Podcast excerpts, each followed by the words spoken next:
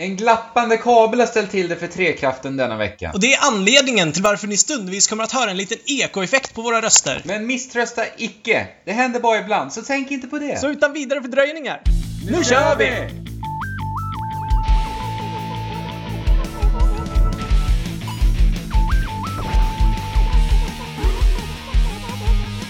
Hjärtligt välkomna till Trekraften Podcast avsnitt 77 är vi uppe i nu. Jag heter Andrew och till min vänster har jag... Fabian. Hej Ja, Fabian. jag, har lite svårt med höger och vänster ibland, så att jag satt och väntade på... Eh, Fabian heter jag, och till min vänster har jag... Alex. Och för tredje gången så har vi faktiskt Micke Holsten på besök. Hallå, tack! Hej Micke! Ja. Kul att få vara till din vänster och Andrews höger. Ja. jag väntade på här. Ambidextröst sällskap liksom. Ja men det är viktigt att hålla koll på, på, på platserna, tycker Ja. jag. Ja, men det blir ju så här att man visualiserar sig lite och kommer lite mer in i det. Ja men exakt. Vad sa du för episodnummer? 77. Shit boys! Ja. Fan, ni är ju gamla i gamet. Ja, Ja, det är, det är många avsnitt. Snart 100. nästan varje vecka i 77 veckor. Ja. Ko- kort grej, kort grej. Ehm, jag satt i bilen med min fru igår. Hon, ehm, hon fick lite cravings på, på kvällen, så vi åkte, skulle åka till, eh, till Statoil. Och då vi, slängde vi på radion istället för bluetoothen, och då var det lite spelfolk som pratade på radion. Jag ska Mm. inte gå in på liksom, exakt vilka eller vad det var, för jag ska vara helt ärlig så vet jag inte. Mm. Men eh, jag ska vara ärlig och säga till er och era tittare att det är fan, det är, jag hade hellre haft en Fabian än Alex och en Andrew. Ja, men är det eh, sant? I den Alltså. Jo, men lite så för att jag blir lite så här. Folk verkar vara så jävla feg och ta hela klivet in. Ska man snacka tv-spel, ska man snacka tv-spel, då snackar man till en viss målgrupp. Man behöver inte vara liksom så här, nu ska vi vara politiskt korrekt, vet, det var lite Dishonored-snack och lite slav, lite syn på slavhandel och så här och orolighet över hur kidsen ska uppfatta det. Och jag kände så här, mm, geggigt alldeles i onödan. Och Mm. där Det finns spel för alla liksom.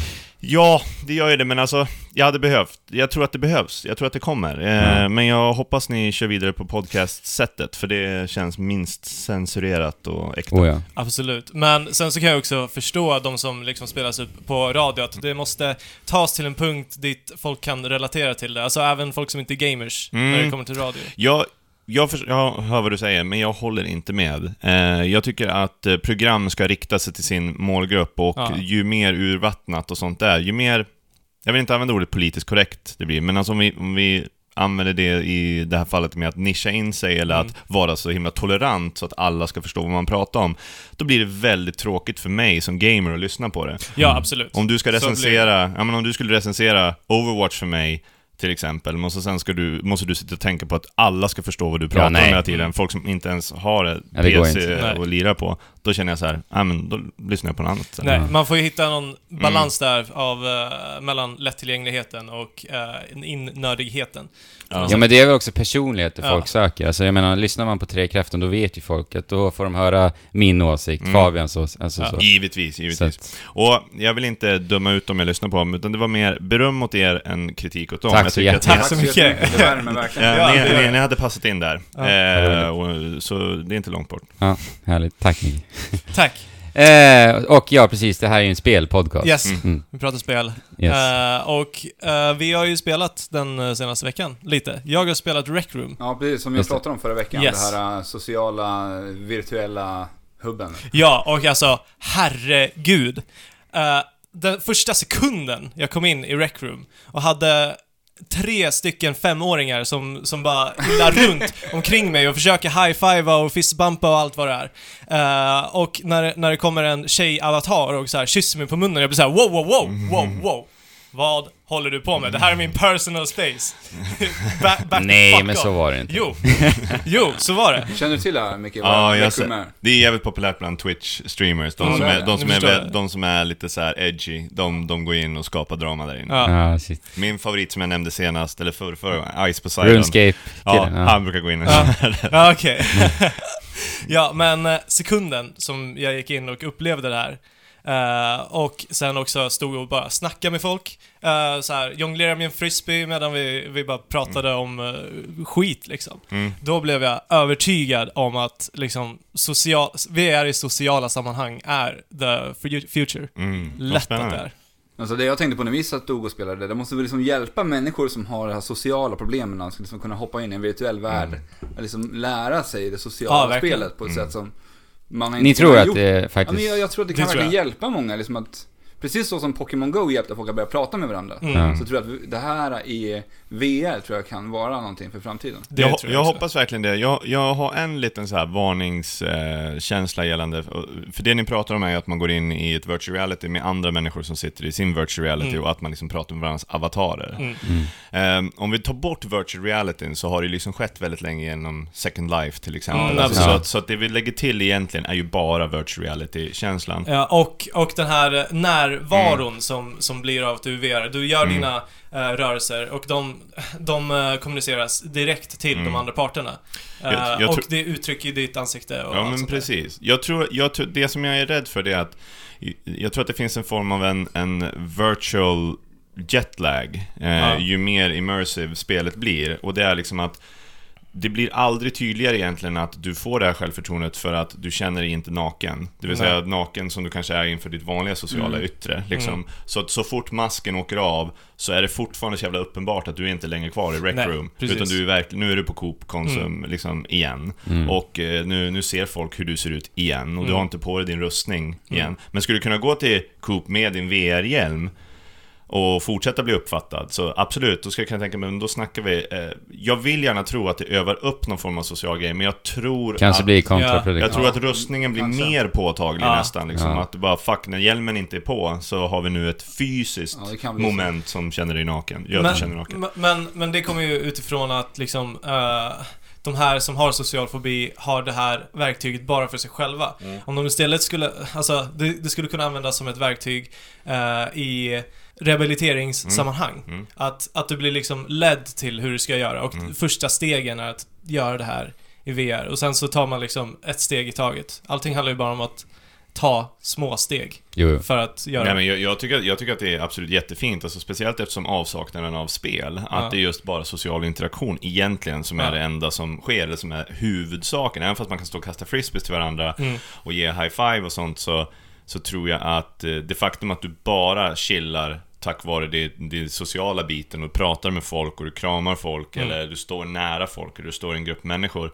Jag, jag ser det lite som, många gånger som när jag ser hur World of Warcraft till exempel räddade väldigt många social rejects, liksom som de Mm. själv ser på sig själva, eh, så ser jag att jag hoppas att det här kan ge folk ett glädjeämne i livet och få lite mer av det sociala och därför Mm. kanske hålla hoppet uppe. Alltså, och inte bara gräva ner sig helt och hållet och bli ännu mer introvert. Mm. Utan att bara, okej, jag behöver inte liksom skjuta ihjäl folk hela tiden. Det behöver inte vara den enda sociala dosen jag får, det vill säga sitta och skrika på folk som jag sen skjuter i huvudet Nej. i Call of Duty. Utan Nej, jag går istället bara in och pratar med folk. Men var inte World of Warcraft lite så? Men det är jo, det är så. otroligt så. Och Mm. det är liksom så här, och har ju hjälpt jättemånga liksom att på något sätt få glädje i livet. Mm. Men sen är de ju jäkligt ärliga med att säga att det kanske inte har fått dem att söka jobb på Nej. en allmän arbetsplats eller, eller skaffa flickvän. Om Nej. inte det är så att de har skaffat flickvännen i Genom World of. Warcraft. Mm. Ja. Nej.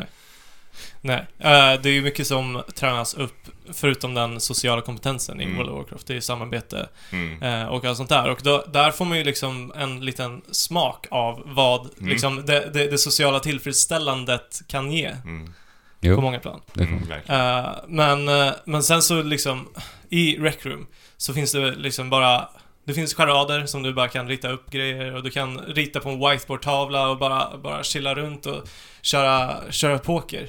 Och jag menar, det här, som sagt, det här är inte... eh, för första gången jag testade det här, så bara, vad är det här för skitspel? Vi testade bara spelen liksom. Mm. Ja, shit. Och alla, Det ser ju så dåligt Ja. ut också. Det, Ja, man fattade ingenting. Men när man gör det här med kompisar, så det, det, är bara, det är bara att man chillar med varandra. Mm. Mm. Ja, men jag tror absolut att, på, jag tror absolut att uh, slänga in, slänga in lite fetare liksom, minispel i den här ganska sköna liksom, omgivningen. Liksom, Ja. Någonting lite trevligare att titta på så att ögonen inte tråkas ut. Mm. Snabbt. För det jag känner lite nu när jag har sett det spelat är att jag tror absolut att jag skulle tycka det är kul, men jag skulle vilja ha lite mer än just cell shading, liksom, alltså bara enkelfärgat Mm. och Det är allt. ju väldigt minimalistiskt Ja. designat och Ja. rätt trist. Lite mer ögongodis skulle jag bara vilja ha. Ja. Men det liksom. kommer ju. Alltså Ja. det, här är första, första generationen. Mm. Ja, ja, precis. Eh, och det är också free to play, vilket är jättebra. Annars hade det inte växt sig så, Mm. så stort som det har gjort. Eh, Facebook äger ju Oculus Rift. Och Stämmer. de, eh, de utvecklar ju också en social plattform där du ska kunna träffas i VR via Oculus. Och det är lite likadant. Mm. Så att alltså, inom, inom de kommande åren så kommer vi se att vi hänger med varandra i ett Mm. virtuellt rum. Ja, det tror jag. Mycket mer. Mm. Gratis Ja. är detta spel. Yes. Om man vill prova om man har en HTC Vive. ja. Finns till Oculus Rift. Ja, det är det också. Mm. Okej. Så har ni VR-testare. Mm. Ja. Eh, sen så att vi också vidare i VR-världen så testar vi Superhot. Ja, det, Och det... det- spelet som vi pratade om lite förra veckan, just Mm. Gotia-avsnittet. Just det, förra, förra. Eh, ja, Mm. vi nämnde det lite. Jag, det är ett spel som jag minns väldigt mycket från 2016. Mm. För dess unika spelmekanik som det ändå är. Och Ja. nu har ju äntligen eh, VR-versionen kommit, den kom i slutet på förra året. Mm. Alltså det var ju det vi sa när vi spelade Super, att Ja. tänk er det här i VR. Jo men de alltså. teasade ju om det i spelet också, det stod Ja. ju att det är VR coming typ. Men eh, Precis. det var ingenting som var helt klart än. Att de, Nej. Men nu, nu finns den ute. Mm. Och det är precis så fantastiskt som vi kunde tänka oss. Mm. Men en spelar. fråga, äger man Superhot, får man, får man alltså Superhot VR då, eller måste du köpa måste Superhot VR? Superhot ja, det är så. Okej. Okej. Alltså, Eh, det är ju nytt ett annat spel. Ja, det är ett helt nytt ja, spel okej. med nya banor Mm. och... Ja, ja, det, till och med så. Mm. Vad roligt. Man springer inte runt på samma sätt. Nej, Du okej. står ju stilla inom den här radien. Ja, Mm. alltså det är ju designat för Oculus Rift, Ja. spelet från början. Så du har ju inte den room scaling på samma sätt som Okej. du har på Viven. Nej. Så du står ju med på, på en plats där du har ett visst utrymme. För de, på, Riften har ju bara en sensor Just som det. känner av liksom, Din omgivning. ja, alltså ganska begränsat. Rakt fram. Framför dig Medan också. Viven har ju två stycken som gör den här äh, rektangulära formen som du Mm. kan röra dig inom. Mm. Men, eh, ja det är ju ett svincoolt spel här. Ja. Så det är ju verkligen som att hoppa in i Matrix. Verkligen. Där du kan liksom dodga kulor och... Ja, och som, som vi sa så är Neo rätt jävla skillad ändå. Ja, han är ju det. När, alltså även fast man kan stanna av tiden lite så är det jävligt svårt. Men man känner sig så otroligt cool när du bara lyckas dodga en kula och tar upp en kniv som ligger nära intill och kastar den på den som sköt. Och sen så märker du att det kommer en bakifrån så tar du eh, pistolen som den du nyss kastade kniven på. Eh, kastade ifrån sig när han dog och skjuter den i huvudet, den som kommer där bakifrån. Men alltså hur stor är radien där du kan röra dig? För man rör väl ändå fortfarande hela kroppen Ja, det fysiskt? det. Det är inte bara huvudet eller ansiktet? Nej. Nej, man gömmer Men- sig bakom, bakom skydd och grejer. Ja. Alltså, man du, får kasta sig ibland. alltså, ibland så ligger man ju på golvet. ja. Liksom. Och ibland så... Ja, vad häftigt. Ja. Jag måste ju prova det Det här. måste du. Alltså det här är det bästa VR-spelet jag har spelat hittills. Jag kan Ja. tänka mig det. Eh, och nu har jag blivit övertygad om att det kan vara roligt att spela i VR. För jag har inte riktigt blivit det, för det har varit så här mycket tech-demos liksom. Ja. Jag vill bara få testa några så här ganska fult och knackigt designade spel för Indiespel också, mycket. Ja, men det är mycket Mm. som har varit så här ganska risigt gjort. Det känns som Ja. att de bara vill vara först på kakan, för- först på bollen liksom och Mm. göra någonting. Och det är också bra i och för sig på sitt sätt, men Ja. Det, det, Men det här känns verkligen genomarbetat och Ja. jag menar, de, de jobbar vidare på det här meta, hu, meta-humorn som de kör på i liksom Superhot-spelet. mm. Ja, du blir ännu mer meta eftersom att du faktiskt går in i VR. Ja, och, alltså det blir så himla, det är jättecharmigt alltså. För Ja. I grundspelet så var det så att man, man hade det här operativsystemet, man fick kontakt med någon snubbe som installerade ett virus på det, som du vart insugen i det här, i den här datorn där Ja. Superhot utspelar sig. Mm. Nu sitter man liksom i ett rum fullt av gamla datorer från 90-talet liksom. Mm. Mm. Och där slänger du in en kassett, eller en Diskett. diskett, en diskett i datorn Mm. och då, då så startar Superhot, sen drar du på den liksom VR-hjälmen i Mm. det här lilla rummet. Ja. Och alltså, det var nästan lite kusligt att stå i det där rummet. Ja. För att, för att även fast grafiken inte var så jävla bra så kändes det eh, trovärdigt ändå. Ja, det... det- kändes nästan klaustrofobiskt. Ja, Jaha. Jag tror att kontrasten mellan spelet man hamnar i och den eventuellt lite sämre grafiken utanför nu, och Ja. deras fejkade IRL-värld, Ja, precis. tror jag tror att det funkar eftersom spelgrafiken är så jäkla techno- Minimalistisk. Ja, minimalistisk liksom, så blir det som att, ja, ja, det är uppenbart vad det är som är IRL och Ja. vad det är som är Ja, spelet liksom. Mm. Så man köper det mer. Mm, Mm. Verkligen. Ja, det här är ett spel jag verkligen kan rekommendera till alla som har en eh, VR-manik där ute. Vad det kostar är, det? Ja, jag tror det kostar, ligger på 250 på Oculus Store. Okej. sånt Det var värt det. Ja, absolut. Men jag tror att eh, det här liksom att du känner att du, ja men jag, jag kan köpa det här med VR-spel nu. Det, det får mig ändå tänka på för att det här spelet gör ju, alltså gameplayet är ju det här spelet. Ja, ja. Ingenting annat. Så det är bara konceptet som... ja, exakt. Så att jag, jag tror att, jag tror att liksom, vi har ju alla skjutit zombies Mm. i Hot Survive liksom och kört någon form av first person shooter. Och det här är ju ändå en first person på ett sätt shooter. Mm. Ja. Ehm, men det jag tänker på när du sitter och liksom säger att du är övertygad, det kanske är så här att lik som vi ser den, den omedelbara framtiden för virtual reality-spel och shoot 'em ups kanske inte är en omnidirectional liksom, löpband eh, för att man ska kunna springa och ducka och allt sånt där. Utan det som är närmast kanske är att att för, förstå sig på vad som är coolt med VR. Mm. Liksom, planen de närmsta tre åren kanske inte är att jag ska springa runt i Call of Duty, utan planen just nu är kanske att vara Neo i Matrix. Ja, verkligen. Och eh, jag pratade med dig innan vi, eh, innan vi spelade in och det som jag tycker är jävligt coolt med Superhot är faktiskt repriserna som kommer efter du är klar. Ja. Eh, Som spelar upp allt som har hänt. Men där tycker jag också att de har tappat bollen. Eh, som jag förstår det så spelas det upp från first person, shoot, first person eller hur? Ja. Mm. Här tycker jag att man gör bort sig rejält. Här tycker jag att det borde finnas isometriska kameror som visar din karaktär kommer och springer in i ett rum, spelar upp allting i full hastighet och visar hur jävla coolt du duckar, hoppar, slår vapnet ur handen på som en riktigt fet John, fet John Woo-film liksom. Där liksom du sätter kniven i bröstet på någon, sliter shotgunen från honom, duckar liksom ut med dina spider senses liksom för att du känner att ett skott kommer bakom ryggen. Bara för att du har spelat banan kanske hundra gånger så du vet nu redan att jag behöver inte ens vända mig om, det är lika bra att börja ducka. Eh, och det är lite som när man spelar XCOM. Eh, du spelar turn-based, men i din hjärna så förvandlar den allting till realtid, även fast du aldrig får se det i realtid. Nej, du känner liksom, fan vad jag bara flankar de här alienserna och skjuter dem i huvudet och bara tar över hela den här basen. Men det kanske tog 45 minuter att Ja. göra. Men vad som egentligen in real life skulle ha tagit en minut. Ja. Och där i kanske det ligger något jävligt coolt med VR, att dels få vara i där, vara lite taktisk, ducka precis, åh, liksom nästlas igenom ett hinder liksom, och som ni förklarar, kanske som att jag tänkte att få kasta en Roadhog hook i, i, i Superhot, dra någon till sig, slita av vapnet, vända som skjuter dem, men sen Ja. få se det liksom Hollywood-esk Ja. med lite coola vinklar liksom. Alltså, det- det, det gör ju väldigt mycket sens i och med att det är VR också, för då har ju du faktiskt gjort de här Ja. rörelserna Ja. själv. Du har jobbat dig igenom Ja. allting. Ja, men jag kan tänka mig att ett problem idag är att få modellerna att röra sig på ett snyggt sätt. Mm. De, de skulle, alltså eftersom att det enda, det enda de trackar är kontrollerna och headsetet. Mm. Du har ingen kropp överhuvudtaget. Nej.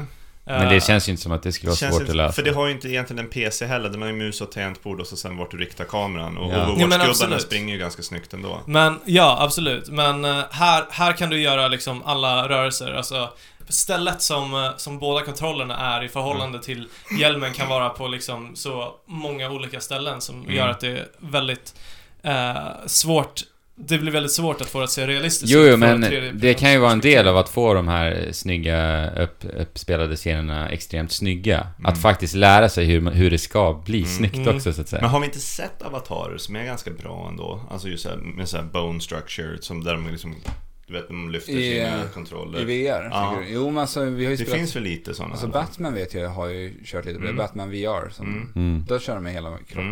Mm. Mm. Men då står man ju, jag vet inte. finns Det är när man bara- tittar sig i spegeln, tänker du eller? Ja. Ja, ja det ser inte jättebra Om du ut lyfter kanske. händerna då, böjer han vid armbågarna och allting då? Ja, det gör han. Ja. Vad jag minns det. Och ni får ju tänka på Superhot är ju inte det mest high fidelity liksom Nej. texturgrej. Nej. Det skulle kunna vara ganska förlåtande att se en stick figure, liksom Ja. bara ducka Ja men det känns inte som att det borde vara jättesvårt för just jag tänker när man är i den här världen och då, eller när man ska dra på sig den här VR-hjälmen Mm. och stiga in i banorna, då borde du kunna kalibrera att liksom maxhöjden, du är så här Ja. lång. Mm. Ja, men Och sen bygga kroppen Ja, det känns ju inte Med omöjligt. det tanke på vad de har löst, Ja. så Ja. känns det som att de borde kunna lösa. Precis. Ja. I och för sig. Det skulle vara kul, för det skulle vara cool så här. Det skulle vara en cool grej att se på YouTube. Ja, se det sjukaste, liksom de här omöjliga banorna, så ser man någon som bara ser ut som en riktig neo. Ja. När han bara, tju, tju, tju, tju, tju, bara duckar. Ja, jag hade tänkt till det. eh, Mm. Superhot-utvecklarna. Ja, ta ni den här idén nu så ska jag kuvert på posten. Ja men coolt, jag är avundsjuk på det där liret. Jag tycker det verkar jävligt coolt. Det är Ja. också det första VR-spelet som jag kände bara Smart application, Mm. fan vad ni bara, handen i handsken Ja, när det verkligen. kommer till VR. Ja, Håller med. verkligen. Eh, Jag har kollat på en eh, dokumentärfilm som handlar om japanska indiespelsutvecklare. Ah, Okej. Som heter Branching Paths. Okej. Och den, eh, det är en dokumentärfilmare som har följt den japanska indiescenen sedan 2013 fram tills, jag tror det var 2015 de slutade filma. Jädrar. Släpptes förra året. Ja. Right. Men de har inte haft någon indiescen. De har liksom Nej, eller hur? hakat, Hakat på efter lite lite, ja. på västvärlden. Det här uh, Kickstarter-tåget och hela den här grejen. Mm. Har ju inte, Japan har ju inte tagit vara på det här. Nej. Men vi har ju fått se ett flertal i stora, eller indiespel från Japan de senaste åren som Mm. ändå har lyckats tränga sig igenom. Mm. Mm, Vi har bland annat Galaxy som du spelade förra Åh, året. så bra. Just det. Mm. Eh, Vi har ju Downwell som jag hyllade förra året, det lilla mobilspelet som också släpptes till PC. Ja. Det var på japanskt alltså? Det var en japansk Okej. utvecklare. Det blev ju en succé alltså. Ja, och han, just den, han mannen som ligger bakom Downwell, han blir ju lite huvudkaraktären i den här eh, Okej. dokumentärfilmen. Han, Så det är typ en Indie Game The Movie fast... Ja, fast eh, jag skulle inte säga att det är, det är inte alls samma produktionsvärde Nej, på nej. den. Nej, okej. På Det den är här. den med Super Meat Boy. Ja, Ja, precis. precis. Eh, Men det är fortfarande väldigt intressant för det är en sån här värld och jag hittar spel som jag aldrig hört talas om. Mhm. Men som ändå har blivit jättestora i Japan. Vad skulle du säga, vad heter det, mm, det är ju ändå en ganska stor skillnad på designfilosofi, speciellt om man tittar på de stora företagen, på västerländska och eh, västerländska och japanska. Men hur, hur skulle du säga att de här killarna skiljer sig från Indie Game The Movie? Du vet, för där var det ju liksom en riktig kuf, den ena av dem, som liksom bara gick runt och oroade sig hela tiden och så var det en Jag tänker på han Meatboy-gänget, Ja. han lite Den paranoida, kraftigare alltså. killen Ja, och sen den paranoida killen det är mycket lättare för mig som en västerländsk liksom, person att associera till hur han beter sig. Medan en, en japansk kille kan typ vara en kuf för mig, men så kan jag tänka så här, ja men det där är, jag är van att de liksom tycker om, tjejerna står och skriker, liksom, likt en anime-karaktär liksom och, och sånt. Men kunde du liksom, kunde du se, av vad jag förstår att den här killen är en indie-developer, han verkar lite speciell eller? Mm. Nej, alltså inte riktigt. De hade inte riktigt samma syn på det. De gjorde mycket mer för... Många var det som började, jag kommer inte ihåg vad de kallade det, var ett japanskt ord. Men det var, de kallade sig inte för indies utan för någonting annat. Mhm. Och de gjorde det egentligen bara som en hobby. Mhm. För att det var roligt. Och det var där det började. Okej. Så de hade aldrig...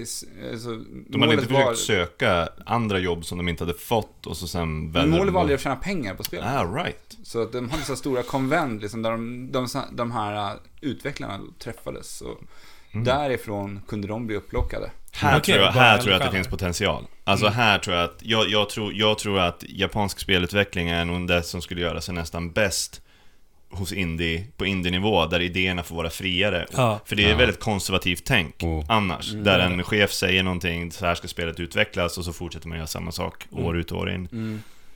Men eh, jag nämnde han som ligger bakom Downwell, han kallas för Mippon. Mm.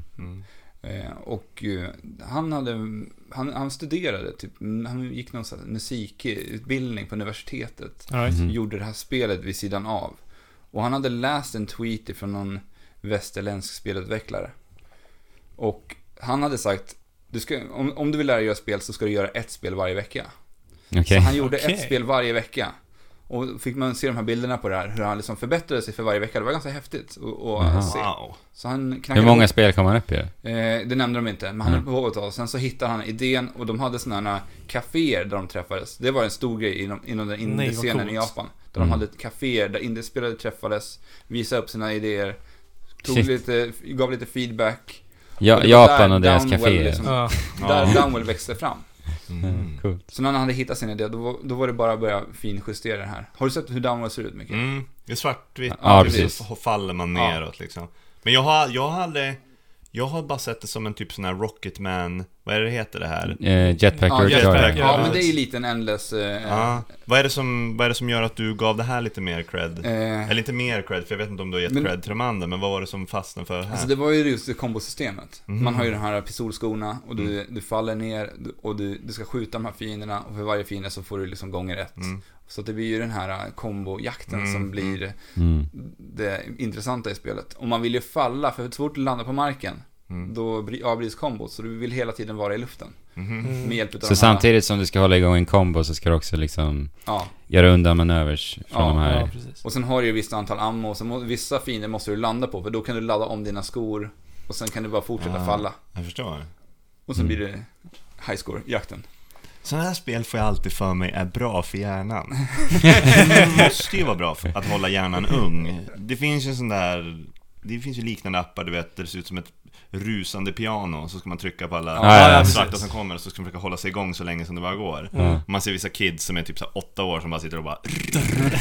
Det måste vara bra för hjärnan, tänker jag. För att det är ju sån reaktionsträning, det är som att köra bänkpress för hjärnan liksom. Ja. Det känns så i alla fall. Säkert. Löpning för hjärnan ska vi säga istället. Liksom. Men det kan Overwatch vara också. Ja, exakt. Men om ni är intresserade av att lära er lite mer om japansk indiespelskultur så kolla in Branching Paths i alla fall. Jag vet ju Mm. att jag är det i alla fall. Ja. Så den här ska jag kika. Skitcoolt. Ja, finns att, köpa på Steam faktiskt. Vad det hade. Jaha, okej. Vad kostar det? påminner- Jag har aldrig köpt en film på Steam. Ja, jag, har Inte jag köpt, heller. jag har köpt två stycken. Och det är Indie Game The Movie och det är den här. Ja, ja. så, Men nu påminner du mig om att det finns ju en, tydligen en jävligt bra Ja, det gör Dota-dokumentär där också, Ja. som är gratis. Ja. Som Valve proddade. ja, Ja, okej. det vet jag finns också. Ja, den s- måste jag säga. Jag tror den heter. Free to Play. Ja. Den heter det va? Ja, jag tror det. det. heter den. Ja. Den, är, den har jag på min titta senare Bland andra saker. Ja. Ja, jag har ju påbörjat eh, Doom också.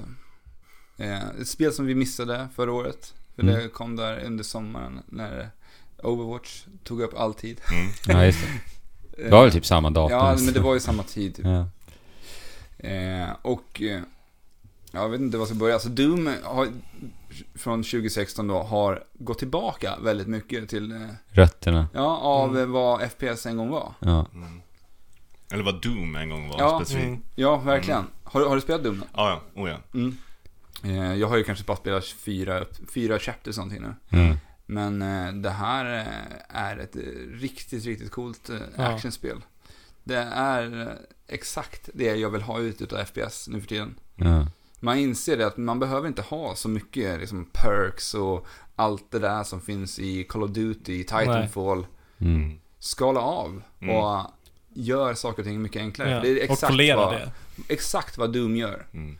Det här har du här har du inte oändligt med många vapen. Jag vet inte, Call of Duty Infinite Warfare, vi hade hur mycket vapen Ja. som helst att välja på när vi körde det förra året.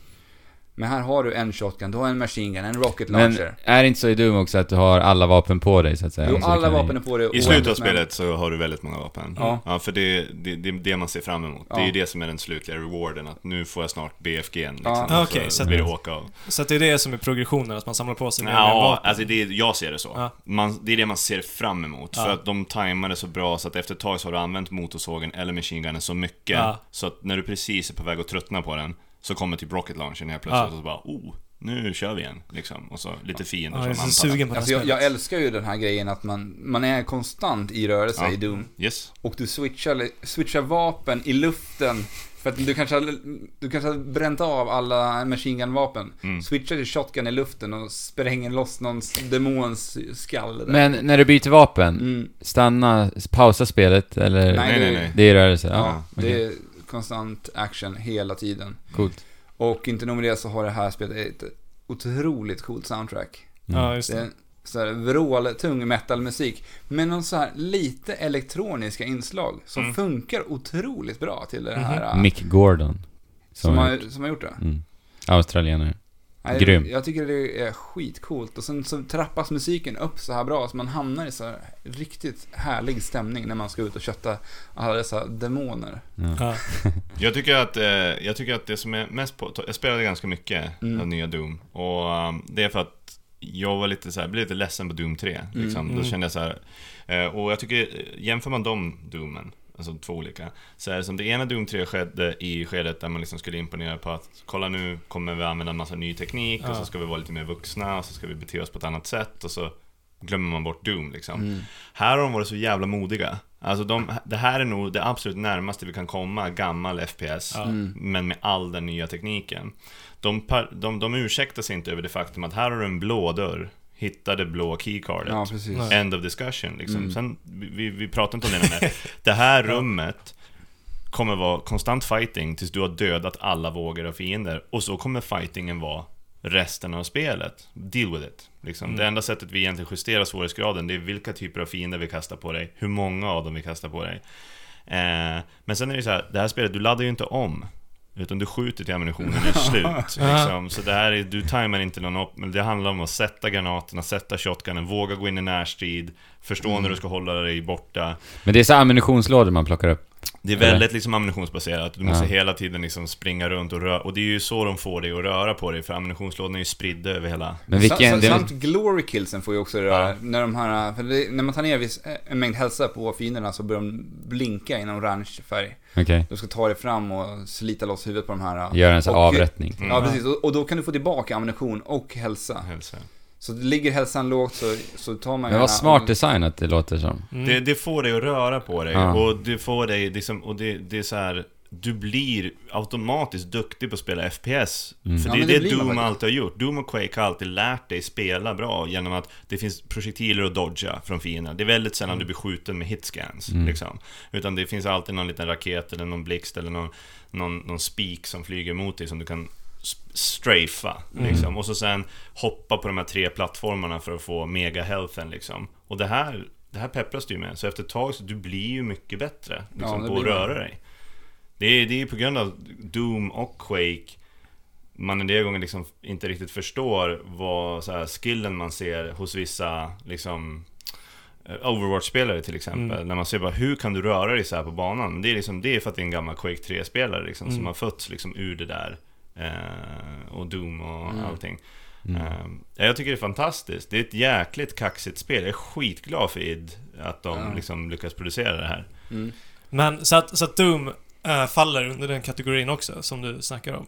Eh, vilken kategori att, tänkte att du? det är de gamla, den gamla skolans FPS, där du lär dig att Ja, dodga och röra Ja, dig. alltså jag, jag skulle säga så här, Doom är ju mycket mer Quake än vad det är gamla Doom. För Mhm. gamla Doom var ju liksom ett 2D sprite-spel som hade liksom en 3D-map Mm, ja. i sig. Eh, och eh, det var inte så mycket vertikalt Nej. spelande. Här är det lite mer vertikalt spelande. Det är upp för trappor, det är hoppa på plattformar och... Men det dig fortfarande den här eh, förmågan som du, som du pratar Ja, om, att oh ja. den tränar upp dig. Oh ja, oh ja. Ja. Och det är det här, alltså mycket av det här med att att cirkulera fiender, till exempel skjuta dem i ryggen Mm. och så typ, Gör man mer skada och sånt och, i, Ah, på olika nej, punkter? men du måste göra det för annars skjuter de dig. Ja. Liksom. Så att det är det här, du måste hela tiden hålla dig i motion. Mm. Och, och som vad heter det, Alex eh, säger så, eh, det här, den här finishing moven som kommer. Ja. Att eh, en del gånger måste man chansa. Bara, Ja. Har jag nog med ammunition nu för att chargea den här Ja, killen det. och när jag väl når honom så måste han börja blinka rött. För blinkar inte han rött när du kommer fram, då tar han tag i dig istället och så Mhm. kastar Men, ja, han. men det, jag tycker det blir så härligt tempo när just de här stora demonerna liksom Mm. droppar ner. Ja. Och Och de man- är riktigt bra gjorda också. Ja, Ja, men det är ju så häftigt att se de här gamla 2D-spritesen i modern teknik också. Och det är så, sny- det är så bra modeller. Ja. mm. Ja, ni vet de där stora röda blobbarna? Ja. De tyckte jag var så sjukt häftiga att se i dagens teknik. Och Sen, så, sen så gillar jag ju att den här grejen att alla vapen har ju också en andra, en andra funktion på, att man, just högerklicken. Mm. Att man kan Det ladda fanns ju inte förut. Så det, ju, det, det och det här finishing movesen är ju helt nya grejer. Ja. Och det tycker jag är riktigt kul. För till exempel handgunnen så kan du ladda upp ett skott som gör extra mycket damage. Mm. Mm. Men den tar en liten stund att ladda upp det här. Mm. Och lika med shotgunnen, då skjuter den två, tre stycken shotguns. Tummer hela Det maggen. låter Ja. ju som att det nästan skulle kunna kännas lite som ett jädra rytmspel att spela det här spelet. Men det är, alltså, så, du säger musiken. Musiken bidrar till otroligt mycket. Du kommer verkligen in i en groove. Ja, men jag för menar det. musiken kommer så här, du, du hör den lite svagt i bakgrunden och då förstår du att nu kommer det. Ja. Liksom, för att introt liksom börjar rulla igång, du hörde viskningarna från musiken och du vet att nu har det börjat. Precis. Nu är det här rummet min battleground i fem minuter framöver. Sen trappas det upp ännu Sen mer. kommer det bara brrr, och så drar det igång. Och de här demonerna är så jävla rock'n'roll själva. liksom, De är ju det. Jo men alltså det kommer liksom, och de kommer från himlen och de är liksom fyra gånger högre än dig och de Ja. har varsin rocket launcher på båda händerna och så de har värsta Ja, alltså. Ja, och de liksom så här, det, det är verkligen, det, de osar självförtroende. De Ja. bara, jag bryr mig inte om jag dör, jag är på nytt föds snart igen och Ja. jag kommer rapa dig liksom. Så att, eh, nej men, fan i helvete, de... ehm, ja men, eh, du pratade ju lite om... Det finns ju jättemycket mer att säga om spelet, men du pratade ju om dokumentär. Ja. Det är ju värt att säga att den här underbara kanalen NoClip från han Dave startade ju alltså en YouTube-kanal nu som gör dokumentärer om spelutveckling. Ja. Har ju släppt en eh, dokumentär som är tre delar som heter To Hell and Back. Okej. Där han alltså har intervjuat Id om hela produktionen av. Och har man inte sett den så det blev hans Bra första tips. episod och det går, in, det går att gå in och stötta den här kanalen. Han gör verkligen enligt mig det bästa jobbet när det kommer till att videodokumentera liksom, Ah, okej. tv-spels-communityt. Vad roligt. Men har de involverat John Romero i det här också? Jag vet inte om han är med Nej, han är inte med i den dok- men de pratar ju om Ja. allting och, och ehm, vad heter han andra? Eh, inte John Romero, utan han som gick och jobbade med Oculus nu. Ja, just det. Ja, vad är han? Ja, just det. Kom igen nu. Mm. Megatexturens fader, och han som gjorde Rage och... Ja, nu blir det hatmejl här. Ja. Men det får, vi får ta det. Ja. vi får ta det. ja. Men eh, en liten detalj, jag gillar ju också att eh, protagonisten heter väl typ Doom Guy. Mm. Doom Ja, och att de väcker dig, alltså det absolut Mm. första som händer i spelet, och det här är ingen spoiler då, det är att de väcker ju dig till liv igen för Ja. att deala det här och du föds ju genom en satanistisk ritual och vaknar upp i en kista och har jätteont och är skitförbannad. Sen är Ja. du bara asförbannad hela spelet. Men du vet inte på vad du är förbannad liksom. Nej, men alltså du, du är bara så jävla arg och det, det som är coolt är att du känner verkligen att jag är de här demonernas värsta mardröm egentligen. Ja. För det är jag som spöar skiten ur dem, liksom helt själv. Du har väl kanske 10 000 liv på ditt på dina axlar innan Ja. du är klar med det här Ja. spelet. Men vi måste ju ge en stor applåd till motorn eh, i det här spelet. Det är alltså, det är blixtsnabba frames per Ja. seconds. Det är ett flyt som jag fan Alltså, jag, aldrig jag, blev, jag blev otroligt imponerad över det här. Ja. Alltså det ser ju fruktansvärt bra Ja, ut att spela. snyggt. Och sen så blev jag tvungen att kolla hur många bilder i sekunden det rullade på min Mm. dator. Mm. Och det rullade 144. Mm. Maxad grafik. Hela Och tiden. det kan jag inte ens göra i mitt Overwatch på min dator. Mm. Nej, det, det här är någonting, här har de lyckats eh, trolla alltså. Men id är ju faktiskt kända också för att vara duktiga Jo. på den fronten. Mm. Bra Ja. jobbat. Jag testade ju det här eh, när det kom eh, multiplayer-demo till Playstation 4. Nej, inte samma sak. Mm. Men jag blev fortfarande förvånad över den Mm, versionen. mm, mm. Att det flöt så Mm. jävla bra Ja, och spelades så Mm, fruktansvärt bra. Men eh, för de som funderar att köpa Doom, tänk inte multiplayer. Nej, nej. De har inte lyckats naila multiplayer. Även, alltså, även, jag menar inte liksom att du menade det nu. Nej, nej. Utan, eh, det är tyvärr, det är en Ja. jättebesvikelse. Vänta istället på deras remake av Quake, som de har annonserat ganska Okej. omedelbart efter det här. Mm, just det. Som jag är lite tveksam inför. Ja, vi får se. Det ser ut som det blir class-based liksom, och Quake handlar om Just att samla på sig alla vapen på banorna bara för att vara equipped för alla situationer liksom. Ja. Mm. De kanske blickar lite till Overwatch, Ja. som tog Vem inspiration skulle, från dem inte, från början. vem skulle inte göra det liksom? Ja. Men hörni, när man plockar upp, eh, är det så här eh, livlådor som man Mm. plockar upp för att få liv? Mm. Är det ett kors på dem? Ja. Det tror jag. För att jag läste i veckan Ja, att Röda. Korset har eh, nu Förbjudits. förbjudit den symbolen i alla spel. Ja. Så vi kommer inte få ha den symbolen i spel framöver. What? Ja. De har Vart tagit läste någon du typ det? av patent på, på den Nej. symbolen. Eller något. Varför bryr de Så sig? att, Ja, jag jag, vet inte. Det är deras logo liksom. Ja, men vadå? Det är väl bra Är att det de... deras logga kanske? Alltså, Ja, förmodligen är är det det det. därför det betyder det? För att de har tagit fram den? Alltså, är det så? är Jag vet inte ett riktigt. sånt? Jag vet, alltså, kanske. För, för mig känns det nästan, det här kommer låta sjukt, men för mig känns det som att det nästan är biologiskt Precis. så att hälsa Ja. är ett plus. Ja. Men Ja. nu när jag tänker efter, det är såklart att det inte är. Nej. Men eh, det här får vi göra lite re research. Ja, det får vi göra. Jag bara Ja, kommer tänka på det när vi snackar. Men alla, alla eh, medicinskåp som sitter på arbetsplatser och så vidare som har det här gröna plusset. Ja, Ja, gröna boxar med vitt, vitt plus på. det är ju ett plus. Ja. Jag känner liksom då, Men är det just det röda plusset kanske? Ja, Ja, det kanske är just det röda. det är inga röda plus i eh, Dum. Så Nej, nej, eh, okej. behöver inte oroa Nej, det är det inte. Det är typ så. blåa... Ja, blåa med vitt tror jag. Men i Overwatch är det plus. Ja. Ja, där är tror jag, på röda. dem. Men de är Ja, gula röda. väl? Nej, röda. Nej, det är röda. I en blå sfär liksom. Just det. Fast de, de kanske har någon nyans av orange. Vi får göra lite mer research i det här alltså. Jag bara... Gud vad Som de roligt att. Röda Korset lägger sig i. Jag trodde att de skulle säga så här: vi vill inte finnas där folk råkar illa ut eller något Nej, sånt där. Så Det är väl hela ert uppdrag, att är finnas där. symbolen. Ja men alltså, skulle spelar inte roll. det stärka deras symbol? Jo, eller hur? Att bara, det är så här, fan, ni påminner mig om det viktigaste Exakt. när jag Ja, spelar exakt. Overwatch, så springer jag och gömmer mig liksom. Ja. Ja. Ja. Jag tycker de borde göra, ty, fan, tänk dig att vara PR-ansvarig på Ja. Röda Korset. Jag skulle ju göra en grej av. Bara, Ja. Okej, vi ska marknadsföra. Kan inte liksom, ni tar våran officiella logga Ja. och sätter på era lådor Ja, istället liksom, så gör vi det här tillsammans. Ja. Ja, precis. Det hade varit så smart, Ja. mycket smartare. Och så kan de göra någon sån här 1% av revenue går till Röda Korset med det här spelet liksom. Ja, det här. Så har de... ja, det hade varit någonting. Ja? Ja, där tappar de någonting alltså. Mm. Mm. Men en sak jag gillar med FPS-spelarna som har släppt ifrån sig på senaste tiden, jag tänker på Wolfenstein och Mhm. nu eh, Doom. Alltså, Wolfenstein gjorde också det, att det gick tillbaka till vad FPS. Gamla skolans Ja. Jag gillar det som fan. Ja, och det här... Svenskutvecklat. Ja. Machine Games. Mm. Eh, och det här gillar jag jättemycket. Alltså Befesta kör vidare på det. Jag hoppas att de fortsätter med det. Mhm. Eh, de har ju Prey som kommer i år, som jag ser- ett av de spel jag ser fram emot allra mest det här året. Mm. Så jag hoppas att de har... Men de gör ju faktiskt bra jädra Ja, de FPS-spel gör det. alltså. Mhm. Dishonored också liksom. Det är, Ja. det är liksom en annan tagning av FPS. Ja, deras...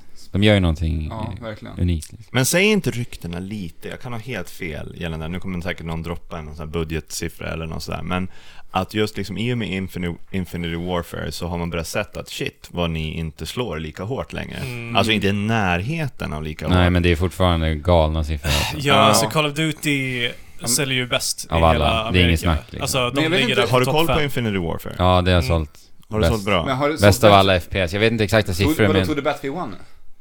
För Eh, Battlefield det tror jag 1 det har ju gjorde. varit imponerande populärt. Ja. Man, Ja. man hör ju alltså om folk som köper typ konsoler till sina polare för att få lira tillsammans Jag med kollar upp det ja, nu. ja, men jag, jag såg en lista på försäljningar i Nordamerika och där låg Battlefield 1, Call of Duty In- Infinity Warfare eh, och sen lite så här NBA och sportspel Mm, mm, mm. och sånt. Så att det är ju de som säljer mest, Mm. i alla fall i Amerika. Sen worldwide. Jag tror Jag att bristen på multiplayer eh, och liksom för att jag ska kunna fortsätta tycka att de här spelen tar tillbaka the old school Mm. så måste de fortsätta att inte satsa på multiplayer. För att multiplayer finns det för mycket nymodigheter Mm. för att de ska våga ignorera. Till exempel, alla vill ha ett level up-system. Ja. Liksom, alltså jag kan vara ärlig och säga att skulle jag spela Back in the days när jag spelade Quake 1 på Quake World Då var det nog exciting att få sitta och spela mot folk online. Mm, det var det så var det. jävla coolt. Idag så är ju det, ja, men självklart kan jag spela mot en person som sitter i Japan liksom. Eh, så idag så måste jag ha någonting mer. Jag måste ha en rank, jag måste ha, kunna jämföra mina stats, levla Mm. upp, få lootboxes eller, alltså så här, jag ska erkänna att jag vill nästan ha det nu liksom. Ja, Någon form av progression Någon- för den tid jag lägger ner i multiplayer. Eftersom där får jag ingen story. Ja. ja men det, Nej, men det håller jag med om. Det, det tror jag är viktigt. Ja, Wolfenstein var riktigt bra. Ja, det, det spelade jag igenom typ en sittning tror jag. Gjorde du det? Jag satt en hel jävla kväll jag, tyckte att, jag tyckte framförallt att storyn var ju väldigt charmig där. Det Ja. var ju så Inglourious Bastard fast typ Ja. i så här tv-spels... och, och, och överraskande mörk Ja. stundtals, liksom med den bad guyen. Ja. Mhm. Eh, Infinity Warfare slog Battlefield 1. Jaha, det. Men det det, det finns inga siffror. Nej, okej. Mm.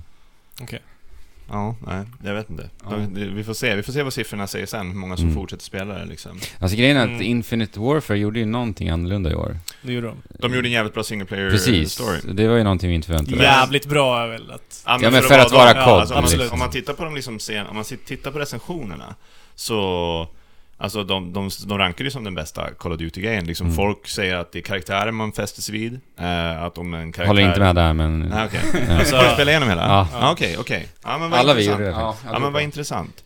Eh, jag, tror att, jag tror att det blir intressant att se just hur hållbarheten ligger på multiplayer. Eh, än just inköpet. För jag tror att folk vill ha ett nytt Call of Duty. För att Call of Duty är som en ladder reset för alla som spelar multiplayer. Mm. Att varje gång det kommer en ny Black Ops eller en ny Call of Duty så kan man hoppa in, börja om från ruta Ja, noll mm. eh, och levla upp och få vara liksom högst upp kanske ett tag eller sådär. Eh, än att man fortsätter köra på det här gamla spåret så blir det som en... Ett, det är ju fan som det släpps en ny FIFA. Liksom Mm. Alla säsongerna börjar om, alla Mm. spelar upp sina stats igen. Ja. Ehm, så det blir intressant att se hur online-verksamheten fortsätter. Ja, det är faktiskt det mest intressanta med Mm. just Call of Duty Mm. faktiskt. Alltså, vi- I och med Overwatch Vi, också. jag kommer Mm. tänka på det nu, vi har ju faktiskt Cliff Besinskis nästa spel som kommer Ja. det här året Ja, också. det. Lawbreakers, och han Mm. ska ju gå tillbaka till eh, det Arena. gamla också. Arena. Arena-shooten. Mm. Mm. Jag, jag, jag, jag lyssnade på en ganska bra episod på Giant Bombcast där Ja. Cliff var på besök. Och eh, det är intressant att höra Cliff nu när Overwatch finns ute eh, och höra hur han Ja, liksom shit. ska hålla uppe sin macho-stil och liksom låtsas att det Overwatch gör inte är så imponerande. Ja. För man hör på honom att god damn vad han liksom blir tokig på vad de presterar på Blizzard Headquarters. Jag förstår det, alltså. Liksom, Mm. det, är, det är svårt att vara Cliff Mm. idag. Liksom. Alltså Gears of War, Cliff. Oh my. Cool kid on the street liksom. Mm, Ja, verkligen. ja, och nu har han ju inte Epic bakom sig heller Nej. på det samma sätt som han hade med Gears. Nej. Nej. Och så sen Lawbreakers, bara lite kort, har en gimmick där man skjuter bakåt. Eller vad är det man gör? Ja, Det är en- precis. Ja, Ja. Man har typ en rear shot Mm. eller något sånt där. Och det är bara så här. Wow, vänta nu. Vad är det för jävla gimmick vi pratar om här? Mm. Alltså att skjuta bakåt liksom och låtsas som att det skulle vara någonting annat än en hero ability i Overwatch. Liksom Mm. som en av alla 20 någonting heroes har. Ja, Så här var det liksom en stor grej. ja. Nej, Jag, så, jag, så, jag, jag vet inte, jag är jätteskeptisk. Ja, det är länge sedan man såg någonting av det här spelet. Nej, jag ska inte. De visade det på eh. Game Awards. Han gjorde det? Mm. Jo, vad, vad tyckte du? Samma gamla, alltså det ser ut som en arena shooter. Det är, för mig är det liksom ingenting som så här sticker ut direkt ifrån med det spelet. Nej. Nej, Det- men Overwatch var inte det för mig heller. Nej, Men inte- nej, nej, jo inte det mer var det ju än för mig. Mer än det här i alla fall. Absolut Ja. inte första revealen. Där är jag på din sida. Jag blev ledsen när jag fick se vad Titan hade blivit. Ja. Mm. Då blev jag så här, ah, det här känns inte Och för sen, mig. sen så ser man Battleborn som liksom tar lite samma... Och man bara, inte vad är det här lite. för något? Ja, men, men då, då kändes det så, när man såg det första gången Ja. och inte förstod vad det var. Varken det ena eller det andra. Nej, jag håller liksom. med dig. Och så sen Paladins som Mm. bara Mm. fortsätter... sn- Ja. Ja. Nej men alltså Overwatch har ju en tendens av att ha typ gjort alla FPS-spel tråkiga. Ja. Lite så. Faktiskt för att, alltså så här, för att... Ja, men just det här för att... Ja, vi kan gå in mer på det sen just gällande... Men vill- innan vi lämnar Infinity Warfare, alltså, och just multiplayer-scenen och allt sånt där, det är nog den jag har hört om mer. För att nu är alltså så att Modern Warfare och Call of Duty fans börjar ju driva nu med hur Infinity War, alltså hur, hur Modern Warfare utvecklas. Det finns ju de här memesen liksom, hur det har gått från att vara nutidssoldater Mm. till cybersoldater och så typ så här, nästa bild då är det så här eh, unicorns upp bland Ja, regnbågar upp bland- och så sen menar de att... helt crazy. Ja, men det hade jag velat se. Ja, det hade Ja, varit... men att det fortsätter och folk gillar inte det. Alltså jag, jag, jag tyckte det var så jävla pinsamt efter Titanfall 1 att omedelbart så började Modern Warfare-killarna springa på väggarna. Ja, Eh, ja och då verkligen. kände jag så här. kom igen nu liksom. Alltså, det var ju en liten grej att det var verkligt, att det var en realistisk soldier, alltså en armé-shooter liksom. Nu helt plötsligt så blev det grapple hooks och springa, ja inte grapple hooks i Infinity Warfare, men det blev liksom dubbelhopp och det blev springa på väggar. Och rymdstrider. Rymdstrider, ja Och exakt. dessutom gör de det ljusår sämre än vad Titanfall någonsin har Mm. gjort. Ja. Så Ja. det är så här, På tal om bra single player så, ja, verkligen. Titanfall 2 verkligen. Oh ja. Mm. Ja. Ja. Ska vi ta och lämna det där och gå över till vad du har gjort den senaste tiden, Micke? Mm. Eh, jag, eh, senast jag var här så pratade jag tror jag nämnde lite om så här prestationsångest gällande just Overwatch, som vi precis nämnde lite Mm. snabbt. Det gjorde du nog. Ja, Mm. och eh, jag spelade World of Warcraft, pratade lite om Legion. Mm. Eh, sen dess har jag ju slutat med Legion. Mm. Jag, det, var, det var nytt och fräscht.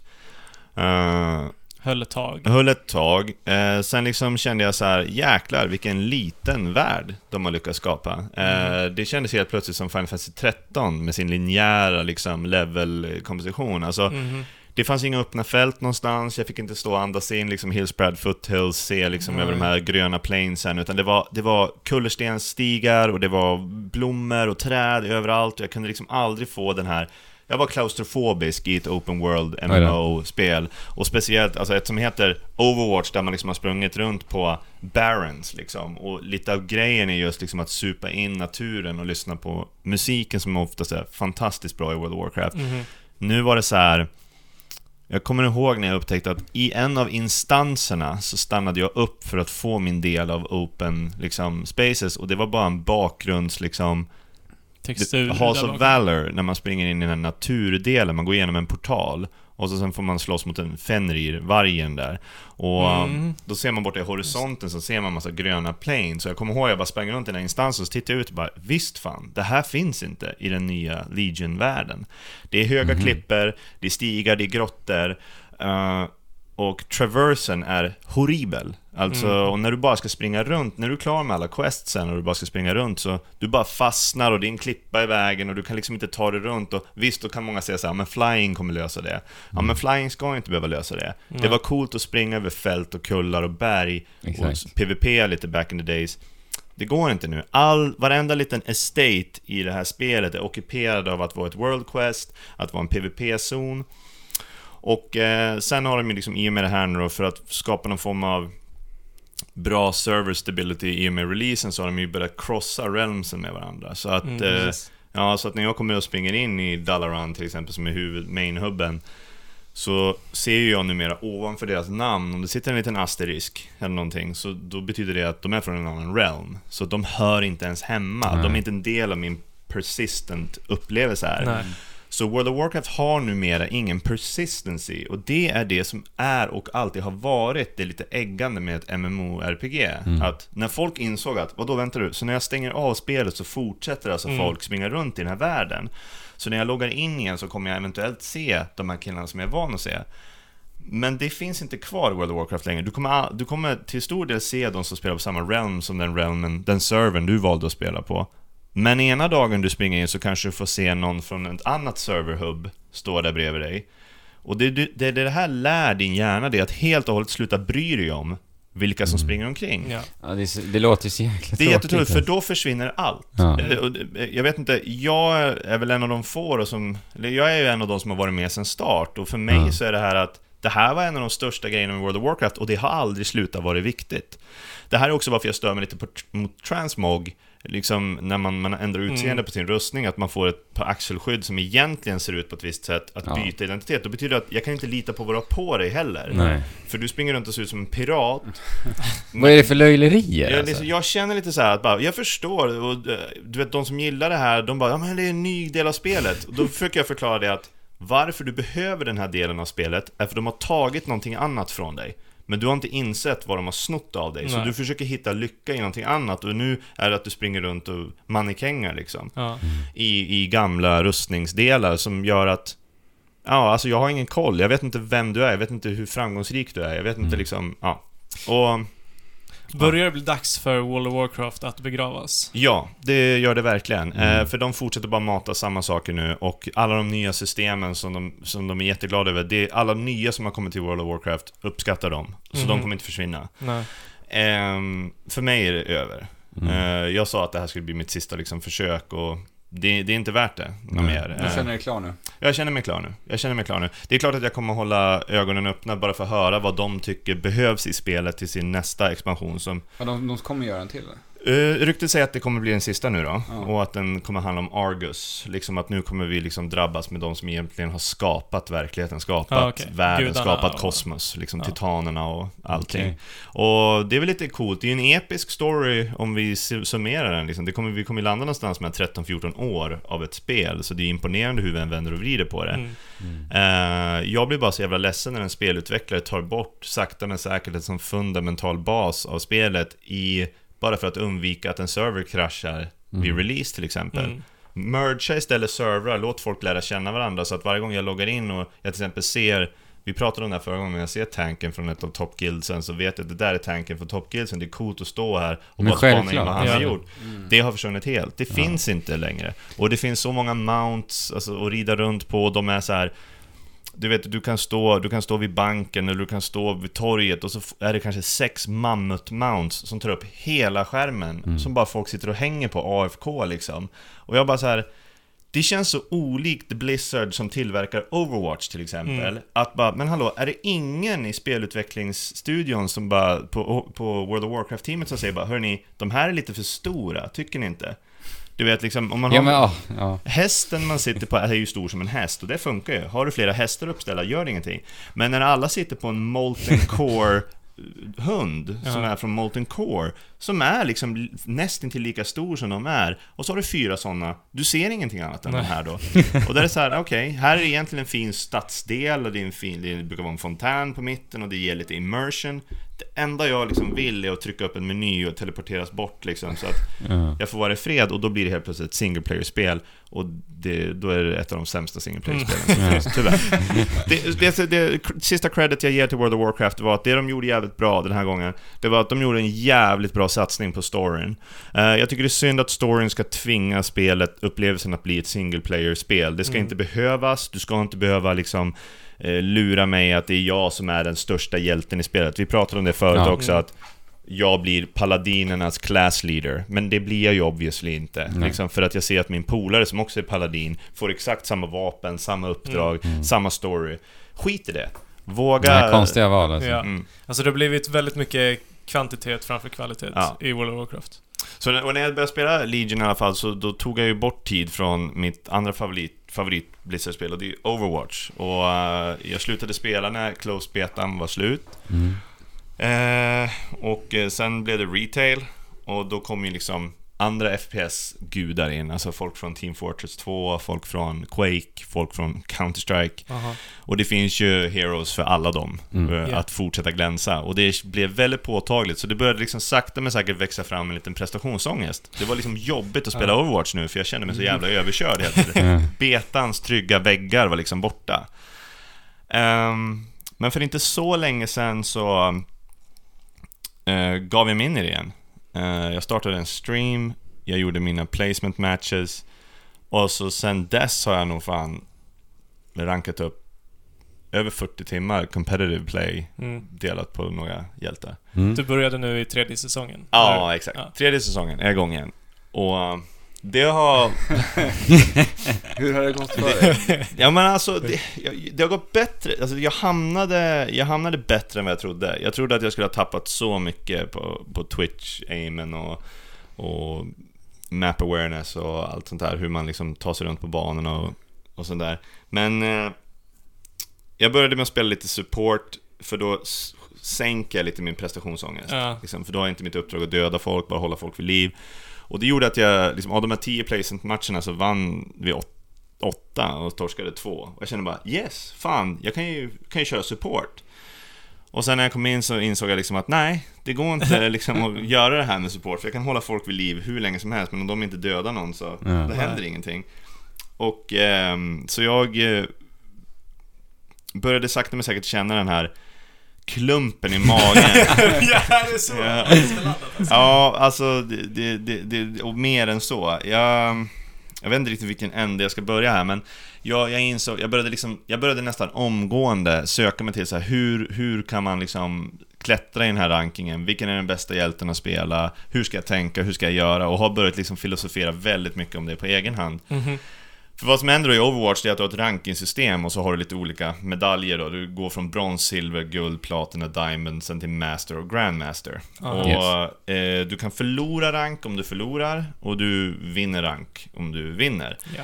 Eh, och det är ju en team-based shooter, så att i till exempel Counter-Strike så är det väldigt, det är väldigt taktiskt, absolut, men har du en riktigt bra Counter-Strike-spelare så kan han nästan i liksom 85% av alla en mot en dueller där det handlar om skjut den andra personen i huvudet snabbare än vad han skjuter dig i huvudet så kan han vända en match. Mm. Eh, det är lite svårare, för det blir många fler drabbningar under en Overwatch-match. Det är inte över efter att ha dödat en person liksom. Nej, och, det och fighterna håller på mycket längre. Och Ja. en Reinhardt-tank spelas helt annorlunda mot en Mercy, mot en Widowmaker. Och en Widowmaker kan bli helt nedstängd av en Ja, annan, verkligen. så det spelar ingen roll hur bra aim du har. Och då faller väldigt mycket ansvar på hela teamet och hur liksom ni jobbar tillsammans. Ehm, Yes. Och då har det här rankingsystemet då placerat folk som om jag fick guldranken eh, och då placeras jag guld och jag känner mig väldigt, liksom, här hör jag hemma. Det här, för att Speciellt i början där under placement-matchen kände jag att jag möter jämnt motstånd, jag är inte bättre än dem på sikte. Nej. Och så börjar man liksom öva upp sina skills, man märker att jag blir märkbart bättre men jag tar mig ingenstans i den här rankingen. Och då är det liksom så att många av de som kanske skulle ha halkat ur guldranken, eller de som skulle ha klättrat ur den, och jag försöker inte på något sätt säga att jag är någon form av diamond-spelare klädd, eller fast, utan- men jag kan mycket väl vara en guldspelare som är precis det jag ska vara. Men jag märker vilken otrolig eh, nivåskillnad det är mellan alla som har guld. Ja. Och det tror jag beror på att det är många som har brons, som borde trilla ner till brons. Men det finns också många som borde ha diamond, som, som, i- eh, som inte kan ta sig till diamond. Och det är för att om vi har ett lag på sex pers, så om det blir övervägande bronsfolk i den, Mhm. så då håller de kvar diamonds och låter inte diamonds klättra upp. Men om det blir överhängande diamond-skillade, då lyfter de upp bronsspelarna och låter dem inte falla ner ur guld. Precis. Så alla de här klänger fast som en man som håller på och drunknar. liksom kommer försöka dra dig med ner sig och är du en bra simmare så ser du till att han inte drunknar och så fastnar ni i någon form av evighetskamp där. Ja. Tills Ja. båda avinstallerar spelet Ja. ner. Liksom. Bra analogi. Ja. Ehm, så ehm, det har fått mig att tänka på en, en grej som jag tycker faktiskt är väldigt roligt. För att om jag vinner åtta matcher i rad på Overwatch, då förändrar det min dag helt och hållet. Jag blir väldigt, eh, jag är väldigt approachable, jag är väldigt positivt inställd till allting. Om min fru vill åka och kolla på IKEA eller någonting så säger jag självklart, vi drar nu. Det här blir jättekul. Jag lagar mat, jag tar hand om tvätten och så vidare. På riktigt, jag säger inte ens det med minsta lilla ironi eller någonting i kroppen utan Nej. Så är det. Men Jag, jag har märkt det också faktiskt, de gångerna vi har spelat. Men, men hur kan det se ut efter åtta förluster då? Ja, efter åtta förluster som eh, Andrew och Fabian säkert, eh, och ja men och Ja, du, vi har ju spelat tillsammans allihopa. Ja. Jag blir otroligt bitter. Alltså, jag blir... Minst sagt. Mm, jag blir väldigt bitter, och jag blir bitter för att liksom så här, inom mig så liksom så här så tvivlar jag på mig själv så mycket så att jag Ja. liksom bara säger vad fan håller jag på med? Liksom, Ja. Varför gör jag ens det här? Sitter jag och gottar mig i de få vinsterna jag har och tror att jag på något sätt är bra? Och så sen liksom så här, Ja. eh, så börjar man gå in och kolla på stats och man säger bara åh shit, jag träffar ju typ ingenting. eh, och då, då kan det bli så här, om jag spelar, om jag spelar eh, på, runt lunch, om jag har tid över då, eller om jag spelar på morgonen, eller om jag spelar på eftermiddagen. Nej, om jag alltså avslutar med kanske tre fyra förluster, det sitter i tills jag somnar. Ja. Eh, på ett väldigt ohälsosamt sätt. Ja, jag, min- jag minns en, en match vi hade precis innan du skulle Ja. gå och lägga dig. Ja. Det var ganska sent på kvällen. Då sa du till alla vi spelade med. Hörni, så ni vet grabbar nu. Den här matchen kommer avgöra mitt beteende, eller mitt humör imorgon. Ja, så, så är det. Ja. Så är det. Tyvärr blev det en förlust. Så. Ja, såklart. Men alltså du kan inte sova bort det, det kommer inte sitta i när du vaknar. Ja, det sitter i. Eh, och jag, jag tycker att det här är sjukt fascinerande. Det, det som är tur nu är att det har blivit mer fascinerande för mig nu istället. Att eh, jag är slav under mina, min reaktion. Mhm. Eh, men jag kan ändå analysera min reaktion, som Mm. nu. Att jag pratar liksom så om det. Och jag tycker faktiskt att det, för jag är ju långt från ensam med det här. Man Oh ja. hör ju från de man spelar Mhm. Ja, med. verkligen. det, det finns en enorm rage och det finns en enorm missunnsamhet. Liksom att eh, ju högre upp i skillnivån du kommer, desto finare eh, blir spelarna mot varandra.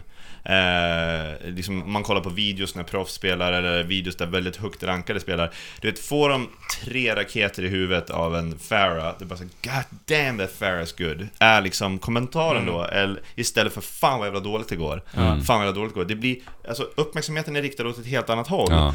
Ja, Och- det blir inte toxic på alls samma sätt. Nej men verkligen inte, och jag tror att det där är en väldigt enkel lösning Verkligen. på att liksom så här analysera, okej, om den där McCree skjuter ner dig, eller om du liksom missar hooken, eller om du, vad det nu är, jag menar Roadhog nu jättemycket, så det är mycket hooks i mitt liv. eh, då, då, vad heter det, det är så jävla skön känsla att bara hitta det som den personen gjorde rätt. Mm. Om det nu är så att den gjorde rätt, om det inte bara är jätte, jätte, jättedumt av dig att springa själv eller hamna i fel situationer och sådär. Så jag finner det liksom, trots att jag känner en otrolig sorg och ångest, ilska och det är så här, jag känner, bara att prata om det nu gör jag som mig. Jag torskade två matcher i morse innan jag åkte hit. Nej. Jo, de var väldigt tajta, de var väldigt jämna och vi hade folk som gjorde dumma beslut liksom i vårt lag. Så här, uppenbart dumma beslut som man inte ens behöver skämmas över att man påpekar, utan man kan ganska lugnt säga så här Men varför byter du till den här karaktären nu? Varför eh, Varför tog du bort en support utan att prata med oss? Varför Ja. säger du inte hur du tänker? Eller whatever liksom. Eh, men det får mig att tänka väldigt mycket på nerd rage. Liksom, och varför den har en sån potens i sig. Mm. Eh, jag förstår att många här kan tänka liksom, ja men fotbollshuliganer visar ju att det finns ju, det finns ju liksom eh, prevalent liksom överallt. Men eh, om vi, därför har du lite mobbmentalitet också. Mm, att liksom, om hela skaran kommer igång och vi ska vinna över dem, att det är vi mot dem och allt så här. Det finns så mycket sånt som precis, så där kan jag nästan förlåta beteendet mer. Här har vi alltså en person som sitter ensam i sitt datorrum framför liksom en, ja, en digital händelse. Mm. Därför är jag lite... Jag tog med mig liksom en liten fråga, en undan till er, liksom, om ni har några minnen av era djupaste, mörkaste liksom nerd rage eh, spel eller händ, specifika händelser. Alltså Oj. senast för mig var ju Street Fighter 5. Ja, Ja just men det. den är ju riktigt bra, den har vi Ja. ju nämnt tidigare. Ja, Jag, har- jag har missat den. Kan jag få, kan jag få en repris? Är det okej? Ja, alltså... Jag satt och spelade Street Fighter 5 och jag älskade spelet. Jag hade ju köpt en arkadsticka till Street Fighter 5, jag verkligen snöade in mig i det här. Jag bara satt och nötte liksom varje dag. Eh, och vi har en ganska ta- taskig lina i den lägenheten vi bodde i då. Ja, du, du vet gamla, där, ja. precis. Mm. Eh, men eh, likt förbannat så eh, liksom vill jag ändå spela spelet. Så jag struntade i det. Och jag ville bli bättre på spelet. Eh, och det resulterade i att jag... att jag satt och nötte och det gick inte särskilt bra en dag. Eh, väldigt dåligt. Och jag hade en... En eh, typ tvångstanke. Att jag var tvungen att vinna en match innan jag la, la ifrån mig spelet. Alltså, Ja. så, Eh, och efter liksom tio förluster så satt jag ändå där kokande, så jag, jag måste vinna en match innan jag kan sluta spela liksom. Mhm. Och den här dagen, kan du gissa hur många matcher jag förlorade? Okej, nu måste jag ju dra till med någonting hårt eftersom Ja. du säger sådär. Så jag 30 plus. 43. 43! Raka förluster. Ja, raka förluster. Och, och Vad det är det här... för fel på matchmaking-systemet? Ja, precis. Det, det var ju kaos i början Ja, också. Eh, och det här, eh, jag förlorade ju rank så det hette duga, alltså det... Mm. Och att se det, du vet ju hur det här är, att se det Mm. också, det bygger ju bara på din ilska. Eh, och så det slutade med att, när jag vann, så då, då var jag så arg ändå. Även fast jag ja, vann, så var jag bara arg på allt som hade hänt. Så det, då slog jag mitt, eh, mitt ansikte rakt i datorbordet. Och så fick jag ett stort jack i näsan. Skojar du med mig? Nej. Åh, vad roligt. det var så här okontrollerbart, det bara hände liksom. Och så skrek Ja. jag, ja, det var helt galet alltså. Ja. Ja, nej, det var det. Ja, men alltså helt seriöst, det, det finns ju ingenting...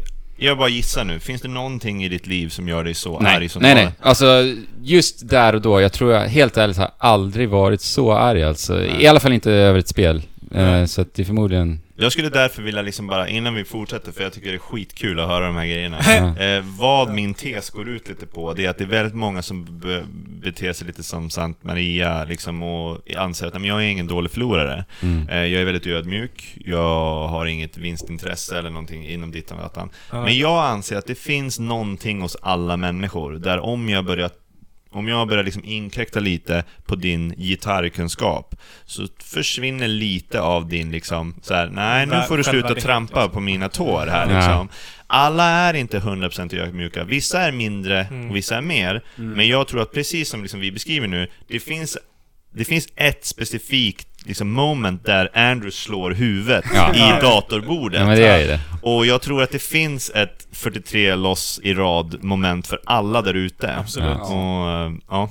Men sen också, på tal om Street Fighter 5. Eh, det som är så hemskt med det spelet är ju att det är enbart ditt fel. Ja. Det, det är liksom one-on-one. Ja, för att alltså när jag sitter och spelar Overwatch så sitter jag och skyller på laget. Exakt, du Jag- kan ju ändå skylla Ja, på... jag som Nej, nej, nej, nej. Här var det så här, jag pratade ju liksom med mig själv hela tiden och Jag vill, bara jag vill bara säga också att jag, alltså jag har alltså liknande, fast jag satt på rätt sida Ja. om Street Fighter. Ja, Eh, vet, han lyssnar säkert inte på den här podcasten, men jag har en vän som heter Peter. ja. Och han är ett större Street fighter fan än mig. Mm. Men vi beställde samtidigt en Hori Arcade Stick Pro eh, till våra Xbox, eller jo, till våra Xbox. Eh, det kan vara så, nu får ni hjälpa mig här, det kan vara så att han hade en Playstation, men att Street Fighter Third Strike som släpptes till original Xboxen, Mm. dens online-mode länkade de två, för jag har så svårt att tro att han hade en Xbox. Jag minns inte. Jag spelar Nej, lite det grann. Ja, Strike. Third Strike är mitt favorit Street Fighter, liksom. det är fortfarande det som jag väljer att spela, eh, helst. Eh, och då började vi spela emot varandra, och han var ju liksom den lite mer erfarna. Eh, men vi hade ju alltså eh, en, en voice chat, eller vi hade, ringde ju varandra på Skype och sen spelade vi mot varandra. Och vi, du vet, det går ju så fort att köra rematch. Ja. Så det är ju bara rematch direkt liksom. Han, han körde eh, Akuma och jag körde alltid Ken. Ja. Ja, jag är också en Ken-spelare. Ja. Jag har ju till och med en Ken-tröja på mig. Ja men exakt, fantastiskt. Nej men alltså, och hans special, eller hans ultra är så snygg liksom. Och i Third Strike var den så fet med Ja. en spinning, spinning kick som går upp i luften. Men det som var så coolt, det som var så roligt då, det är att jag hamnar ju då i den här situationen där jag hör hur den här personen kokar, men jag får sitta på rätt sida. Ja. Och alltså, du vet, ser hur hans speltaktik bara blir sämre och Ja, sämre och ju så. sämre och hur jag bara kan locka honom och hur Ja. jag kan baita honom och Ja. bara få in ultras och allting.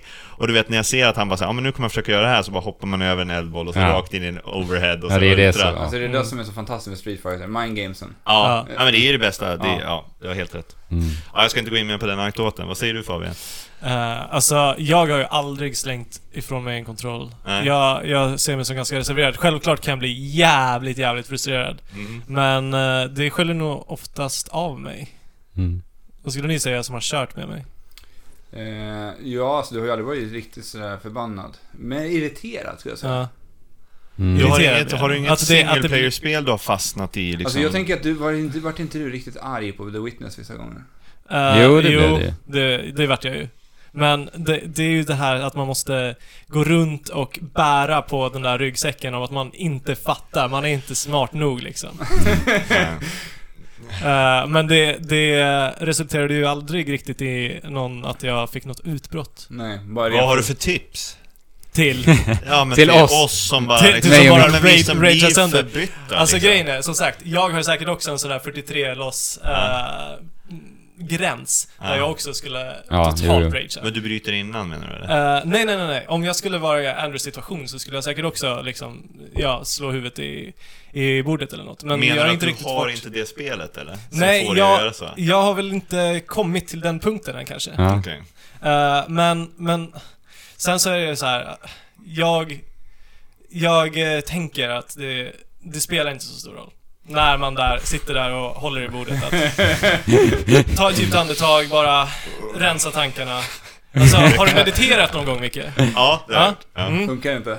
Nej men jag, alltså, jag är ju en fundamentalt, jag, jag har en väldigt lång learning curve när det kommer till meditation. Mm. På grund av ADHD och det ena och det tredje liksom. Ja, så sitter inte i bästa båten. jag, jag, jag, jag måste ju göra det precis innan jag somnar för Ja. att det ska gå och lugna ner skallen. Gör jag det Ja. när jag vaknar, då är jag stressad av allt jag måste göra. Mm. Och då går det Ja, inte ja. liksom. Så att jag måste börja göra det på kvällarna istället. Mm. Det är enklare. Det är inte så att du kan hinna göra det mellan en Overwatch-match eller? Gud nej. Där är det burpees och push-ups istället. Ja, just Jag har lärt mig av hyss. Ja. Ja. Han tar några varv runt huset också. Ja. Han bara Men- försvinner. Oj shit, så kommer han tillbaka och är andfådd. Ja, men det, det är också jävligt bra taktik. Ja. För att hålla sig lugn. För att vi vet ju alla att när du blir arg så spelar det Tiltar inte du? lika bra. Du Du tiltar. tiltar. Som bara den. Mm. Ja, jag, jag har ju faktiskt lite problem med den här biten också. Jag blir riktigt jäkla arg alltså. Mm. Ja. Det spelar liksom ingen roll vad det är för spel. Om, du lir, om du lirar mot eh, Alex Mm. I Ja, Street Fighter. ja, men kan jag inte... Hur skulle du beskriva mig? Alltså när vi spelar Street Fight mot varandra så spelar inte vi på det sättet. Nej. Vi spelar ju alltså på Är det för att sätt- den ena är mycket bättre än den andra? Nej, vi var, alltså när vi spelade som mest var vi ganska jämna. Ja, vi var ganska spelade olika karaktärer och de var ganska bra matchade mot varandra, de här karaktärerna vi spelade. Jo, vi spelade mycket så att vi hjälpte varandra med att Ja, lära... Alltså ja. så här, ja men hoppa inte in där. Ja, inte, hoppa mindre, hoppa mindre. Ja. Gör så här. Det är ju det som är så fantastiskt med Street Fighter överlag. Så vi Ja, försökte liksom... Alltså, ja, alltså, bara en side-note innan vi, bara, innan vi sen lämnar Street Fighter Mytologin bakom, alltså frames per second diskussionerna, alltså de, den så här reaktionsförmågorna som. Det är behövs och liksom muskelstretch och uppvärmning och fingerfärdighet. Alltså Mm. det finns ju inget spel som är så fascinerande. Jag hade ju en period, jag har nämnt det flera gånger i podden tidigare, men du har ju inte hört det säkert. Nej. Jag åkte ju, under Street Fighter 4-tiden så åkte jag och träffade flera andra som spelade, alltså de, de ville spela på en professionell nivå. Mm. Så, i Street I Fighter, Stockholm. I Stockholm. Okej. På Dragon's Lair. Eh, och eh, där samlades de en gång i veckan. Jag tror det- de har ökat, ökat det nu, men de, det var en gång i veckan just då. Och då satt de där och nö, nötte och satt de med sina mobiler och hade de här framesen för att liksom räkna ihop och pussla ihop sina kombos. Ja, okej. Jag kommer ihåg det var just en snubbe där som sa att han skulle matcha på, alltså en frame var ett kombo han skulle göra. Han bara sitter och nöter. Mm. För de, de hade... Det var det enda han gjorde. Ja, alltså han satt och nötte och nötte och nötte. Mm. Och sen hoppade han in i matcher och sen han lyckades sätta det där. Ja. Det är den känslan Ja. alltså. Ja. Och fatta att kunna göra det under press. Ja. Mm. Mm, och han lyckades göra det Ja. under träningarna där. För Ja. han tränade det är så- inför en, en, en turnering som skulle Det är vara. så imponerande med proffs Street Fighter-spelare alltså. Mm. De bara sitter där helt coola. Ja. Mm. Så Inte en min liksom. Ja. Ja, i alla fall, i alla fall Japanerna alltså, Japanerna är så. Mm. Japanerna rör ju för fan inte, alltså Ja. Daigo Umehara, han sitter ju liksom Ja. Ja, det är så helt så bara så här, skakar han bara hand liksom Ja. efter han typ gjort det sjukaste någonsin. Ja. Liksom. Vem är bäst nu?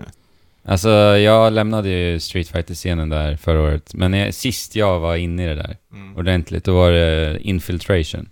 Sen ett Sydkorean. Japan, okej. Mm. Mm. Men det är ganska coolt, de hade faktiskt en kvinnlig spelare som hamnade tvåa i eh, Street Fighter. Mm, Ricky Ortiz heter Ja.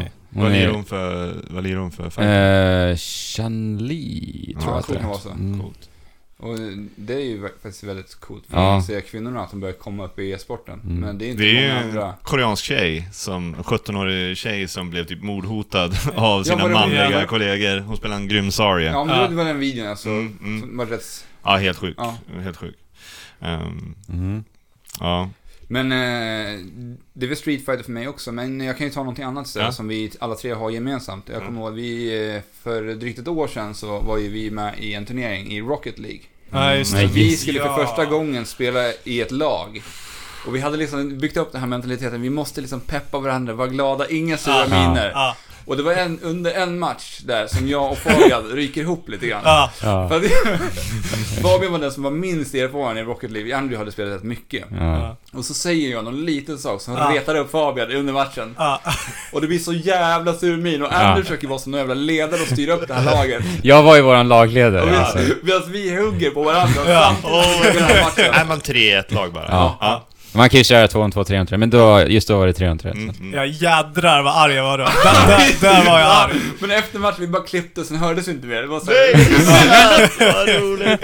det var så jävla surt alltså. Ja. Ja, jag kommer inte ihåg Ja, men jag kommer exakt inte ihåg vad vad det var. hände. Nej men det var någonting i, i stundens hetta som retade upp oss båda. Och vi förlorade ju. Ja. Gjorde vi. Vad, säger du om, vad säger du om Rocket League då, Fabian? Eh, alltså, fantastiskt jävla multiplayer-spel. Ja. Eh, men, Är det ditt Men det kanske, det kanske är rage-spel? där, det kanske är där jag blir eh, mer irriterad. När liksom eh, Alex vet att jag inte kan spelet lika mycket och vi måste ju spela Tillsammans. våra förutsättningar tillsammans. Men att för att jag inte presterar lika bra så blir det inte något bra samarbete liksom. Men jag tror ju att vi hade blivit lite för kaxiga också, för det hade Ja. gått väldigt bra. Det, Ja, var en. Ja. det här var ju en eh, säsong som löpte under, vad var det, 16 veckor tror jag var. Ja, jag tror sånt. vi var. Mm. Och vi hade ju liksom, vi hade en bra winstreak. Ja, vi hade vunnit typ 5-6 matcher i rad eller Så vi var, vi var ju ändå såhär, ja men det här, Ja, det här kommer gå bra. Mm. Mm. Så, Ja, men, Mm. Jag satte ju upp träningsscheman och Ja, allting. men precis. Ni måste skicka en bild på att ni har klarat alla, vet du, så här, eh, träningsmoment Ja, i spelet. Ja. Eh, Ja, den här tidpunkten varje vecka och så. Ja, Ja, det var kul. det var riktigt kul period ja, alltså. ja, det var ju riktigt kul. Ja men fan vad kul att ve- veta. Men, på tal om Rage, Ja. som vi pratar om här. Ska vi inte ta och prata lite Final Fantasy Det kan vi 15? Ja, det är dags. Det är Mm. Dags. Vi har ju inte pratat om det här någonting i vår podcast. Vi har ju sagt i flera veckor nu att vi ska ta det nästa år. Och det är faktiskt just på grund av att eh, vi skulle bjuda hit Micke. Ja, vad tack. Eh, jag vet att- inte, tack egentligen. Men, ja. Men vi tänkte så här, det kan bli intressant. Mm. För vi vet Ja. ju vilket stort Final Fantasy-fan du är ja, också. verkligen. Mm. Vad är Så Final vart- Fantasy 15? vart börjar Vart börjar vi? Det här spelet som har utvecklats under 10 års tid utannonserades, ja, för 10 år sedan som Final Fantasy Versus 13 som då skulle släppas jämte Final Fantasy 13. Till Eh, Playstation 3? Till Playstation 3 enbart. exklusivt. Mm. Eh, men sen så blev inte det av och så har det fortsatt ända tills nu när det för två år sedan, eller var det? Ja, två år sedan. eh, de utannonserade så att nu kommer det på riktigt. Mm. Och original game directorn som var liksom tilltänkt är ju han som, som liksom gjorde arten från och med Final Fantasy 7, Mm. Final Fantasy 8 och, eh, alltså min älskling, alltså han är så otroligt duktig på att- att teckna. Han heter ju Tetsuo Nomura, Nomura, Yes. tror jag. Och eh, han är ju inte game director, blev ju inte game director sen, för nu ser man ju ett annat namn på game director. Men han är väl fortfarande med på något här? Ja, men Han har ju fortfarande designat. han Ja. fick ju mig att bli väldigt glad för det, det första han säger är att hans favorit Final Fantasy är Final Fantasy 7. Mm. Mm. Han älskar Overworld, eh, Overworld eh, Exploration, sättet ja. och han gillade fightingen. Så jag bara, oh, nice. Nu kanske vi får liksom ett riktigt modigt, modig attack på det här spelet med, med ny grafik och allting. Liksom att, att precis likt spel som eh, Superhot eller vad det nu än kan vara. Liksom att bara vi, vi, det här gameplayet funkar, vi kör på det här och vi Ja. bygger resten av Mm. spelet liksom runt det. Så vi, vi, vi kan liksom snygga till det lite och så. Mm. Ja, de, de tog ju väldigt mycket kin, sin Kingdom Hearts eh, Mm. fighting-mekanik och försökte utveckla, vidareutveckla det till det här spelet. Mm. Eh, men det blev någonting helt annat i slutändan. Det, Eh. ja, det blev det verkligen. Ska vi börja med fighting-systemet eftersom det är där vi är? Ja, det kan vi göra.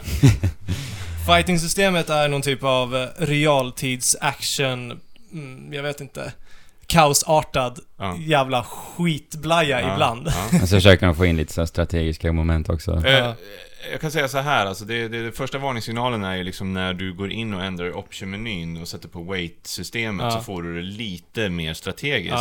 Men man märker hur det här weight-systemet blir så handikappat av positionering, eh, kameravinklar, Ja. buskar som hamnar i Ja. vägen. Eh, Alltså kameran är, alltså den är horribel. Ja, det är katastrofalt. Och jag- jag ser det lite så här att, att det de försökte göra här, eller det de typ har gjort, det är typ att det här är som ett God of War i fightingen. Att du kan liksom dodga, du kan Ja. liksom, du slåss när du hugger, du trycker på en knapp för att hugga med svärdet Ja. eller, och sånt. Och jag så här, ja men alltså, ni inser väl att ni har inte en suck mot ett action... Nej, alltså Platinum eh, Games. Platinum Games, liksom Nej. Liksom. Nej, nej, men alltså det är just det här också att Noctis bestämmer sig för att göra piruetter och dansa och Ja. grejer. Och det är för, liksom för mycket an- Ja. animationer. Ja. Det blir aldrig akkurat. Nej, det blir aldrig akkurat. Det Alltså, där, det, blir... det där är ju någonting som eh, NBA Live-spelare har, har bättre, torterats med Ja. sen hela tiden. Det är alltså att när en spelare låser sig för en animation Ja. tre meter från korgen och Ja. bara springer rakt fram och så sen ungefär två och en halv sekund senare återfår du kontrollen över Mm. honom. Ja. Det, det, händer ju det, hela tiden här. hela tiden. Det Verkligen. Finns ju ingen timing. Det blir bara liksom bökigt att göra undanmanövers. Det, det går liksom Nej. inte nästan. Nej. Och sen när det är fler än två, tre fiender Mm. så blir det bara alldeles för kaosigt. Mm. För att det kommer, det kommer fiender överallt ifrån. Och visst, du har den här mekaniken där du slänger bort ditt svärd och du teleporterar dig bort ifrån Störtlöjligt, Ja. men fine. Mm. Mm. Men det, den, den mekaniken behövdes Ja, i det här systemet. Det gjorde det Ja, ja, absolut. ja. För att man skulle kunna överskåda slagsfältet Mm. och sen så komma tillbaka igen och veta vad du ska göra. Mm. Men det hela utmynnar i att du håller i en knapp och ibland så trycker du på counter och ibland så trycker du på en knapp som gör att du och din kompis eh, gör en komboattack tillsammans. Mm. Och det blir ju aldrig riktigt Men- intressant. Hur, hur skiljer det här sig, weight-läget ifrån gamla klassiska JRPG? Väldigt Alltså, ATB mycket. menar du? ja, Ja, alltså det är det stor skillnad för att... Det enda som händer här är att släpper du knapparna så Ja. går den in i wait mode och så kan du liksom titta dig omkring och så Vad du ska göra kan härnäst. fiender. du välja Ja. magi och allt Men du, du väljer liksom på samma sätt som du gör i gamla klassiska... Mm, ja. Nej, inte alls. Inte- Nej, utan du, du, du kan, det kan vara helt flyktigt vart du tittar och Mm. var du fortsätter, men du kan locka. Men alltså locken är inte toggle, alltså den är så här. Ja, det, det, det, alltså jag- ska säga så här, alltså, om, om vi ska bara ranka fightingen. Liksom fight, fightingen har jättemycket problem med sig. Alltså för fightingen inkluderar nämligen gamesystemet också. Det Mm. vill säga vad magi innebär. Ja. Liksom, och hur det här helt... Jag fattar inte hur de bara kunde godkänna det här magisystemet. Nej. Nej. Du tillverkar magin lite innan. Tar den slut, måste du in i menyn och tillverka den igen och Ja. sen equippa den igen. Och, och vissa säger bara, "Ja, men jag skiter helt i magin. Ja. Så jag bara, ja det säger ganska mycket Ja, om det är verkligen. så. Och, Och så dessutom så är AIn på dina lagmedlemmar så jävla kass för att Mm. det är friendly fire på de här och det är stor AOE-attack som du gör. Du Ja. kastar en magi och de går och det är rätt det in. enda du gör. Ja. Det är bara AOE. Mm. Alltså liksom, det är bara atombomber du Ja. släpper med elden liksom. Det är liksom inte, aldrig att du gör liksom en single target damage liksom. Nej. Du Nej. sätter eld på dina polare i Ja. princip. Nej, jag gillade inte det där Men, men om, magisystemet man jämför det med Xenoblade Chronicles X ifrån... Har inte jag spelat. Eh, nej, men där hade vi, där hade vi mer eh, blickar åt ett traditionellt uh, JRPG Ja. fighting-system. Mm. Att, att det blev så här, du väljer attacker genom, genom en meny som du gör. Mm. Eh, och även fast det var liksom i realtid eh, så var det turordningsbaserat. Ja. Till en viss grad. Det här är inte alls turordningsbaserat. Okej. Nej. På något sätt. Jag har en liten tes liksom som jag känner går att dra ner på mikronivå, makronivå och metanivå Ja. med det här spelet. Och det är att det har ju pågått i tio år, Ja. eh, den här utvecklingen. Och vad det... Inget spel tar ju tio år att Nej. göra. Eh, Så vad som händer när ett spel tar tio år att göra, det är ju att vissa idéer funkar och vissa funkar inte. Och Ja. så försöker Mm. man lägga på nya system. Det kommer, ju, Fast- res- ja, det ja. kommer ju resultera i att vissa system är ju välutvecklade. Vissa system har inte Fast fått lika, tiden, liksom. har, ja, har inte fått liksom lika lång tid på sig. Och så sen ställs de bredvid varandra och så märker man bara Men gud, vad det är Ja. vissa detaljer som känns jättekonstiga här. Ja, Så tycker jag hela spelet känns. Ja. spretigt. Ja, spretigt. Ja. Men du kan gå in på mikronivå och känna det också. Du kan till exempel gå in på fightingen och känna att fightingen är också splittrad. Så att Ja. liksom, vissa delar av fightingen har varit under utveckling mycket längre och Mm. därför blivit mer förfinat och känns mer djup. Men här känns det som att i princip de kanske någon gång hade en Final Fantasy 12 eh, fighting-system där man gav liksom lite AI-kontroller till Ja, folk. lite och- MMORPG. MMORPG-stil. Eh, och så sen bara ryckte man bort den och gav dig all kontroll. Och någonstans i det här så bara... Jag bara känner så här Saker som saknas när jag fightar. Jag bara, mina killar springer runt i läderbyxor och har inget vapen synligt. Liksom, Mm. Utan vapnen teleporteras fram med deras händer när de ska till att slåss. Ja. En, liksom en del för mig har alltid varit så här, att kunna se svärdet Ja. varje gång jag slåss i min karaktär. Jag har det där badass swordet som jag har sprungit runt hela världen och letat. Mhm. Eh, här är så här. Eh, fighting är ett och så sen level up-systemet för att liksom förbättra fightingen, det vill säga grid-systemet i Final Fantasy 10 eller materiesystemet i Final Fantasy 7 Ja. som på något sätt gav dig någonting att laborera med precis Det var som- jättebra Ja. i tian. tyckte det här, är ju, det här är ju seriöst det absolut minst utvecklade liksom, Ja. level up-systemet. Och då fastnade jag vid, du vet, den här otäcka känslan kom för mig när jag spelade det här. Jag var inne kanske på min tionde timma, och jag är en sån som springer runt och gör väldigt mycket sidequests och så vidare. Och jag är helt medveten om att det kanske inte blir mest spännande story-wise då, men spelets gameplay ska ändå hålla upp liksom om jag springer runt och latchar. Men ni vet den här iskalla känslan som kommer när man känner att Wow, det finns ingenting här. Ja. Mm. Det, det är väldigt grunt, det här vattnet liksom. Oh, ja. Ja, det är- Själlöst. Ja, Ja. verkligen själlöst. Mm. Och världen är massiv. Men här kan du inte röra dig fritt heller. Även fast du, dina karaktärer har en tel- teleporteringsmekanik. Ja. Så, är, så kan det vara ett litet stängsel som du inte kan hoppa över. Du kan inte teleportera över det. Så att du måste liksom gå längs med en väg för att, för Hitta att en hitta trappa. en trappa ner till det där I ett området open som du måste gå- world-spel i ett open 2017, world- ja. herregud. Och det är ju också liksom så här, där får jag känslan av att det här är också någonting som fick kanske två år på sig. Ja. Ett Ja. år på sig. Man kan inte ens gå ner i vatten. Om, Nej. det, om, om- om det är en flod Mm. som står i din väg, då kan du inte teleportera över den heller. Nej. Och du kan inte gå ner i vattnet. Nej. Du måste gå runt hela jävla skiten. Och det Ja. känns bara så himla opolerat. Ja. Mm. Och Ja, det är så mycket Ja. konstiga designval i det här spelet, så jag vet inte. Men de gick ju ut med att de skulle släppa någon eh, patch till... Eh, Den är släppt nu. ja, vad, vad innefattar den här då? Det är ingen sån här grejer som den fixar? Eller skulle det göra någonting annat med spelet? Nej, jag blev jätteglad när jag såg det. Ja. Alltså, såklart jag blir deppig också. Att ni ska behöva släppa en patch för att spelet ska bli Ja, till men man är, ändå, man är ändå van Man vid ändå det. här, man bara okej, fan jag accepterar det här då. Ja. Liksom, det tog tio år, varför skulle det inte kunna ta tre månader till? Mm. Liksom. Eh, men det var mest buggar som togs bort och så sen la de till lite story-element. eh, de tog bort, de ändrade ett story, ett kapitel. De har gjort det nu alltså. Mm. Ja, det är ett som är väldigt dis- Ja. kritiserat, som de typ har tillfört. Oh my god. Ja, det är så dåligt så Det har ju inte jag tagit mig igenom, men jag skulle vilja Nej. höra lite mer om storyn, för att där tänker inte jag uttala mig. Nej, eh, men alltså det, det genomsyrar precis det vi har sagt om allt annat. Att det är spretigt. Eh, och det, det känns som att de har haft för många idéer som de har velat implementera. Mm. Eh, när jag började spela Final Fantasy, alltså jag, jag har tittat på anime-serien som kom och på Kingsglaive-filmen eh, som man behöver för att liksom komma in Mm. lite i vad storyn innefattar. Och sen så börjar man där, man börjar putta på sin bil och kör runt i sin bil och går runt och dödar lite monster. Jag tyckte det kändes bra så här. Ja, oh ja. Jag blev jättepepp i början. Ja, de, de inledande liksom sex timmarna var jag fortfarande positiv. Mm. Eh, och trodde att det här skulle, skulle kunna bli någonting, n- någonting värt att sätt, sätta upp i, i hyllan liksom.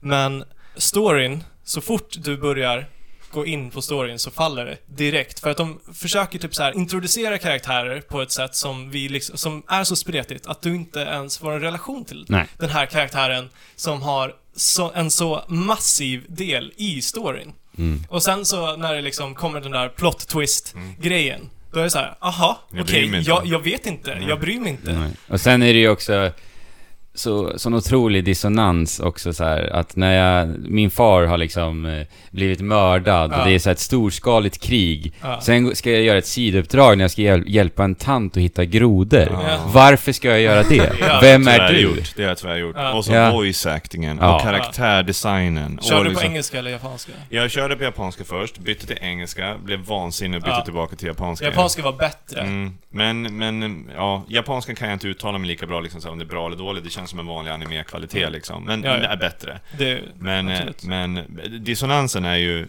Alltså, jag, jag har en sak som jag stör mig på, eh, som, som egentligen inte... Jag behöver inte kunna storyn för att säga det. Men jag ska vara helt ärlig och säga att fy fan vilken störtlöjlig jävla monstertuntig design det är i det här spelet. Alltså fy fan vad de har gått för långt på allting. Jag är jätteledsen men alltså de här riddarsoldaterna som springer runt med Mm. liksom Ja, menar- Old English och Ja. allting ska vara så här Old English. Det verkar, de verkar, Square Enix verkar vara helt frälst i det här ye old English-pratet. Aha. Alltså så, så att det, det är så här, eh, namnen på alla karaktärer, Ja. jag bara skämtar du med mig? Och hur, hur, hur och, och till exempel eh, när man sen ser de här badassarna stå uppradade, jag bara Kläderna är så elaborate, alltså ni har Mm. gjort såna konstiga dressar som inte säger någonting om karaktären Nej. överhuvudtaget. Här står en asstor vit rock med fjädrar och spikar och kristaller överallt. Men sen hans personlighet och det den karaktären sen kommer att representera. Det, det hör som inte ihop. Det Nej. finns, ingen, det finns ingen röd tråd i någonting. Nej. Och sen dessutom alla NPC som går runt. Som har kläder som vi skulle Ja. ha på oss. Ja, Det, det är också dissonans. ja det är, herregud Ja. vad hemskt det är. Ja. Nej men alltså om vi ska gå in på sidouppdragen lite då. Mm. Alltså, Square Enix, hur mycket har de ansträngt sig här för att Ja. få de här i någon story-kontext? Ja. Ingenting. Nej. ingenting. Och alltså jag menar, vi är i 2016 då, Mm. och vi har fått spel som, som The Witcher. Ja. Ja. Då har vi mycket, vi, det, det är ju det spelet vi nu jämför liksom Open World-spel. Med all rätt. Ja, med all Med rätt. rätt. Och att då komma in i Final Fantasy 15 och hjälpa en tant att hitta grodor. Mm. Du ska gå från punkt A och sen ska du hämta dem på punkt B. Som kan vara jävligt svårt att Ja. hitta också. Ja. Så man Ja, måste springa dessutom. runt på samma ställe. Och så har vi hoppknappen på samma knapp som, Ja. som interact-knappen, vilket också är helt sjukt. Mm. Eh, Man ska Men försöka alltså- gå in i bilen så står man där och hoppar några gånger Ja. först liksom. men i, i liksom The Witcher så upplevde jag att liksom alla sidouppdrag hade ju något form av motiv Alla bakom sig. hade ju en aning om vad, vilken värld Ja, de levde Ja. i. Precis. Du, Det, var, du var Och inte vad som bara... hände runt omkring. det var en del liksom Ja. av, av hela berättelsen. Ja. I det här spelet så, ja som sagt, det är så slentrianmässigt. Ja. Nej men också sen liksom sen när man för 151 gången eh, blir ifrågasatt om man ska köra bil på kvällen eller inte. Ja. Ja. Det är så här, det är så Oh här, då, då, då känner ni väldigt mycket mer såhär, okej, ni, ni kanske gömmer någon loading bakom det här, att ni laddar upp bilsystemet, laddar upp det allting. Jag, jag är fine, jag är fine med det, jag är fine med det. Men ni måste fatta att det här driver en till vansinne, Ja. att den här frågan Och det där är en av många sådana mellansekvenser. Ja, ja, Och och, de säger exakt Samma likadant varje sak. gång. Exakt likadant varje gång. Mm. Och, och så här, den här bilen i början så kunde jag tycka var lite kul för att det gav karaktärerna lite liv. Mm. Och jag kände bara så här, fan bra, ni har ändå gett de här karaktärerna ganska mycket liv. Det är sköna såna här idle animations, hur de sitter och sträcker på sig och de kollar liksom, och det, eh, sen små detaljer som musiken man kan lyssna på och köpa nya soundtracks och Ja. allt sånt där.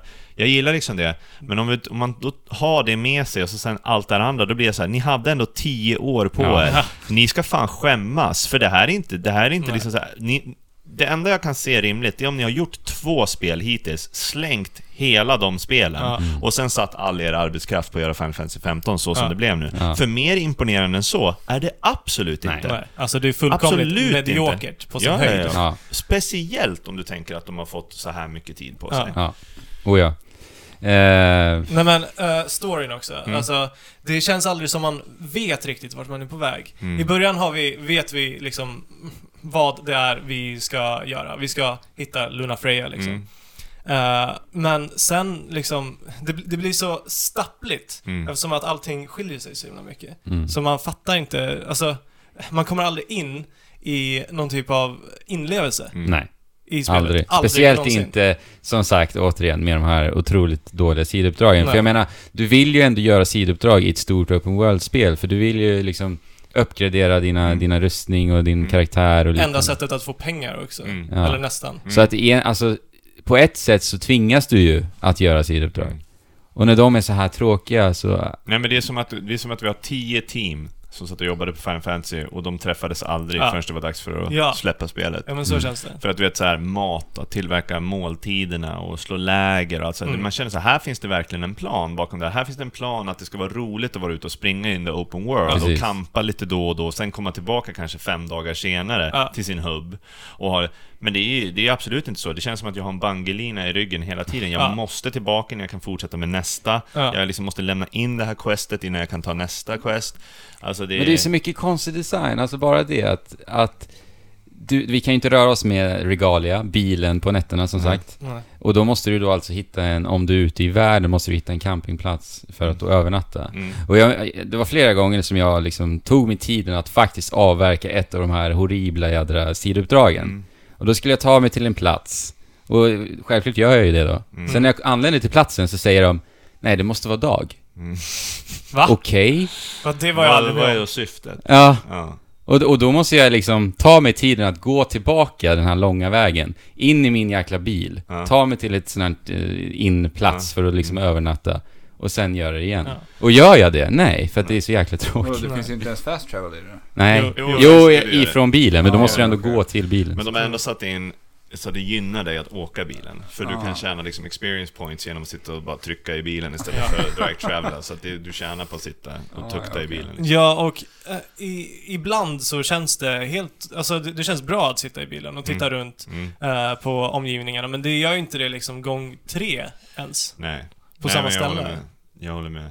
Jag, Ja. jag, jag tycker tyvärr att det här är väldigt återkommande i, speciellt nu i Final Fantasy, det känns liksom som att det finns absolut ingen skam i kroppen på de som jobbar där. Det är ingen som liksom verkar rannsaka sig själv. Nej. För att, att det här spelet har fått utvecklas i den här riktningen under så otroligt lång tid så att det till slut blev det här. Och jag ska bara säga, Kingsglaive, den får 0,1 av 5 av mig. Det är alltså så här, jag bara, ja vad kul, bra, bra, ni har gjort en bra animerad film.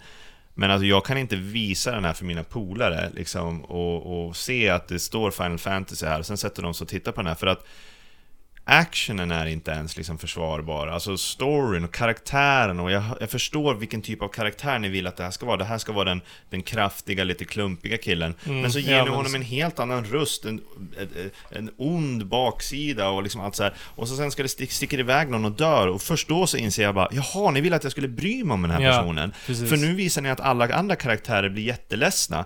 Ja men då skulle ni kanske ha liksom tänkt på det Mm, och inte fokuserat skapat lite. en fucking spyfärdig karaktär som jag inte kan stå ut med. Jag blev ju snarare glad när jag slapp liksom. Och, och så sen då att den då leder in i det här spelet. Jag kände så här. Den, den delen som kommer när liksom de knyter samman Kingsglaive och eh, spelet och sen en halvtimme senare så är du nere i en krypta och så ska du få ett magiskt vapen som typ har funnits i din familj sen alltså ska du bara acceptera att Ja. det, här är, det här är the big thing, nu ska du springa runt och samla ihop alla de här. Man Ja. bara Okej, och Ja, helt men- plötsligt så bara kommer en snubbe som bara har känt mig hur länge som Ja. helst och alla tycker hon, han är skitcool. Jag bara, Ja. "Öh, då får ni fan göra Ja. någonting med det nu. Men det händer inte. Han bara, vet ni vad, vi syns, säger han Ja. och så drar han vidare. Men sen det där som du pratade om, att man inte får någon kosmetisk uppgradering heller. Nej. Alltså jag vill ju som du säger, man vill ju se det där stora Ja. feta svärdet. Gud. Man, man får inte på någon. Nej, Nej. eller de syns ju i när du strider. De- men de trollar enbart fram vapnen Jaha, när de ska slåss. Så, att liksom, så du, du, du springer runt i dina läderbrallor och boots. Och det är väldigt sparsmakat med eh, liksom rustningar. Ja. det ser vi knappt rök. Men, men det här känns ju som något som är givet ändå att göra 2016. Ja. Så. Skojar du eller? Men sen är Men det jag, så menar, här, jag kommer ihåg när man så fantiserade när man spelade JRPG på 90-talet. Ja. Så Då, var det så, då, kunde man, då var det ändå okej. oh, Men då man, man... förstod ju bristen. Ja, ja. liksom. Mm. Men alltså jag, jag har ju hört folk som ändå liksom, inte har hyllat men ändå som pratar bra om det här spelet. Mm. Och de säger ju, men mycket av det bra ligger ju i att liksom nöta, grinda, levla Ja. upp och sen möta de här stora bossarna som... Fast det gör det inte. Alltså det är så, jag har sett de videorna Ja, gjort försöker liksom sätta mig in liksom i det, så här, att nöta och hitta den perfekta balansen och allting. Mhm. Det, det är så här, det är klart att det går att hitta en balans, det är klart att det går att optimera sina setups, hitta Mhm. rätt typ av mat att äta. Mm. Problemet är bara att de här små liksom taktiska valen ligger alltså i en sån jävla djup skithög av Exakt. system och gameplay. Jag har ju sett när man slår ihjäl den där största sköldpaddan liksom, som Som skulle ta, vad var det? det var 72 timmar Ja. att döda var det någon som sa. Men den tog en timme tror jag. Ja. Eh, men alltså, det är ju alltså eh, 59 minuter av att slå honom på tån. Ja. Och inte göra någonting annat överhuvudtaget. Ja. Och det är så här, ja ja. Det, det här är inte imponerande. Det här blir inte imponerande överhuvudtaget. Det, ni måste, klart ni måste fatta att om ni ska göra en fight mot någonting som är bland det största vi har sett i tv-spelsväg någonsin. Så någonstans måste ju någon i den utvecklingsprocessen säga man slår ju han trots allt bara på tån liksom hela tiden. Det, det var säkert någon som sa det. det här, någon stackare. Ja, och så fick han sparken Ja, och får aldrig någonsin tillverka spel i Japan igen. Nej. Ja, nej men alltså generellt genom det här spelet, alla de fighter som ska vara episka Ja, och som, som liksom, de, de är alltid undermåliga. Mm. Antingen så är det bara tråkig mekanik, men det ser coolt Det är ut. bara visuellt häftigt. Ja, Mm. Och Det är bara knappt- visuellt. Ja. knappt ens det alltså. Jag, jag får inte ens, eh, i många av de här fighterna, en känsla av att det är episkt på något sätt. Nej. Även fast de försöker de försöker typ så här desperat säga till dig Det här är episkt, det här är episkt, det här är episkt. Mm. För att man ska tycka det. Och sen upplever jag att det är en så jäkla dålig så här, audiovisuell respons i typ allting. Ja. Alltså du känner liksom inte när Nej, du tar det där med långa med hoppet. Nej, och när man hugger. När man hugger och, och så de sånt. så. här jävla störtlöjliga liksom komboattackerna Ja. som Ja. bara så här, varför gör du en piruett där? Du Ja. tjänar Ja. ingenting på det. Och jag Precis. menar inte att det ska vara tråkig realism liksom. Men det är så jävla, du ser ut som en ballett, Ja. liksom, det är en balettmove bara. Och, Mm. ehm, Och, och, och jag vill bara säga en sak så här med att ja, men skärmen ligger i att springa runt och levla upp sina karaktärer. Jo men då, då måste det vara kul att levla upp. Ja, och problemet precis. är att fighting-systemet är inte kul. Nej. Och som sagt sidouppdragen. Sidouppdragen är inte kul och det är inte kul att springa runt och farma saker Nej. eller någonting. Alltså i Final Fantasy 12, jag ska vara helt ärlig, där var det ändå lite charmen att bygga ihop ett system med sina allierade. Att när jag är på den här hälsonivån så måste du hila mig. Man, Ja, man skapar precis. nästan bottar, Ja. om man ska vara riktigt ärlig liksom, i det systemet. Och när man då fick till liksom ett gäng som man bara kunde kuta rakt ut i en grupp med fiender, så såg man hur de bara chainade off, och du kanske styrde main-karaktären lite. Det fanns någonting där, det fanns ändå ett djupt taktiskt system du kunde laborera med. Final Fantasy 7 också, med materian. Du bara, jag ska bara, nu ska jag ut och så ska jag levla upp den här materian. För när den är upplevlad så ska jag para den med den här materian, och så ska jag köra eh, 4x slash och 3 counter materia och så ska jag ha det här. Och så fick man bara se hur det bara klickade. Ja. Det får du inte här. Nej, inte du. Den här hunden som är level 2 kan knocka dig, liksom så här, Mm. alltså, det är klart att du kan one-shotta den, men kommer det sju hundar så kommer han slå till dig och göra dig liksom omtucknad Ja. lika Ja. mycket, ja. brotta omkull dig på marken, lika lätt ändå. Ja. Det, det, du kommer aldrig undan från det, och därför får du aldrig någonsin känna den här progressionen. Nej. Nej men level up-systemet, alltså de förmånerna det gav mig kände jag ju aldrig heller. Glömde ju bort Ja, men, eller hur? det. Jag hade Och sen- typ så här 500 poäng att spendera och jag bara, just ja. Ja, och de kändes typ för nischade. Ja, Det var så här- de var bara nischade. Alltså, Ja. varför körde de inte bara? Ja, jag Från Final. Fantasy Ja, 10, eller 10. någonting liknande. Här var det liksom, eh, det är uppdelat i olika segment, där du uppgraderar de rätta, eller de, de specifika Kategorierna. kategorierna Ja. eh, i en väldigt kontrollerad väg. Och vi får inte glömma också att ett av träden är ju för en option du måste aktivera. Ja. Ett av Ja. träden är ju för Wait mode. Ja. För att göra ditt wait mode bättre. Ja. Liksom, så har de ett eget skill tree. Ja. Ja. Och dessutom, man, man kan ju köra Libra så att Mm. du får upp eh, vad liksom karaktärerna är, eller fienderna är Mm. svaga mot och så. Mm. Och det kan du bara göra i wait mode. Annars så måste du förlita dig på en av dina, dina medlemmar, att han ska göra det. Ja, och då måste du ockupera hans skill med en sån liksom, skill, att han Mm. gör den. Och då tar du bort... De kan bara ha en specialitet allihopa också. Ja. Får vi inte glömma. Alltså så här, om jag inte har förstått det helt fel. Alltså till exempel han... Nu glömde jag bort helt bort namnet, men han med briller. Eh, Ingis. Ja, Ignis. han har ju en regroup Ja, grej. ja. Om jag har förstått det rätt, så på den positionen kan du ju bara ha en Mm. skill. Precis. Liksom så att om jag väljer en offensiv ability för honom, då kan jag ju inte ha regroup Nej. abilityn. Mm. Eh, och det där är, alla har alltså en sån sak, en sån specialare du kan göra, vilket gör att liksom, vill du på något sätt variera, då är det in i option-menyn, in och byta om Mm. och ändra, du kan inte göra det on the fly, du kan inte göra det ute på, i combat. Nej.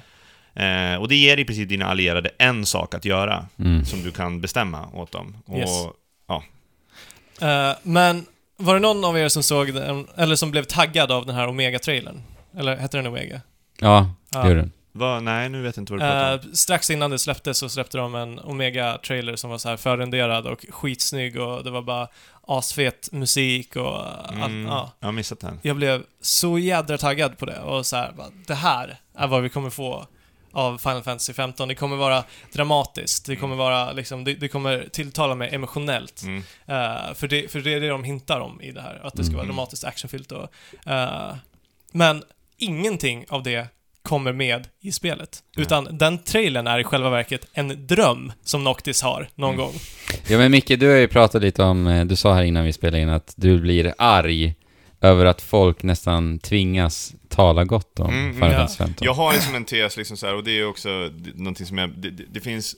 Om man- kollar på termen snålhet, liksom, så anser jag att just snålhet kan tyvärr, tyvärr, tyvärr, tyvärr påverka en person på fler negativa sätt, liksom, än att det kanske pengar blir en så stor Mm. del av den personen. För det finns snålhet i form av investering av tid, det finns snålhet i form av beslut av köp. Till Mm. exempel att du köper en produkt och på grund av att du du, du är så pass snål, liksom, så skulle du aldrig kunna erkänna ett dåligt köp. Du skulle aldrig kunna tycka att ett spel du köper är dåligt. Eh, det, finns, det finns ett sånt beteende och det är lite samma sak som jag säger så här, att vissa serier får så mycket tittningar eh, bara för att nu har jag börjat investera tid i den här serien så nu fortsätter jag titta på den och jag Mm, säger att den är bra.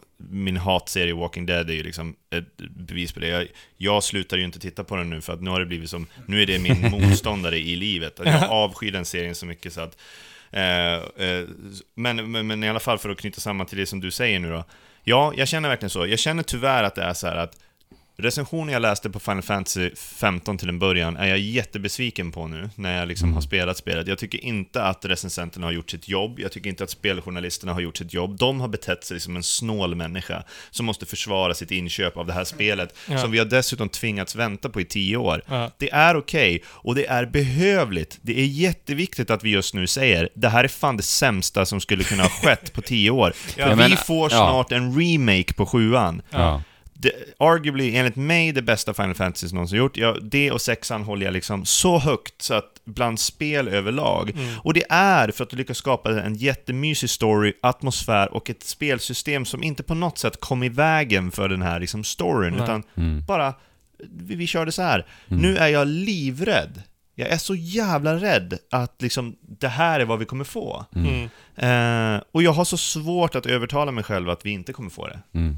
Ja, nej, alltså det enda vi kan göra är att vänta och se, men det, det båda inte gått efter. Nej, jag, jag, sa, Liksom. jag sa ju det till dig förra Ja. veckan Fabian, att jag, alltså jag är inte ens det minsta sugen på Final Fantasy 7 Remake nu. Inte Kingdom Hearts 3 heller. Alltså för mig har Square Enix gått och blivit en av de sämsta spelutvecklarna just nu. Mm. För att Ja. så dåligt tycker jag att Final Fantasy 15 är. Ja. Alltså jag vill bara säga det, jag tyckte det var skitdåligt. Mm. Ja, Micke, du, du säger att folk vill, eh, vill tycka om det här spelet. Ja. Och jag ville det. Jag. Jag, jag ville det så, så desperat. Mm. Så att jag, så att jag så här, det här är okej. Det är Ja. okej, det är okej. Det, Det kommer blir bättre, säkert bli det blir bättre. bättre, bättre, Precis. ja. Men sen kommer det till en punkt Mm. där allting bara vänds upp och ner. Och det, det är så här, nej, jag kan inte försvara det här spelet längre. nej. Det här är sån jävla skit. Du var ju med när Ja men det var ju jag kul. tittade på det. För att jag, jag var ju väldigt neggig. Jag var ju Ja. den som var neggig först av oss två, Ja. Fabian. Eh, och jag började ju liksom eh, prata väldigt dåligt om det här spelet när Fabian ändå fortfarande svävar på sina moln liksom. ja. Eh, och det var kul. Det var ändå kul att se dina reaktioner där och då. Ja. De är väldigt olika emot varandra nu. ja, men du, du, du kände när jag kom till den där punkten. Ja, ja. Där, Då allting, Ja. det var som att bägaren bara rann ja, över liksom. det gjorde den. Den rann över fullständigt. Ja. Mm.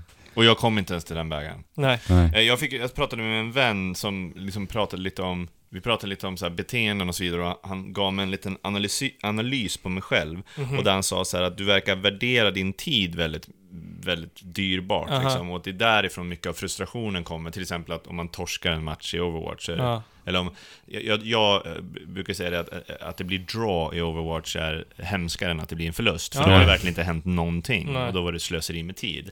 Jag vill ha liksom ett resultat och det är därför jag till exempel bojkottar serier om jag tycker att Mm. liksom det är minst lilla tecken på att det här, nu, nu är ni lata, nu anstränger ni er inte något mer, nu blir det stereotypiskt och Ja. allt så här. Mm. Då stänger jag ner. För att jag tycker liksom att, precis som du säger, vi har fått Witcher 3, vi har fått spel som vi ändå kan referera till. Ja. Vi vet att det här går att göra. Mm. Och du, om du, du skulle kunna röra dig lite omkring det här dessutom. Du, vi vet att Witcher 3 är otroligt bra, så du skulle kunna vara 80% Ja, verkligen. Witcher 3 och du skulle ändå liksom vara Exakt. ett jävligt roligt spel där man kanske skulle tycka att det faktum att det är ett Final Fantasy fyller upp resten av de 20 Precis. procenten. Ehm, eh, och just det här med att man tycker sin tid är dyrbar, man tycker liksom att sin, sin, sitt engagemang är dyrbart och att liksom så här, här lägger jag Tio ner års en... väntan Tio års väntan och sånt där. Då känner jag så här, hur fan... Jag bara kommer tillbaka till det så här, hur fan har ni mage? Ja. Alltså hur Mm. fan vågar ni göra såna här grejer? Alltså ni borde inte, ni borde skämmas hela gänget. Den som, den som har liksom bestämt åt vilket håll spelet ska utvecklas, den som har gjort designen si eller så, liksom alla, ni ska liksom bara, ni ska kollektivt bara skämmas över att ni liksom har gjort det här mot en fan juvel i tv-spelshistorien. Och ni har fan gjort så här sen Final Fantasy 12. Alltså, jag... 11 räknar liksom, det är som ett MMO. Ja, men men, men så här, från och med 13 så blev det så här: holy shit vad ni inte har en susning längre. Men hörni, jag har en Mm. fråga Ja. till dig Micke och dig Ja. Fabian. Eh, hur står sig Final Fantasy 15 gentemot Final Fantasy 13? Gentemot, Eh. Jag hade aldrig några sådana här frustrationer eh, med Final Fantasy 13. Nej.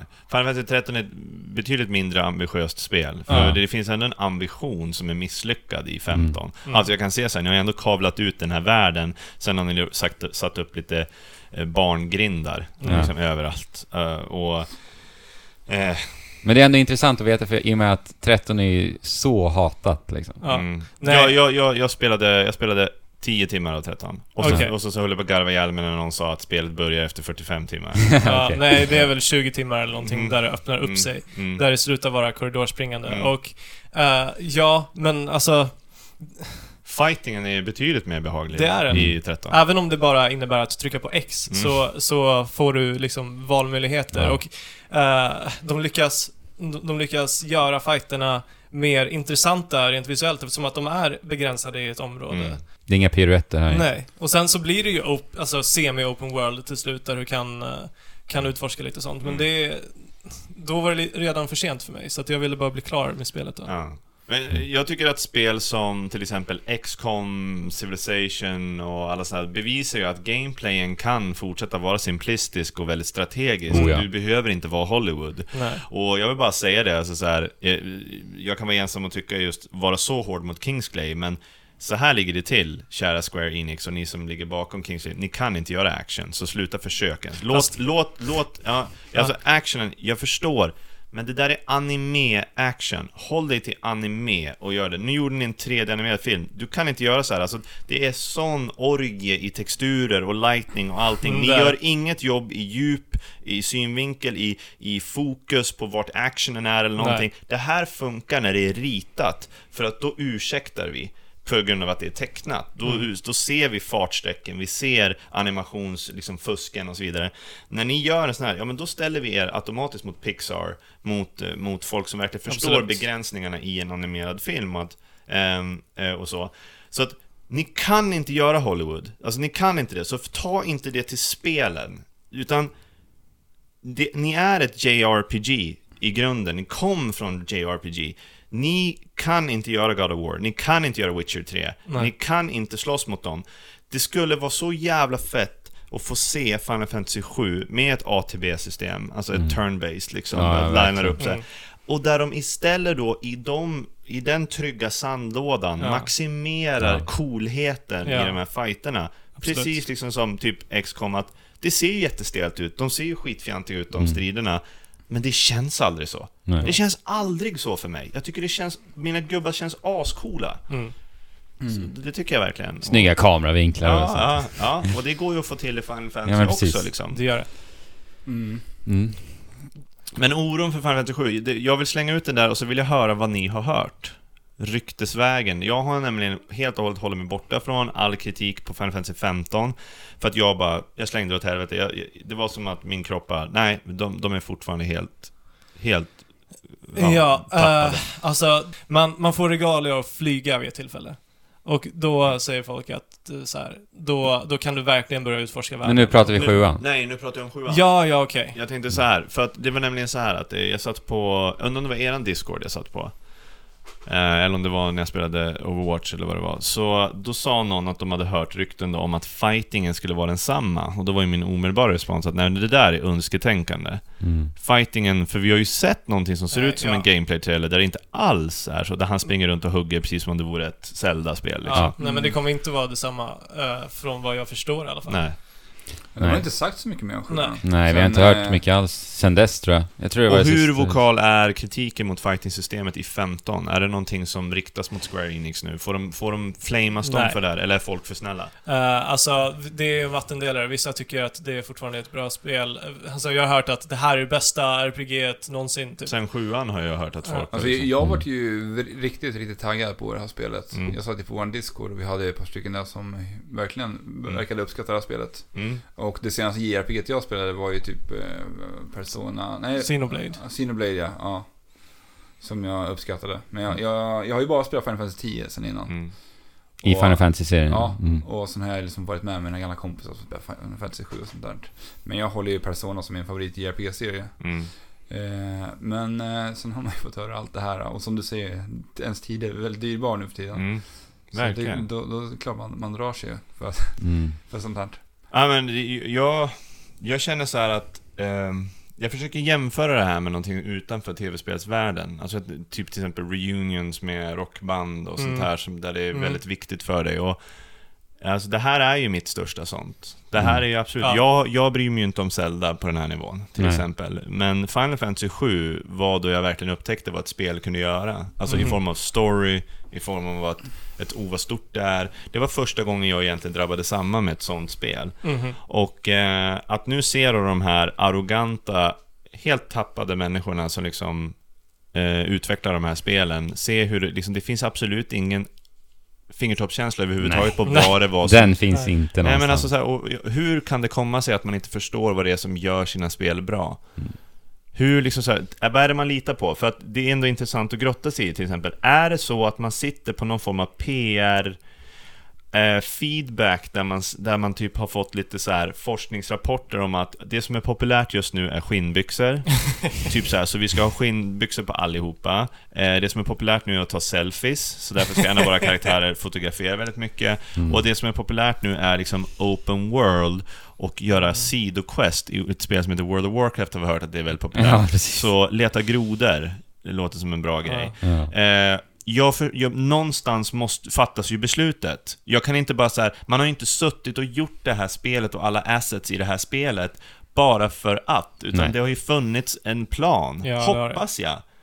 För annars är det ju så, alltså om det inte har funnits en plan, om det inte har funnits så att man har vänt sig till en, en byrå eller någonting som har liksom gett dem så här, okej, det här spelet har hållit på att utvecklas i tio år, det här måste lyckas, vi behöver all hjälp vi kan få. Mm. Så därför gör vi de här designvalen nu, för alla forskningsrapporter säger följande om sådana här eh, gameplay-moment, att det här är populärt och det här är populärt och så här bör vi göra för att. Och så har alla de här besluten fattats. Eh, nu blev det så här då. Det här är resultatet vi fick.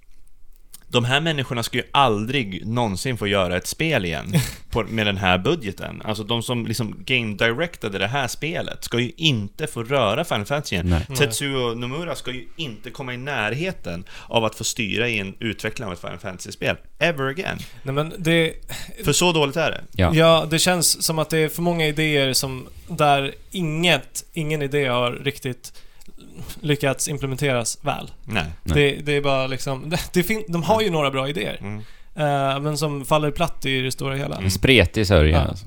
Och så sen på slutligen, för jag hör nu hur folk som sitter och lyssnar på det här och tycker om det här spelet och som säger så här, åh gud vad, vad man, brukar, man brukar kritisera filmsnobbar och så, Mm. Och så vidare. Jag personligen har ingenting emot filmsnobbar. Alltså absolut inte, för att jag menar, jag gillar ju ändå det jag gillar. Ja. Och det jag tycker att folk ska tänka på nu liksom, när man kritiserar det här spelet, det är att man gör det ur passion. Man gör det för att vi vet vad vi skulle kunna få. Precis. Och nu får vi inte det. Och om vi bara sitter där och är glad för att vi överhuvudtaget fick ett Final Fantasy, den världen lever vi inte i längre. Nej. Det kommer inte ett spel per år längre. Det kommer väldigt många bra spel och det Mm. enda sättet vi kontinuerligt får bättre spel är om vi ställer högre krav. Mm. på de sakerna som faktiskt in the long run spelar någon roll.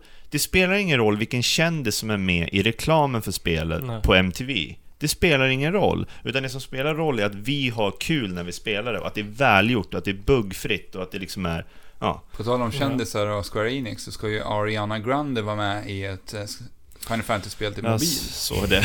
ja, just det ja. Med sin lilla kanindräkt där. Ja. Ja men faktiskt, alltså vi som spelare, vi behöver ju sätta, ställa lite krav alltså. Vi behöver det. Ja. Och, och filmsnobbar och så vidare, det, det är för att liksom när till exempel det görs en Avatar 2 så ska liksom James Cameron känna att jag måste göra lite extra nu, jag Ja. behöver göra lite extra. Man måste därför skratta lite åt att om det körs samma story för tionde gången i rad. För det är det enda sättet vi kommer få en regissör som liksom verkligen borstar av sig dammet och säger nu ska jag göra någonting nytt och fräscht. Och så kommer Pulp Fiction. Och så kommer liksom Reservoir Dogs och så kommer liksom Inglourious Basterds. Nu säger jag bara massa Quentin Tarantino-filmer liksom, men, men min poäng är liksom att det, det kommer för att det finns folk som är väldigt snåla med sitt beröm. Och vi kan nog inte bara sitta och säga så här, men vi ska vara glada att vi fick något. Nej, Final Fantasy 15 är det yttersta beviset på att man inte ska vara glad för att vi fick något. För Ja, vad vi fick nu är att vi fick slösa 10 Ja. år och så fick vi någonting som inte var kul att spela. Och det ska vi inte vara. Vi ska inte... Gud vad hård ni är och gud vad, vad, vad, vad negativa ni är. Ja, men grejen är den att Spelar man tv-spel idag så ska det vi säger inte vara konstigt. Liksom, speciellt inte när vi har, som du säger, Witcher 3. Nej. Liksom, där vi har rollspel och vi har MMOs och vi har First Person Shooters och allting som visar så uppenbart att liksom, det går att tänka till lite. Och Vad som är möjligt. öppna ögonen och faktiskt kolla, funkar det här eller funkar det inte? Ja. Ja. Men därför är det viktigt med de här magplaskorna också, för att vi ska kunna få eh, en skala på botten och toppen. Jag håller med. Och jag skulle bara vilja att de här magplasken Inte vara Final Fantasy. Ja, nej, jo, det får de gärna vara, men då måste ju någon lära sig att dyka rätt efter Jo, det första Ja. magplasket. Och nu är det tyvärr så att jag känner att Det är Det kört. här, de lär sig inte. Nej. Nej. Det, det, det är tio år vi snackar, vi får fan inte glömma det. Nej. Det är Nej. tio år och det blev så här. Mm. Det är, Men alltså, som sagt, det är ju troligen väldigt mycket för att det var tio år som det blev ett sånt magplask. självklart. Självklart. Eh, så att alltså, jag, jag tror inte att nästa Square Enix-spel kommer vara ett mästerverk på något sätt. Eh, och de... Säg inte att du tror att det kommer bli bättre nu?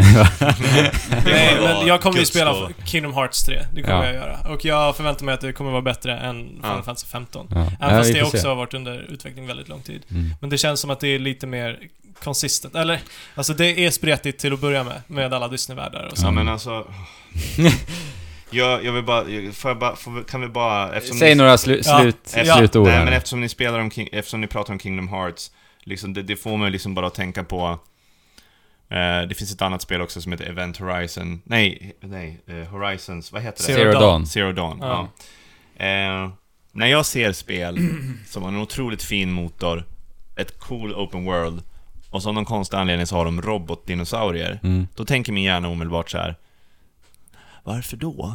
Alltså, så här, varför robotdinosaurier? Och det betyder inte att jag hade velat haft vanliga dinosaurier eller någonting. Men när jag ser en sån otrolig motor och ett sånt lovande open world och allt så här, så kan jag bli så ledsen över designvalet. Jag tycker att det är coolt. Mm. Det är coolt. Det ser coolt ut. Men jag tänker samma sak med Kingdom Hearts när jag spelar det. Fan vilket coolt spel. Men varför? Disney, varför Långben? Varför Kalle Anka? Jag, jag har spelat det, jag vet vad som händer, jag vet hur karaktärerna funkar ihop. Men jag kan inte acceptera, för det enda jag ser det är så här, det här är folk som faktiskt kan skriva en ganska intressant spelidé och allting. Men någon har tvingat dem att använda Donald Duck. Mm. Vad hade den här personen gjort utan, Utan. Donald Duck, utan Pluto, utan Janne Långben? Alltså så här, vad hade jag fått istället? För att det, det är verkligen så, vi, vi, vi pratade ju om Shovel Knight. Ja. Jag håller med dig, liksom så här, jag, har inte, jag har inte satt tänderna i den, men jag har kollat på lite videos och allting. Jag förstår Ja. the thing. Eh, jag vill ha den, in, alltså den, det, för, för jag har samtidigt kollat på videorna och jag är ännu mer övertygad nu att jag behövde inte en spade. Alltså jag behövde inte, jag behövde inte, nej, men jag ja. behövde inte gimmicken. Nej. Alltså jag behövde inte det, utan jag ser istället ett riktigt tight spel. Ja. Jävligt cool gameplay, skitbra genomfört. Men så är det någon som bara så här, vet ni vad vi ska klä det här i för rolig idé? Det här ska ha en spade och en knight liksom. Ja, han är asskön, han är ascool, men det är någonting i mig som gör så här. Vad skulle du göra? Vart kan det här gameplayet liksom, om vi kör en väldigt seriös ton liksom istället? Ja. Och det, jag vet att en seriös ton är ett gameplay, eh, är ett designval. Jag förstår det, jag vet att det här är ett annat val. Men Kingdom Hearts till exempel, ge mig bara Square-karaktärer, men samma kvalitet på gameplayet liksom. Ge mig ett Final Fantasy 7, en Final Fantasy 7-världen, och låt Kingdom Hearts-gänget designa den, så skulle jag spela skiten ur det där jävla spelet alltså. Så Ja. känner jag. Ki- Kingdom Hearts-storyn har ju verkligen eh, börjat... Eller red, redan vid tvåan så börjar den slå knut på sig själv och man vet inte riktigt vad, vart som är vad och... eh, för att det, det är typ så här i en drömdimension och hit och dit. Eh, så att jag vet inte, där känns det för mig i alla fall som att de bara kommer på det allt eftersom att tiden lider. Men det, det, det är inte, fortfarande intressant att se. Och jag tillhör ju de som tycker det är nice att uh, Shovel Knight har en spade, för att det är någonting annorlunda och det skiljer sig från vad vi liksom har sett. Jag tycker det är nice att Horizon Zero Dawn har eh, det här av någon anledning robotdinosaurier.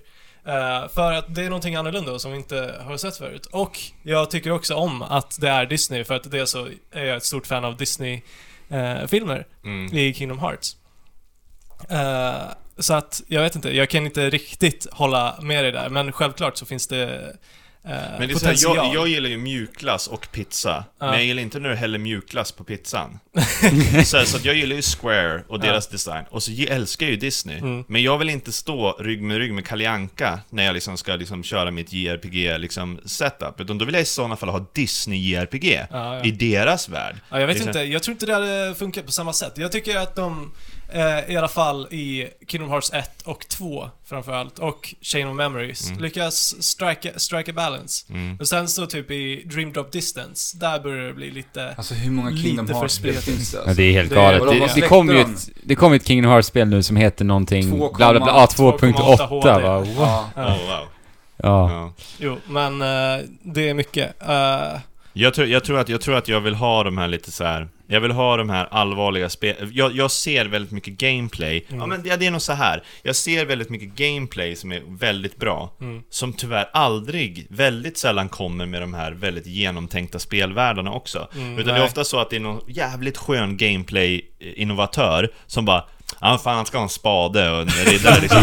Och då blir det för dig så här, då blir det för dig, då blir det så här. Det är någonting jag inte har sett förut, vad kul. Men jag menar, hade du fått Shovel Knight utan spaden, Med en annan Castlevania, liksom. Castlevania men gameplay-mekaniken och liksom så här, det verkligen tajta spelet och det här sköna flytet och Mm. väl avvägda liksom utmaning kontra belöning Mm. Så hade du bara holy shit alltså det här är fan det bästa Castlevania som någonsin, det här är nog fan en av de bästa spelen som någonsin har gjort Du hade liksom Mm. kanske. inte tänkt såhär, det är för att det är en kille med en spade, nu får jag någonting som jag inte har sett förut Fast det står ju inte riktigt så mycket i fokus. Nej men, nej men exakt, och därför tycker jag nästan att det är än mer onödigt. Ja. men jag, Ja, jag, men jag kanske. förstår din poäng. Robotdinosaurier är liksom så här. det är som att säga så här, ja vi skulle kunna ha polkagrisraketer, för det har man aldrig sett förut. Så, så spretigt är det. För, nå, för någonstans så blir det så här, om en robot ska liksom bygga upp sig själv, varför skulle den göra sig till en dinosaurie? Typ allting skulle ju vara spindlar med tentakler Jo. som Det var får, det där får vi supereffektivt. svar på. Ja, men det är ju det. Frågan är ju om vi Jag får det. hoppas det. Men då är det ju intressant att höra med dig, Micke, vad du tycker om spel som Katamari Damacy. Ja. När man rullar och bara skramlar Ja. ihop saker. Och, och Ja. det, där är det bara sådana saker som du nämner. Ja. Ja, men alltså där, jag känner, det är ju samma sak där. Alltså jag känner ju så här, fan vilken cool gameplay-mekanik. Och eftersom den är så galen, så känner jag att det här går inte att göra seriöst. Nej men precis. Men när aldrig du ska klibba fast i allting som finns i hela världen, då säger jag, kan inte bara, för skulle jag se människor slitas i bitar och bilar krossas och det är barnvagnar trasslar in sig i dig, så skulle det bli såhär, åh, det här är ju Carmageddon 3 liksom. Det skulle vara jävligt bra. Om, vi, om vi sätter de som gjorde Carmageddon på, på att göra en egen katamari. Ja. Ja. Nej men, eh, ska vi ta en liten paus tycker Ja. jag? Lämnar allt eh, hat Mm. bakom oss. Det var, det var fan deppigt att prata om. Jag, kände, jag Ja. har inte tänkt på Final Fantasy 15 längre, jag har ju bara tänkt på mina Overwatch-förluster. Men nu fick jag Overwatch-förluster och Final Ja, Fantasy det 15. var... Ja, Men alltså, det, det är sårande Mm. på, på ett emotionellt plan. Vi försöker eh, rycka upp oss efter pausen. gör Det det. gör vi.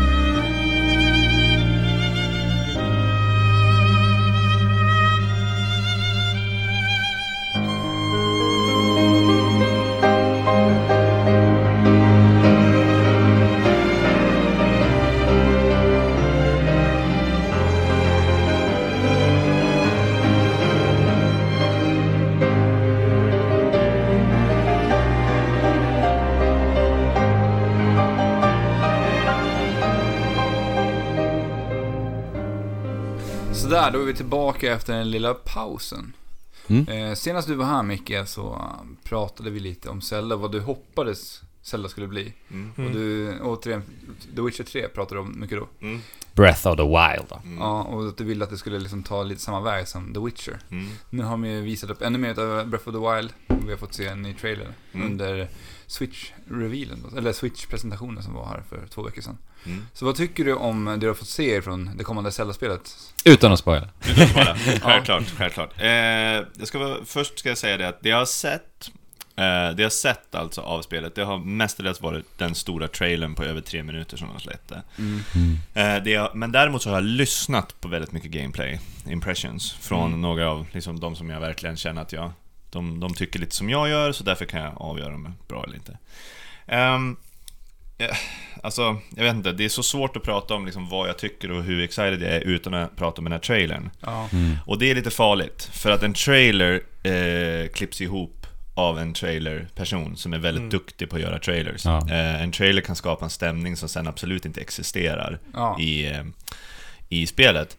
Men om, om trailern var lätt att göra på grund av vad Breath of the Wild innehåller, Mm. så kommer det bli någonting väldigt, väldigt minnesvärt. Jag är väldigt excited. Och det har utan tvekan fått mig att liksom, jag köper en, en Switch så fort jag kan köpa den i alla fall. Mm. Eh, och sätter mig och spelar igenom det. Ehm, sen finns det lite saker som gör att jag är rädd för att jag kanske kommer sluta mitt i. Mm. Eh, och det är för att jag är en sån som slutar mitt i. Ja, men vi Eh, pratar ju om det. det har vi pratat om.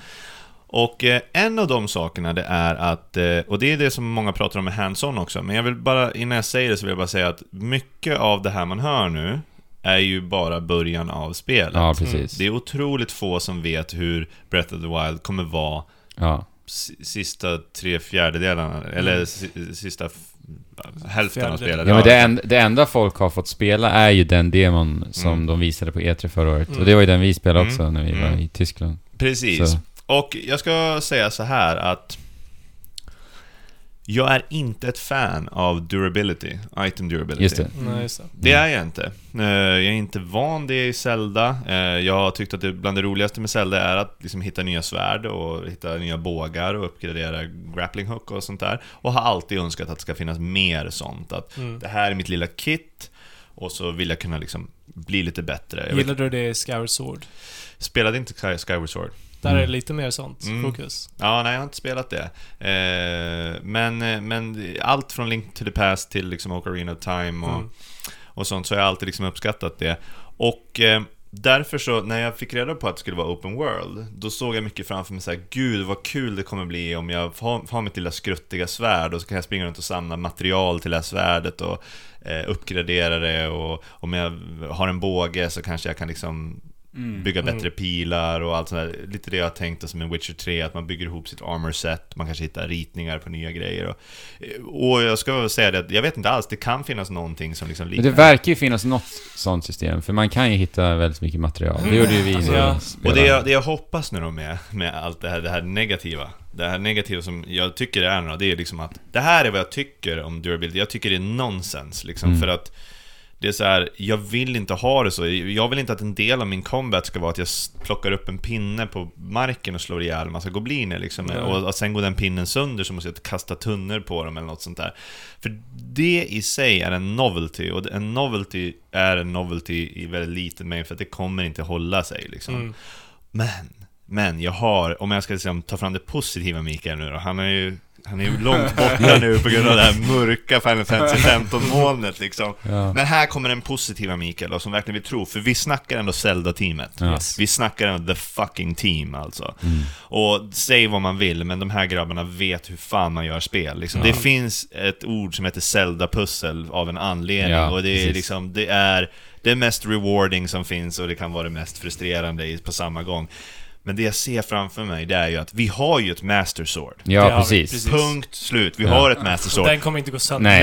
Nej, och någonting i mig säger ju att det här med durability är ju ett Zelda-pussel i sig som ska frustrera dig tills du till slut sliter det här jävla Master Swordet Ja. ur världen. Och det enda du ser då det är att varenda gång någon liten goblin parerar med sin jävla pinne så sjunger du rakt igenom den. Ja. Och den här gamla världen är liksom din playground forever, för du springer runt med en lysande klinga liksom. Ja. Och en polerad sköld och helt plötsligt så är liksom de här skruttpinnarna ett minne blott. Ja. För det är det som jag älskade då med Zelda, att jag såg tillbaka till Little Link i Ocarina of Ja. Time Ja. och sen var jag den fullstora med stor sköld, fullstort svärd som glödde liksom.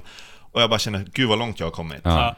Ja, den känslan är faktiskt ganska sällsynt i spel idag. Väldigt. Väldigt Ja. bra, alltså World of Warcraft är ju eh, bra, alltså, så här, alltså progressionsspel överhuvudtaget, God of Mm, War kan jag tycka liksom är, är bra på det också men Men det här, alltså Zelda gör det riktigt bra. Metroid-spel är liksom Ja. väldigt bra på det. Ja, ja. Ehm, Castlevania och sådär. Men, men just Zelda, att då få... Att då, alltså förstå... Om vi, om vi bara låtsas att vi har den här informationen. Vi säger att halva spelet lyckas de ändå skapa en dräglig tillvaro med saker som går sönder. Mm. Men det går ändå liksom, man, man står ut. Mm. Men så mynnar det ut i att du får en båge som håller, Mm. du får en sköld som håller, Mm. du får ett svärd som håller, i det här fallet då Master Sword liksom. Och så förstår du att du har liksom Förstå vad förlösande det kommer vara. Ja. Och om de dessutom då efter det har ett system som kanske kan göra de grejerna ännu bättre. Att det finns liksom hemliga källor i världen Ja, där du kan precis. åka och uppgradera vapnet. Och, Alltså förmodligen har de tänkt igenom det här och att det är en del av designen. Mm. Det är det vi hoppas på nu då. för då är det briljant. Ja, då är det precis. briljant. Alltså det Precis. finns ju mycket som inte har sagts om Ja. Zelda. Det är det som... Jag, jag tycker att de har varit väldigt duktiga på att inte Ja, spoila det har för de. mycket. Faktiskt. Alltså, Jag gillar det. Även i den här nya Även om inte jag har sett... Även den här nya trailern tycker inte jag att de spoilar vad Zelda Nej. Kommer vara heller. Men uppfattningen man får av det är ju så här att Wow, Ja. så här har jag aldrig sett Zelda. Nej, så är Wow. det verkligen. Nej, så är det Alltså, jag aldrig börjar sett. nästan gråta. Nej men alltså ni måste ändå tänka på det att liksom Ocarina of Time, Link to the Past Det är liksom, visst det är roliga spel alltid men vi ska inte hänga storyn i julgranen Nej, liksom. alltså, nej, det, nej. det är Zelda, Ja. det är Zelda, gameplayet kom först Det den här trailern fick mig att känna den scenerna de visar Men upp nej. Nej nej då, men absolut inte Scenerna de visar upp, du behöver absolut inte oroa dig Fabian Scenerna de visar upp får mig att känna inte nu, alltså så här, det skulle lika gärna kunna få mig att känna såhär, nej men det här är inte Zelda Ja. utan det här fick man känna bara, va? Vänta nu, får jag alltså allt som Zelda har att erbjuda att sitta och leka med, men så kommer jag dessutom bry mig något så överjävulst över vad som händer. Är det sant? Ja, vi Alltså, får, nej. vi får story. Ja, men, att men att höra det här av dig, Ja, Micke, Ja, det... vi får story, och alltså den här trailern, Jag har gåshud. musiken, Ja, alltså på tal om musiken. Mm. Alltså jag har satt på den japanska trailerversionen Mm. eh, och sen har jag bara lyssnat på musiken och wow! Ja, men det är, det här är som en Hollywood-trailer. Alltså, Alltså- så här, och den är så fan, det känns ju alltså som en Miyazaki-film. Det känns ju som att vi sitter och kollar på trailern till Princess Mononoke liksom. Ah, Det är så. Det här känns anime. Det här känns som det bästa ur en anime. Alltså det här, ni vet de här... Ja, Jag vill, jag vill liksom inte ens... Alltså, de, här, de här, för, för det får jag säga, liksom, det är ju karaktärer i det här Ja, spelet. ja, jo. Ja, men det- I det alla kan Zelda- vi förstå. I alla Zelda-spel så har det alltid funnits någon bumlande jätte som Ja. behöver hjälp att komma Ja. över en Ja. gruvhål. Och det har varit Zoras och allting. Mm. Vi är ju i Hyrule, liksom. Vi, är, vi, vi har de här. Men så här har man inte sett det. nej. Mm. Nu helt plötsligt så bara här, ta 300 000 hinkar personlighet, liksom. Av Alltså, det lilla jag får utav Ja, men trailern. alltså, jag, jag känner att det är lite det här jag hade väntat mig att Zelda skulle bli redan under Skyward Sword. Ja, alltså, precis. När det växte till, upp, liksom. Ja, övergången Ja. till HD-Zelda. Yes. Nu, nu kan vi liksom skapa lite, nu kan vi få lite, eh, att man bryr sig Ja. om, om gubbarna. Inte bara gameplay liksom. Nej, alltså... Ta liksom Link to the Past i början där med Zelda när hon blir tillfångatagen, sätts i fängelse. Men så sen tillåt dig själv känna, hur skulle det vara om det var en anime? Hur mycket extra detaljer får man då? Och inse sen att Zelda kommer eventuellt ha det så. Shit. Så att när man räddar någon, när man besegrar någon, när, så får du liksom, ja, så händer Alltså det. grejen är att jag har ju... Jag kan inte komma ihåg senast jag var så här, så här peppad på ett spel. Nej, inte jag heller. Alltså du vet ju hur Hype mycket jag älskar det här spelet, Mm. eller Zelda-serien. Eh, och att höra dig säga Ja. det här, det var... Nej men det är fantastiskt, och jag, jag vill inte på något sätt framstå mig som alltså, att jag kan någonting om Zelda, men jag kan bara, jag bara älskar tv-spel. Ja, men precis, och jag, jag jag har så länge varit besviken liksom över vad som görs, och jag känner att det här var så viktigt att det här fick hända. Mm. Last Guardian och... eh, Varför jag, tar upp, varför jag bara slänger in Last Guardian där lite, det är för att jag, jag har inte spelat det. Men Last Guardian, liksom innan de gjorde det så gjorde ju de ju Shadow of the Colossus. Ja. Och Shadow of the Colossus sög in mig, alltså så här, stängde hela världen runt mig. Jag kunde inte slita mig. Alltså, och musiken och du vet det här... Jag brukar beskriva liksom Shadow of the Colossus som det här stormiga berget som du bara klättrar upp för och den här hjältemusiken som driver på dig och hur tårarna rinner och det är så jävla mycket känslor. Och jag känner på riktigt att de med den teknologin de har nu, med den typ av design de gör med det här spelet och hur de väljer att attackera Zelda så kan vi få någonting som liksom sätter mig i samma trans. Alltså så här. Här känns det, en, för det har aldrig känts som att Zelda lyckas skapa episka moment där jag bara wow, liksom, inte ens sista fighterna mot Ganon, de är ändå alltid lite så här. det är lite tyst innan, och sen är det väldigt typiskt bossfight, Ja. Ja. liksom hoppa åt sidan, undvik där, hoppa, använd kroken för att dra loss skölden och hugg. Du vet, jag tror att de nu kommer våga bygga en story runt det här som annars bara har varit tystnad. Men den biten gjorde de faktiskt ganska bra i Skyward Sword också, tycker jag. Mm. Okej. Eh, Jag tänker Vad typ... intressant, för då på- är det nog den pusselbiten jag saknar då, i det här hoppet. För det här, Ja. det jag ser i trailern är sånt hopp. Mm. Från Wind Waker, liksom och... Jag tänker Men- på sista bossfighten i Skyward Sword. Mm. Den, den byggs upp riktigt Det gör jäkla det, bra. det alltså. är riktigt snyggt. Ja. Och sen så i Skyward Sword så fick vi också lite smak på story och karaktärer. Ja. Att vi, vi börjar bry oss. Mm. Eh, Vad intressant, då märker jag ju att jag har missat någon, en stor pusselbit där då. Mm. För att för mig, mitt minne av Zelda, så finns inte story. Nej. Nej. Nej men det gör inte. Och det, det står fortfarande inte i centrum. Men det finns ju, alltså... De börjar, med Skyward Sword så börjar de etablera den här Zelda-canonen. Mm. Och de börjar tänka så här, hur ska vi försöka knyta ihop allting? Eh, och jag antar att det är därifrån det utmynnar. Mm. Men de har väl heller inte börjat göra det förrän nu för att de inte känner att de har varit redo förrän nu. Jag tror de känner sig tvingade mer, för det är det enda sättet som verkar funka när det görs spel. Liksom för Nintendo, Ja, men Square ja, Enix och... Vi ser ju vart branschen är på väg också. Ja, ja. Och jag, jag känner så här, alltså, till och med trailerns voice acting, engelska, var Är det så? Är det så? Oh, jättebra. Ja, alltså jag sitter ju här och bara jag, var drömmer så, liksom. jag var så överraskad. över- Jag såg ju nämligen den med engelsk Ja. eh, voiceover först. Och... ehm, du vet alltså så här. Återigen, det Zelda liksom har gett, det har gett så mycket av det som det gör bra. eh, och så har det ändå varit tyst mellan de punkterna. Men det har inte gjort någonting för att spelet i sig är så bra, så Zelda är ändå bra. Men försök bara föreställa dig att liksom, när man tänker på Zelda så kan man inte undvika att tänka på när jag öppnar skattkistorna, när jag löser pusslen eh, och när man till exempel fick Epona och rider över Ja. fälten och allt sånt där. Alltså så att man har de här små momenten. Mm. Men det finns ju någonting i Zelda där det är lite tyst emellan. Det finns Men- lite tomrum. Men, Föreställ er att de nu fylls Mm. av någonting som spelet enligt mig inte har gjort förut. Om, om, jag, om jag bara ska gå från den här trailern att döma. Men i Zelda-spelen så är det ju ändå också väldigt mycket, har varit att du själv liksom bygger upp din egen historia. precis. Sant. Och Men det är jag det känner- tystnaden har Ja, gjort på något sätt. Precis. Ja, det, det håller jag med om. Jag tror också att tystnaden jag pratar om väldigt mycket, det är att du kommer fram till det här stupet och så ser du att det sitter en gubbe där, så klickar du på honom och så kommer fram en pratbubbla, Ja. så säger han någonting. Mm. Och så bara, så är det inte så mycket mer personlighet än det. Nej. Nu ser jag fram emot en eventuell cutscene, en... ehm, som, som, där liksom, ja men där det finns nog eh, struktur och eh, kött på benen för att verkligen få mig att bry mig. För alltså jag kan, jag, det, det är så spännande, för jag försöker alltså så här, jag inser ju nu att jag har ju aldrig brytt mig om varken Link eller Zelda eller någonting i Hyrule. Jag har ju aldrig brytt mig. Jag har aldrig tänkt på Epona som en karaktär. Jag har aldrig tänkt på gumman i byn som en karaktär. Utan jag har ju bara tänkt på, jag ska springa, nu ska jag springa till det här gröna slottet och utföra alla pussel som finns där. Sen det blå, sen det röda, sen det grå och så sen till slut så blir det Ganon. Det, det går inte att få bort från huvudet. Och nu känner jag bara så här, om jag dessutom nu räddar någon som jag bryr mig extra mycket om, eller eh, utför ett uppdrag tillsammans med någon som jag tycker är ascool och den här karaktären är så jävla rolig och cool och ser badass ut liksom. Då känner jag så här: wow!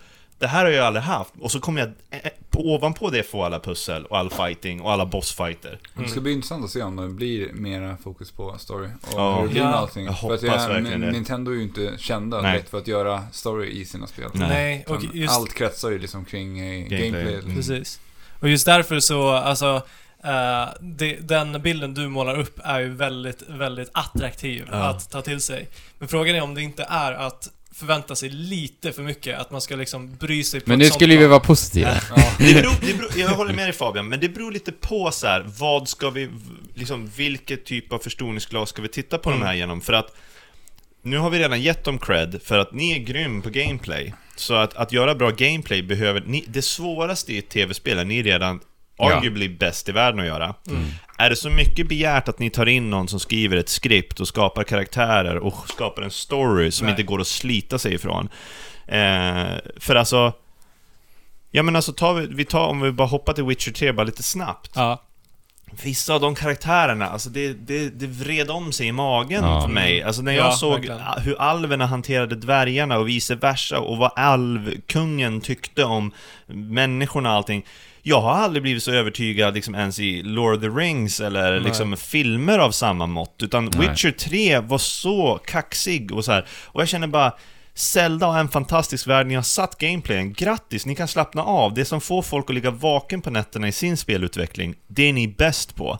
Ta nu in någon som verkligen, alltså ta nu in en Miyazaki liksom, alltså någon som skriver ett, ett, ett anime-skript nu då, för att Ja. jag tror ändå att den bryggan är lättare än att Ja, jag. västerländsk story Ja. liksom och allting. Ja. Att verkligen kunna bjuda på de här exuberant karaktärerna som bara är over the top liksom. Ja, Ja. precis. Ja, jag, Ja, så jag nej. hoppas det svarar på din fråga. Om, Ja. eh, jag, jag, jag tycker att det ska bli skitspännande, men alltså som, med, mer så än vad jag tycker så ska det bli så jävla kul att se hur Zelda-fansen, liksom, vad de nu får. Ja. Eh, som liksom Andrew och, eh, ja. Jag har ju beställt en herrans massa prylar nu. Mm. Eh, det blev många tusenlappar. Ja, men det är, det är ju... Herregud alltså. Skyward Sword som jag har förstått det var ju alltså inte riktigt likadant som resten av Zelda-spelen i form av sitt liksom, att sätta tänderna i, men Nej. det finns ju få spel, likt Ocarina of Time, som jag så ofta har fått höra när folk satte sig ner liksom julafton, eller när de nu än fick spelet, och hur typ tre dagar bara försvann. Ja. Eh, och det här kommer ju garanterat bli Och nu när vi spel. kommer spela det på Switch, när vi kan spela det vart vi vill dessutom. Ja, Ja. så det, det är ju kul att höra lite vad du tycker om eh, Nintendos kommande konsol Mm. Switch. Bara lite kort, vi har ju pratat om det här i flera avsnitt Mm. nu. Den här konsolen och, och grävt och tänkt Mm. och Ja. analyserat och allt. Blandade det känslor Ja. är det. Jag, jag känner liksom så här, för mig personligen så tycker jag liksom inte eh, själva... Jag tycker inte line-upen som de släpper, eh, jag, jag är lite orolig liksom för hur det kommer tas emot, att de liksom switch it up, eller vad fan det heter, det här... eh, Ja, One Switch. Switch. Det Ja. släpps som ett sidospel som kommer kosta Ja. fullpris, liksom. Ja. Vill ni på något sätt skryta om era funktioner så bör ni likt Wii Packa in Sports det. inkludera det. Ja. Det gör de inte. Eh, de två doserna som man ska ge till en polare är liksom helt olika utformade. Den ena har liksom analogknappen i mitten, Ja, man liksom hålla, man kommer knappt åt shoulderknappen om man inte använder strappen.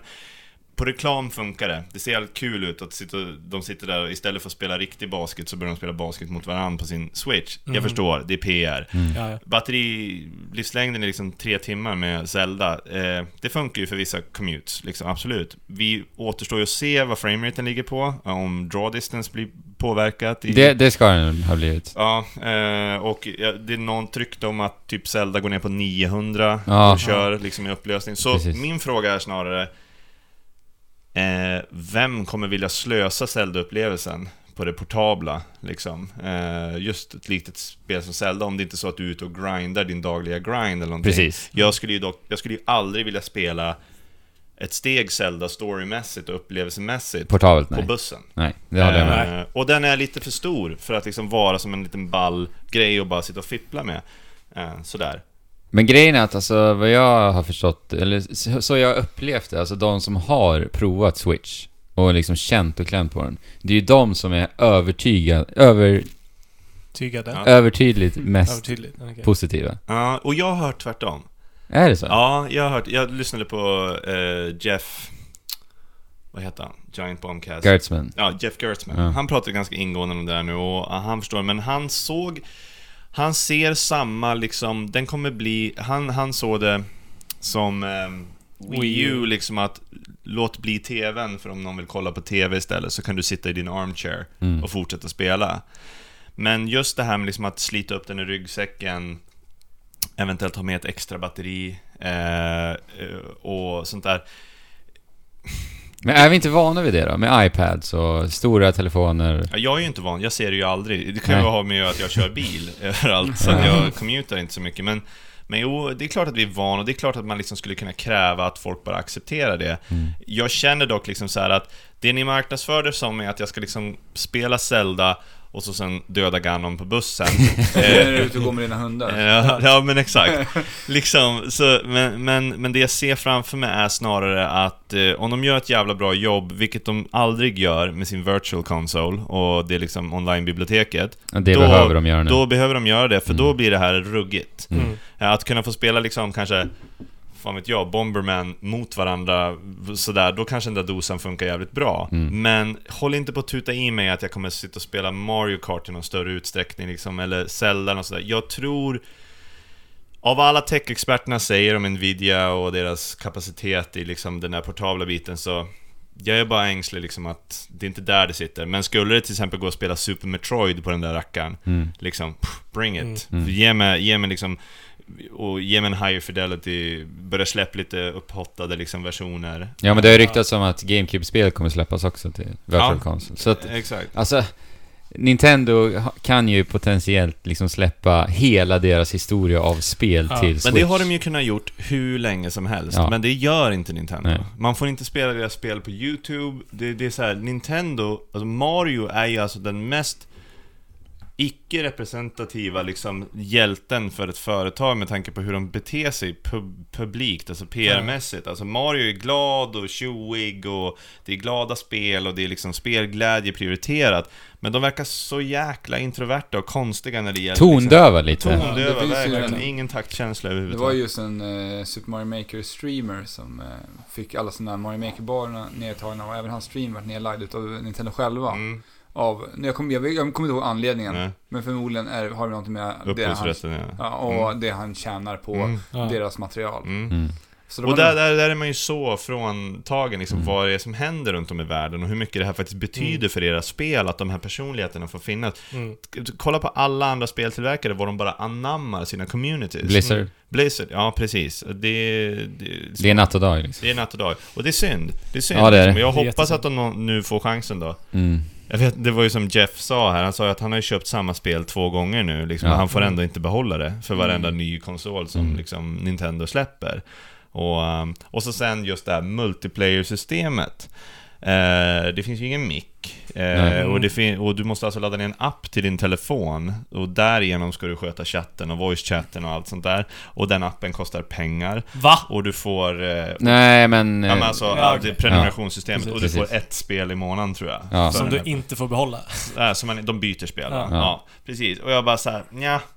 Eh, alla kommer ju köpa ert Zelda. Alla Ja. kommer köpa ert Mario. Försök vara lite bjussiga på resten av biten Precis. nu, för helvete. För Mm. ni kommer inte bli miljardärer på, på de andra grejerna. Nej. Ja, men vi har ju suttit och pratat om det här och önsketänkandet är väl det att ha en prenumerationstjänst där man kommer åt hela liksom, biblioteket. För att, jag menar, det här är spel som de har gjort pengar på genom att sälja de här Flertal. ett flertal gånger redan. Ja, det räcker Och nu. jag menar, vi såg hur bra det gick för Ne- NES Classic. Mm. De släppte den lilla manicken här i julas. Mm. Och det skulle, skulle man liksom marknadsföra den här produkten med att kom hit, betala den här månadsavgiften. Så Du får du får spela vilket spel Ja, du vill. Nintendo, Super Nintendo 64. Liksom, Ja. GameCube Ja. också då. Ja, exakt. Nu är det dags för Goldeneye igen. Liksom. Ja. Ta varsin...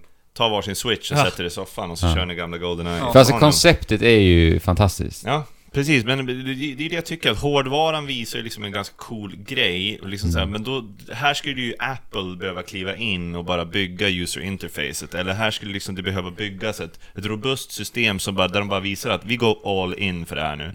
Liksom in och hämta första Metroid, spela Castlevania Symphony of the Night, dra igång Zelda Link to the Past. Självklart ska du kunna spela våra grymmaste titlar någonsin. Mario 64, kör! På you go! tal, på tal om Apple så ser jag vissa likheter mellan Apple och Nintendo just nu. Mm, Om, vi tänker på nya Ja. Macbook Pro där. Ja, Som ja, har tagit- svarta där. Ja, som har lagt till eh, features som känns onödiga. Ja. Den här touch-sliden. Och man har tagit bort sina, sin ikoniska ladd-charger som hade den här magnetiska. Egentligen, ja. Mm. Och man har bytt ut allting mot. USB-C, så man har Mm. Inga SD-kortingångar längre. Nej. Utan det ska vara tillbehör till allting. Mm. Och det är där jag ser Mm. att de har någonting gemensamt. Tillbehör. Mm. För det finns otroligt mycket tillbehör ute till Nintendo Switch-laget. Just det. Ja. Och Jag de, menar, det är mer tillbehör än vad vi har spel till releasen. Mm. Och Ja. det, det är inte billigt heller. Nej, att, och det är precis som det är med Apples alla donglar som de Mm. har till sin nya Macbook Pro. Mm. Mm. mm. Ja, jag De kostar otroligt mycket pengar. Ja men det, det finns mycket orosmoln, men eh, alltså grejen är så här, som Nintendo-fan, Mm. jag menar kolla första året här nu, vi får Breath of the Wild på releasen, sen får vi ARM som jag tycker ser intressant ut, vi får se hur det blir. Eh, sen får vi Splatoon i sommar, Mario i höst, eh, eventuellt Xenoblade Chronicles 2, Och Fire Emblem. Fire Emblem, alltså så att som ett fan av Nintendo så får, alltså då är jag jättenöjd. Om du tittar på ditt övriga spelbibliotek och så sen tänker du på de titlarna du precis radade upp Mm. liksom så här. Vilka är det som du liksom För du, nu ra- radar du ju upp åtta titlar liksom, eller något sånt där eh, För den här ehm, enheten Ja. Men om vi tittar liksom på vad som kommer ske på Playstation, vad som kommer ske på Xbox, vad som kommer ske på PC och Mm. allt sånt där. där. Det kommer ju hyfsade titlar där också. Eh, min fråga är, bortsett från Zelda och Mario som vi fan inte kan få någon annanstans ifrån hur mycket vi än önskar. Det kommer aldrig någonsin komma en verklighet där liksom de spelen någonsin produceras någon annanstans. För mig kan jag aldrig någonsin skaka av att jag köper Zelda-konsolen. Alltså att jag köper Zelda-enheten. Liksom så här, här köper jag ett Zelda för 3000 spänn. Det är liksom, det är så det känns för mig. För att, för att de andra spelen som sen kommer fortsätta pulsera ut på PC och Playstation och Xbox och allt det här, Red Dead Redemption 2, eh, Cyberpunk 2077 från CD Projekt och alla de här, de står ju också där liksom, och väntar de här fan, juggernautsen liksom, av spelutveckling. Då blir för mig så här, vad ska jag göra med Splatoon? Liksom så här, hur ska, jag vet att Splatoon är ett skitbra spel, men någonstans är det så här, okej, vad konkurrerar det med? Ska det bli, ska det bli mitt shooter-spel istället för Overwatch? Och om jag tittar på Ja men listan bara fortsätter. Zelda kan ingen ersätta, för Zelda är så unikt. Och Mario kan ingen ersätta, Nej. för det är så unikt. Men utöver dem så blir det väldigt lätt för mig att ersätta resten. Mm. Ja, Det blir det. Det blir det. Det ska behövas göra liksom ett riktigt hardcore Metroid-spel. Inte Metroid Prime, för det är för likt andra grejer. Det är inte lika intressant för mig. Men gör Rare, eller ja, Nintendo, eller vilka nu de blir, som gör ett Metroid side-scrolling. Ja men I'm there. För att jag vet att det är ingen annan Ja, de behöver ju verkligen Metroid nu alltså. Yes. Eh, förstår du vad jag menar? Ja, jag förstår vad jag så menar. här, hur, hur, hur mycket är du liksom mest Nintendo-lojal där kontra liksom en eh, kontra positivt inställd? Men grejen är, alltså om vi, om vi tittar på de spelen jag sa då, eh, ARMS och Splatoon, alltså att jämföra dem direkt med andra, andra spel i genren tycker jag ändå inte är riktigt rättvist för att de är så pass unika i sig, även om det är liksom en shooter, Splatoon. Hur många timmar ser du liksom att du lägger på Splatoon? Första spelet spelade jag säkert uppemot 40-50 Mm. Och eh, jag hade jättekul med det spelet och det Mm. var en väldigt unik tagning på shooter-genren. Mm, mm, det håller jag med om. Ja, och den hade till och med en single play-kampanj som var väldigt överraskande. Eh, och till och med ibland kändes liksom eh, Super Mario Galaxy-esk. Mhm. Så pass bra tyckte jag Mm. den var. Ja, men jag har hört mycket bra om det. Ja, spelet, så att det- alltså, att få en, ett, en uppföljare till det mm. gör ju mig såklart sugen då. Mm. Men det är likadant för mig när det kommer till Splatoon, ungefär lika många timmar. Mm. Ja. Men problemet med att man inte spelade det mer, för jag hade gärna spelat det mera, är ju just bristen på Nintendos online. Ja, Ja. Alltså, det också. För att det vart sånt jäkla meck att liksom sätta upp en match. När man, Mm. För att i början kunde man inte ens köra dem, man, man hade ju ett rankat läge i det här. Mm. Mm. Men det var jätteklurigt att starta upp de Tänk här att det kan vara så fortfarande. Ja, det är helt otroligt. För att ens kunna starta en match och Ja. spela online. Är det på riktigt ingen journalist någonstans som bara känner för att rent kalla faktamässigt gräva i såna här konstiga grejer? När vi har liksom one press invite, liksom matchmaking och allt vad det heter. Ja. Liksom friend groups och invite friends only och custom game setup och allt vad det Mhm. heter. Hör inte Har de inte koll på att hur, hur Xbox Live Nej, jag vet har varit alltså, sedan det- typ 10 år tillbaka? Ja. Så Mm. är Xbox Live varit så enkelt att använda. Fanta- alltså det är ju så bra. Det är, Det är ju så fantastiskt överlägset liksom. Och, eh, men det verkar som att där, där, där måste det ju ligga lite Silicon Valley versus Japan när det kommer till liksom user interface-utveckling. Mm. Men hur Alltså- mycket pengar ska de behöva betala för att få in en online-expert liksom? Ja men det är ju det jag menar. Men det, det, det är liksom där, det finns... Vi, jag tror att vi nog pratar liksom den här fandom-grejen som vi pratar om Final Fantasy som gör oss lite rädda, att folk ska liksom acceptera... Kings... Heter det det? Kings Quest? Nej, ehm, Dragon jo, Quest. Dragon Quest. Ja. De, de släppte ju ett spel, var det sjuan som fick så mycket kritik? Eh, jag vet inte Mm, riktigt. Eh, I väst liksom, men så här, men försäljningssiffrorna slog genom taket ändå bara för att det är sån fan favorite. Men det Mm. är inte, var inte ett bra spel, de gjorde Nej. jättemånga misstag och allting. Kan det vara så att japanska liksom, konsumenter är så jäkla förlåtande för sina kärleks liksom, titlar så att de bara, de står ut med de här träsken de måste vandra igenom i gameplaymässigt och att de måste hålla koll på så här långa koder för att bjuda in folk i multiplayer och sånt här så att vi får aldrig liksom någon egentligen innovation. Alltså jag vet inte hur det liksom, nu, nu tänker jag på Nintendo. Ja. Så vet jag inte riktigt hur det ser ut med just online-del, hur många som faktiskt använder det här. Mm. Men, men från Nintendos sida har det varit för att de har varit eh, oroliga att liksom my- mycket som de har pratat om är det här att eh, man ska kunna få kontakt med barn och det är så mycket barn som spelar, de är liksom avlägsna Jaha, det däremellan. har jag aldrig hört. Alltså att, Intressant. För jag Det är vet förmodligen att, därför man har för, den för här appen många år sedan så Jag vet jag vet. att det kom upp en, eh, alltså det var Fox News som tog upp en grej just med DSen, där den hade den grejen PictoChat. Ja. Och då hamnade Nintendo i, i lite, det var lite ramaskri där i, på Fox News. För att det var nämligen en pedofil som hade kontaktat ett barn på PictoChat. Mhm. Men det, det, med, med PictoChat så var det typ, vad kan, av, vad kan avståndet ha varit som man kunde kommunicera med? Men det Nej. var max en typ en 10 meter. Mm. Så man körde liksom lokalt då. Mhm. Och då hade han fått ta kontakt med ett barn. Mhm. Och de, ja. Mm, jag förstår.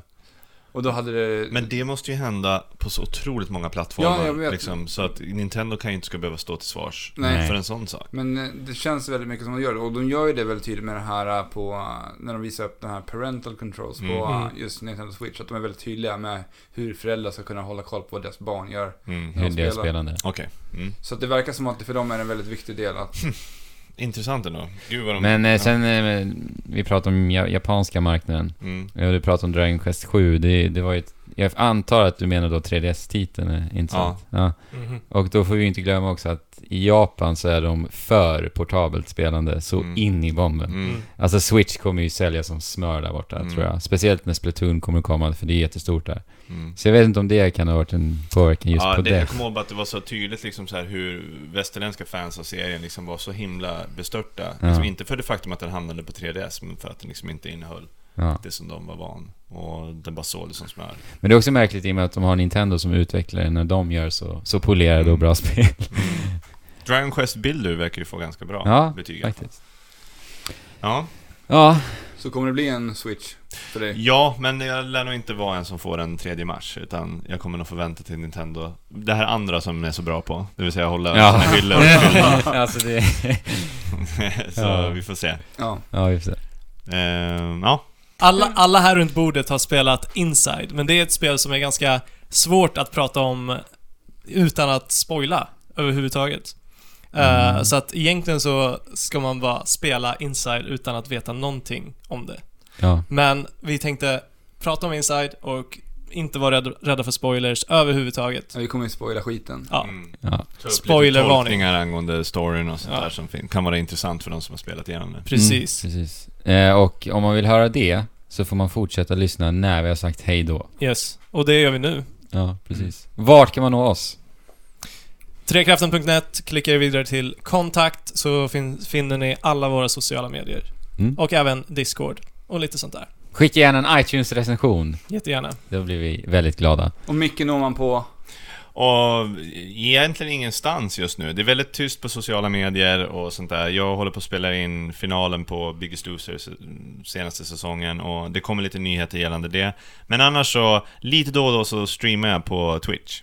Eh, där man kan komma in och snacka. Om man vill snacka träning, om man vill snacka spel eller bara sitta och titta på mig ragea på Overwatch. det har varit väldigt lite socialisering och mycket rage på sistone. Ja. Eh, men då går man in på twitch.tv slash pixelproductions med PXL alltså. PXL Productions.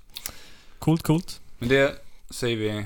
Tack för tack till Micke. Ja. Ja. Att han eh, fick kom förbi igen. Just det, just det. En sak vill jag nämna och det är så här att under de gångerna som jag varit på besök här så har jag liksom verkligen fått upp eh, glädjen i att sitta och, och podcasta och, och, och prata om spel och tankar och sådär.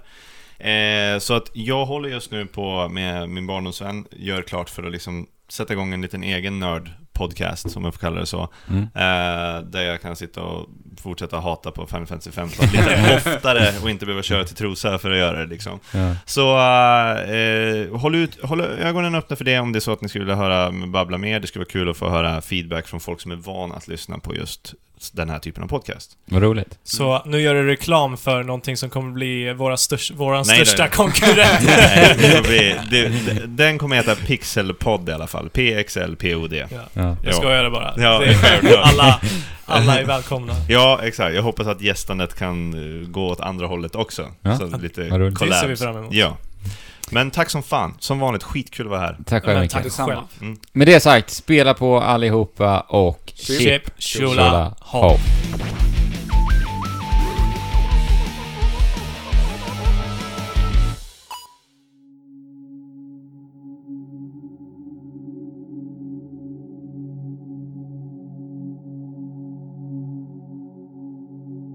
Inside. För en herrans massa år sedan, jag vet inte när Limbo släpptes. Det är sex år sedan. 2008. S- 2008 släppte Playdead Limbo. 10.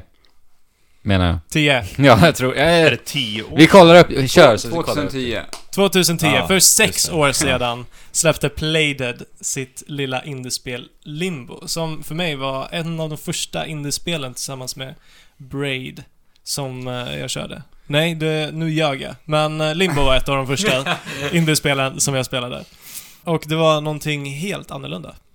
Mm. Och det gör ju Playdead väldigt... De, de fokuserar väldigt mycket på atmosfär, lite pussel och så. Och nu har deras... 2010 2010, yes. släpptes det. Nu har deras andra spel kommit ut på marknaden. Som heter Inside, som har blivit väldigt kritikerrosad. Många Game of the Year utnämnelser har de fått. Mm. under 2016. Och det här har ju funnits ute ett tag. Det var ju väl i maj, juni. Det släpptes i somras också. Juni. Mm. Också ett sånt här spel som försvann när man spelade Overwatch. Mycket. Jajamän. Eh, och jag minns väl när vi fick, eller jag fick, eh, ett eh, litet meddelande av Micke här. Ja. Eh, han skrev i, någonting i stil med Oh my god, har du spelat Inside? Du måste spela det nu. Det är det sjukaste jag har spelat. Ja, det var, men det var, det, det, den känslan var 100% Ja.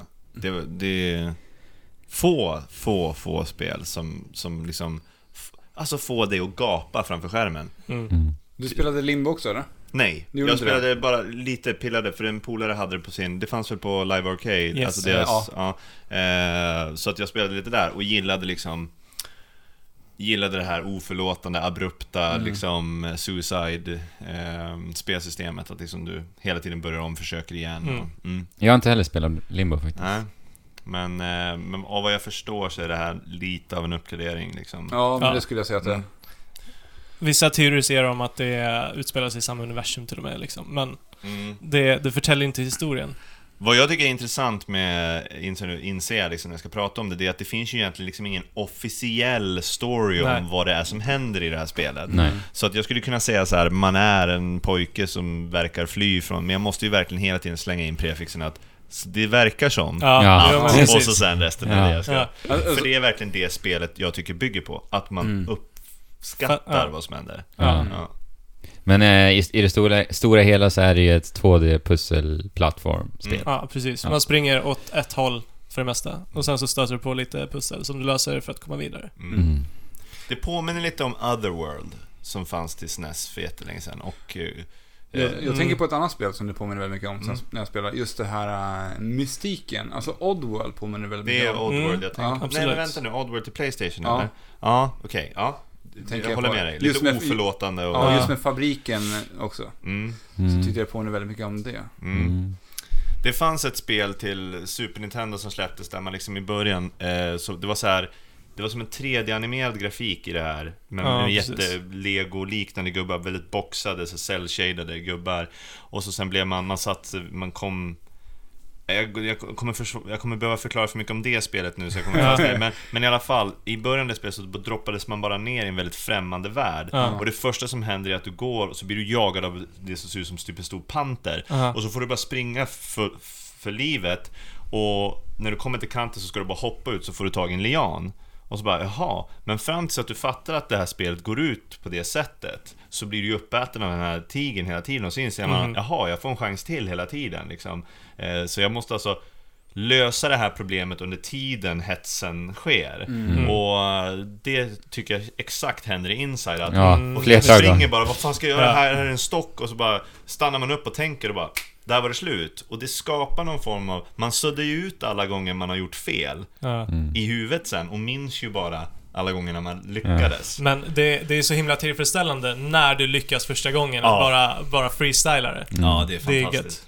Det jag tycker är så fantastiskt med det spelet, det är att man lyckas göra det liksom, du säger mycket att det inte är någon, finns någon story direkt, utan det är mycket som är för tolkningen. Mm. Man har ju helt, liksom helt utelämnat all typ av dialog Ja. i det här spelet. Mm, Det är allt, allt till hur... Det är bara ljudeffekter liksom. Ja. Och det osar ju eh, djup. Ja. Även fast de liksom inte ens, an- eller anstränger sig, vad fan säger jag? Alltså även fast de inte bombarderar oss med information Nej. Så känner jag bara Det är så mycket stämning i det här så att Ja. jag kan Men- fan inte s- slita mig liksom Du kommer ju frågor hela tiden. Vad, vad är det där för mask? Ja. Vadå, vänta? Ja. Eh, är de här snälla mot mig? Eller Ja. vill de döda Ja. mig? Eller? Men det gör de ju direkt igen när vi spelar i Ja. för det, det man får se egentligen i trailers inför det här spelet, det är när den här pojken beger sig ut i skogen och Mm. springer i skogen. mm.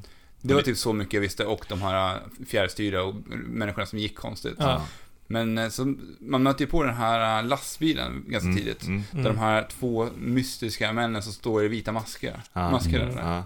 Där börjar liksom spelet Ja. verkligen ta fart. Och när man liksom, ja men exakt, jag kommer ihåg, det är lite intressant att du säger det, där skulle jag vilja höra liksom så här, vilket moment i spelet där ni verkligen kände att ni inte kunde hålla, för att jag när jag spelar spel, då sitter jag alltid, jag är här ute och observerar spelet. Mm. Och så spelar jag, jaha, gameplayen är så, jaha, så här är inventoryn och så här är fightingen och kontrollen. Du vet, jag kan hålla en väldigt analytisk outside, eh, väldigt, vad får kalla det för, professionell inställning till det jag upplever. Jag kan analysera allting. Ja.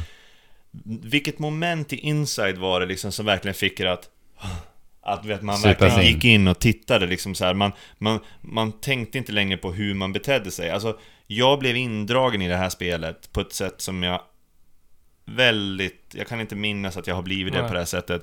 Eh, och jag är bara nyfiken på, precis som det Andrew, eller eh, Alex säger, att det här när du såg med lastbil och någon som stod där, Ja. så började helt plötsligt man börja, då blev man verkligen nyfiken. Vad fan är det som händer? Ja, är jag på väg Ja. ut? Är jag på väg in? Är jag på väg bort? Ja. Vem är jag liksom? Och så satte, så var man fast. Ja, men för, för det mig första, var det... flertalet gånger hände Det händer ju med många spelet. gånger. Ja, riktigt många. Men för mig var det, den absolut första gången var det när man ser att det står typ ett tiotal personer uppradade som, i- alltså, som en kö Ja. in till en lastbil som sedan stängs och åker iväg. Ja. Det var det för mig. Jag bara Ja. what? Vad är det som händer här? Ja, och, och, och eh, för mig blev det så här Hela den här, hur oförlåtande, för, för jag var inte beredd på hur de skulle behandla mig. Vem Nej. är jag Mm. i den här världen? Är Nej. jag viktig? Eller är jag bara en av alla som har flytt?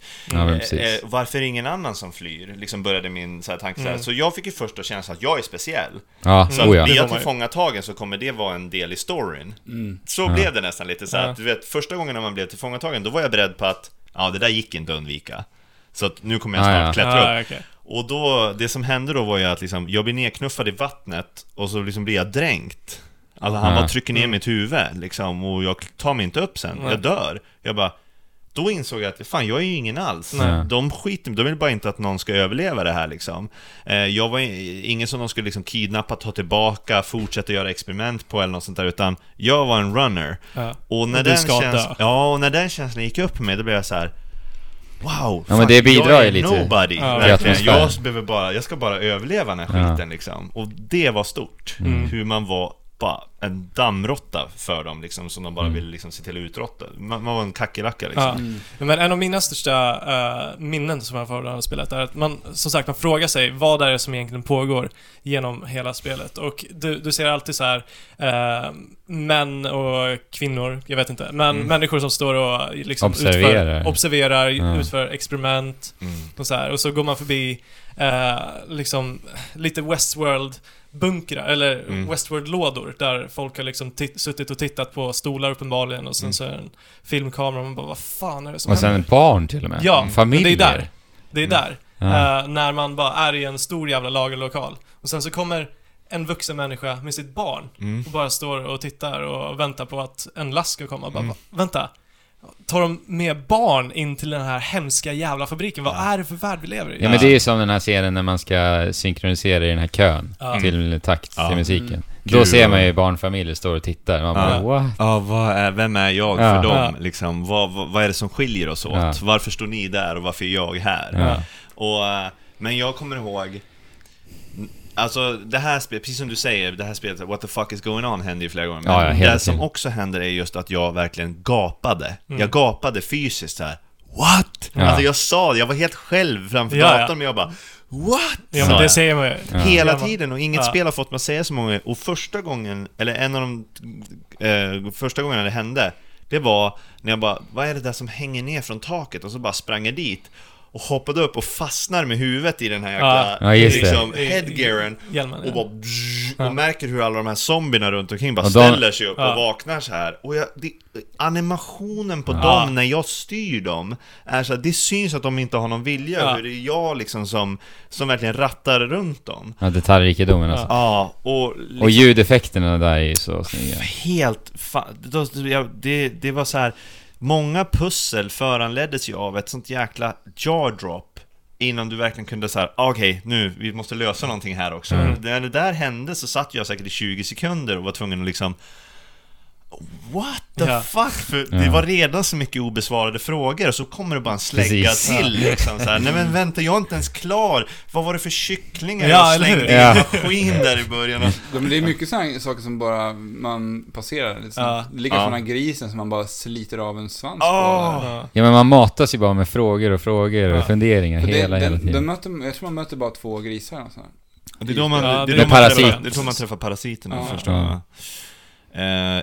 Men, men i alla fall på det spåret, för jag tycker det är ett väldigt enkelt sätt att prata om det här spelet liksom. Det är så här, när man verkligen, verkligen så här, när nästa grej kom, när man inte trodde att man kunde bli så här mer, så här, horrified, förundrad och liksom in A. Och jag kände att eh, det är ju en väldigt obvious scen som jag förstår att alla vi eh, gillar, men eh, i alla fall förutom det som hände på slutet. Mm. Men jag blev så tagen av när man drunknar. Ja. Ja, ja. Det var, det var bland det absolut bästa slash värsta jag har sett. Liksom att just att inse att, för just bygger de ju upp sån horror mot den här simmande, vad jag tolkar är en tjej. Ja, Jag tolkar att det är en också. tje. Det långa håret gör ju att jag rent Precis. Ja, liksom- men det, det känns lite the, the ring. Ja. Nej, eller? Ja, jo, jo, jo, jo, verkligen. Det är väldigt japansk horror. Mm. Men hur, vad var era, hur gick era tankar innan vi går till drunkningen? Hela den scenen. Ja. Nej, men Ja. innan drunkningen, när man ser den här varelsen först, Ja.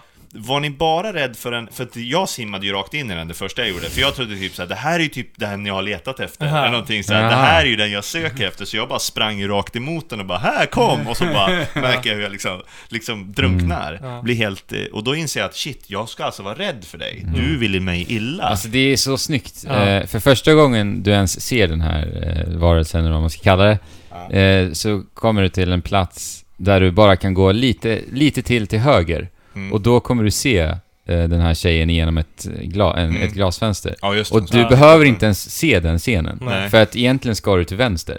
Ja. Men jag, alltså jag antar att de flesta ser ju det. Ja. Ja. Men jag tyckte det var så snyggt designat att bara för att du Är det då hon bara hänger Ja, löst i vattnet Exakt. och håret Och flyter bara, omkring? Ja. Och sen, sen så när man kommer upp där och bara, okej, jag nu vet ska jag hoppa ner i vattnet liksom. Åh, gud jag Ja. ryser jag Och, tänker och på det. eh, Ja. det som är så snyggt när du tar det där steget till höger och får syn på henne, då kickar det, alltså en basgång Ja! om, det i det musiken. där. Ja. Alltså det är så snyggt designat. Eh, ja men och när det då sen fortsätter, hon helt plötsligt bl- blir hajen Mm. i princip. Du vet, man- Det går från att bara, ha här är en ny karaktär, hon är lite creepy, men vi kanske ska typ samarbeta för hon verkar lite utsatt också. Nej, jag ska tydligen Nej. vara livrädd för dig Ja. för du vill bara mörda mig. Ja. Så då bygger man upp en helt annan, en horror över den här personen. Som sen mynnas ut i att hon får tag i dig. Ja. Hon bara, nej! Alltså jag Ja. kommer ihåg, jag bara, Ja, jag satt liksom spände mig, ska jag slåss mot det? Jag bara tryckte på dosan så här Ja. allting. Och så sen bara så här, så var det så coolt då för att då var man ju van att dö, eller man Ja. är van att råka illa ut. Så den initiala responsen är att du slappnar av i Ja. kroppen. Och bara, du kanske, vi du igen. kanske tittar på tangentbordet lite, eller tittar på din handkontroller och så bara tittar du upp och så märker du att fan, det har inte resetat. Nej.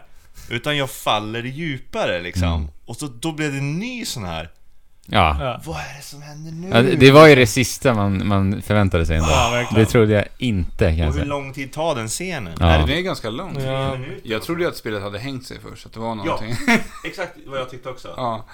Och jag tyckte det var så otro... Jag tyckte det var så otroligt eh, mäktigt med... Eh, jag kommer inte exakt ihåg hur det var, men hur det kändes som att medan man vaknade till liv så föd, det, det var så tydligt att man var någon annan. Det var inga visuella signalement egentligen på din karaktär, men när du vaknade, började rycka där Ja. och liksom luftbubblor flyger omkring de är så duktiga på att omedelbart visa hur du påverkar fiskarna runt omkring dig. Ja. Att nu är du kung av den här domänen. Det, Ja. det sägs ingenting, det kommer ingenting. Du är fortfarande en pojke, men man ser på din hållning hur du kontrollerar vattnet, Vattnet, nu. ja. Och det visar dem liksom hur fiskarna blir som fascinerade av dig. Ja. Ja. Helt plötsligt.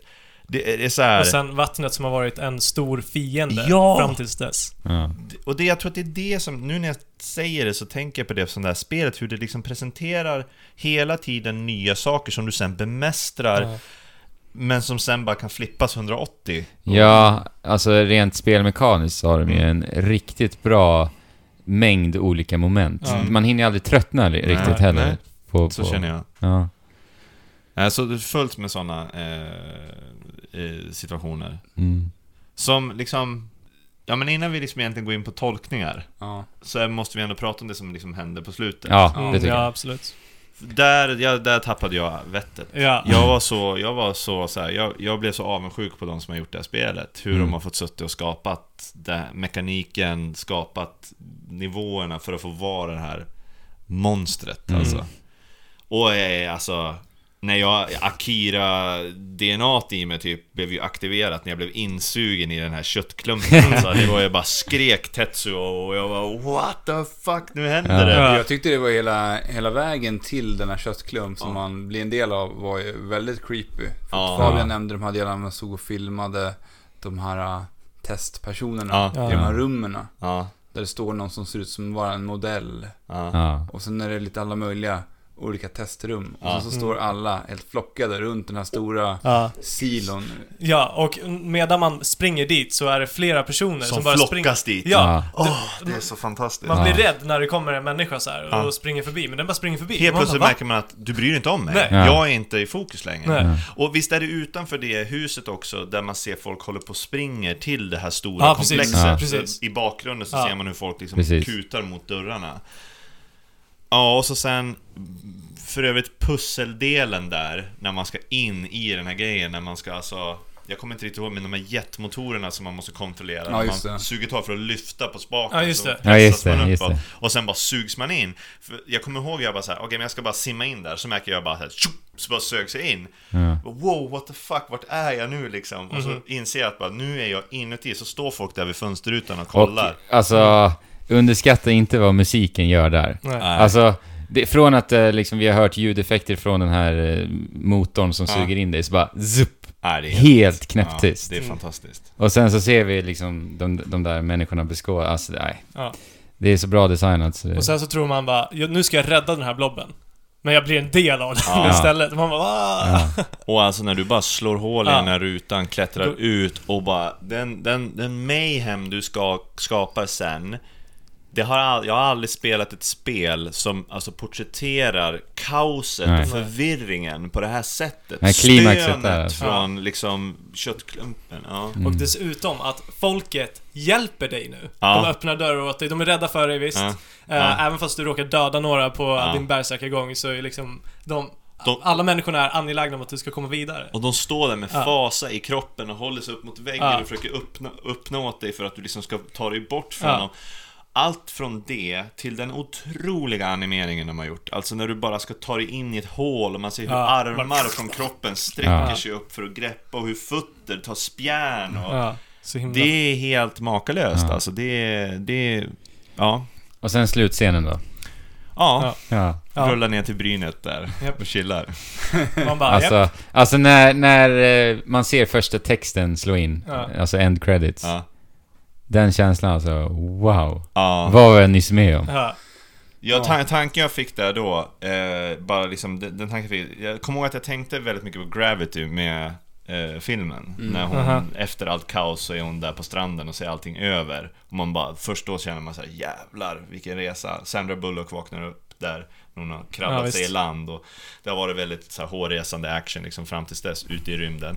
Och här har det också varit så här så jävla grått och, och det slut, det, det är som grått och mystiskt, sen blev det kaos och blod och kross och Mm. mord och slakt och guts och fucking monsterkänsla och man, bara, man sitter i princip så här och spelar de sista med vidöppna ögon och liksom dosan nära munnen nästan. Man bara vad fan är det som, jag vet vad jag gör, Ja. jag bara rullar på för det blir ju inte direkt svårt då spelet, Nej. utan det blir bara kör bara på nu. Ja. Och sen ligger du där liksom vid stranden Knäpptyst. knäpptyst och då känner jag samma sak som jag känner liksom när man ser en riktigt bra film eller någonting där man verkligen får känslan att regissören har sagt till dig nu jävlar ska jag visa hur man gör film och så sen får du en film i ansiktet sen när den filmen är klar så sitter du där och bara Ja.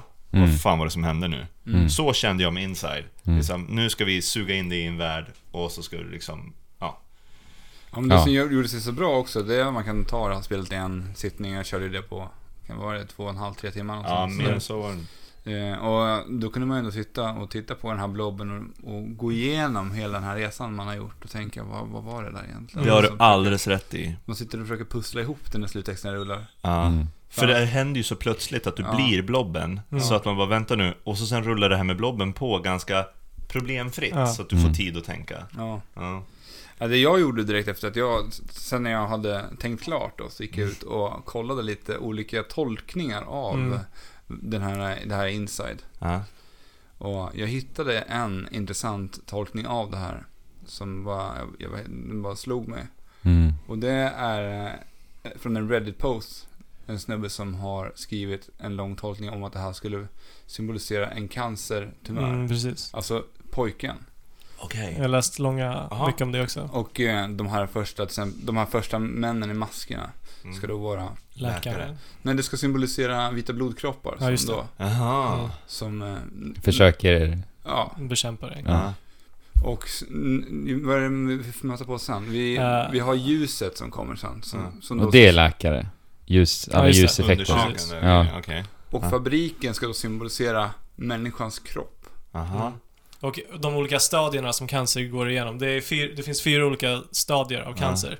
Eh, och fyra är det värsta liksom, tillfället. Ehm, och alla, alla de här delarna av fabriken som du går igenom är numrerade 1, 2, 3, 4. Ja.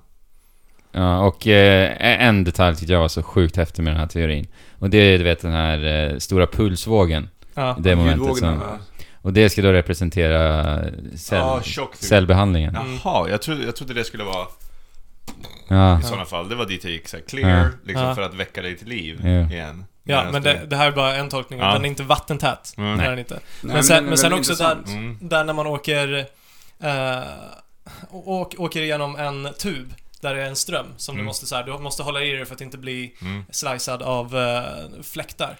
Just det. Det ska vara res, det respiratoriska systemet. Mm. Ja, okej. Okej, jag, hade, jag gillar tesen. Jag hade velat haft lite mer så här, typ att man... För, för det där känns lite mer som att man bara, okej, Ja. det här, boom, då... Och så har man bestämt sig för att det är cancer. Mm. Jag hade velat liksom så här, okej, men då menar de att du är cancern. Ja. Japp. Mm. Okej. För att, det köper jag ju. Det köper jag, men jag skulle hellre se att pojken slåss mot cancer.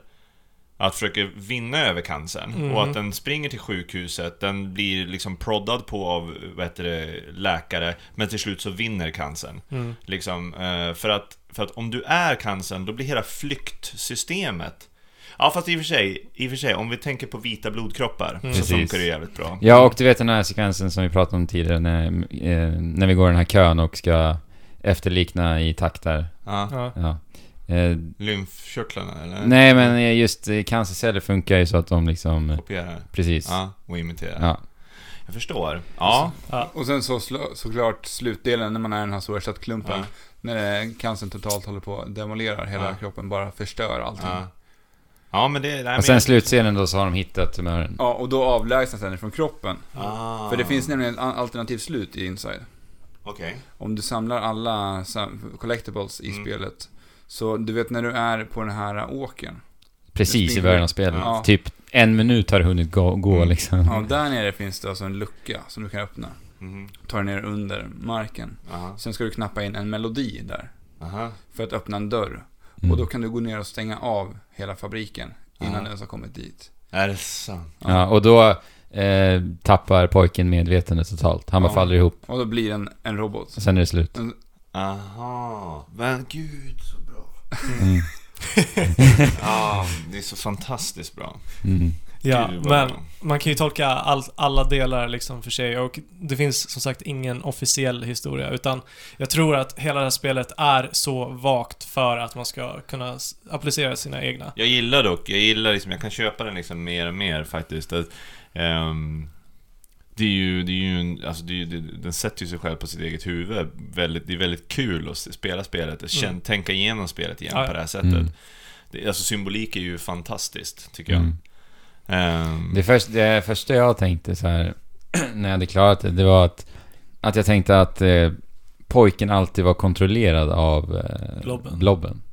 Och, genom hela spelet. ja, eller att man själv som liksom spelare har blivit kontrollerad att kontrollera killen, eller manipulerad att kontrollera killen Ja, precis. Mm. till blobben. Så att man själv som spelare också liksom i ett metaperspektiv Är också kontrollerad. är kontrollerad. Mm, Mm. För att det man bara, för, alltså att man gör saker utan att liksom få något svar. Så familjerna som står det? och kollar på då, ska de ändå symbolisera familjer?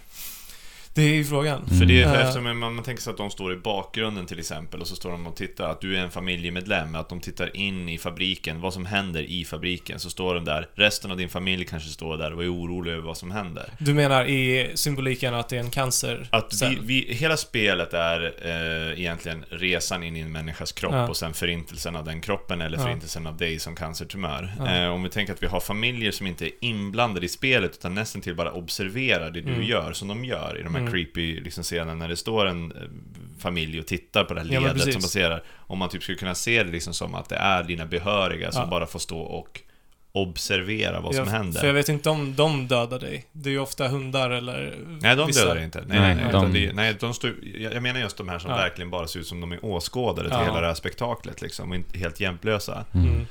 Eh, för det är ju det jag tänker på det här med att alla springer till fönsterrutan och tittar sen. Mm.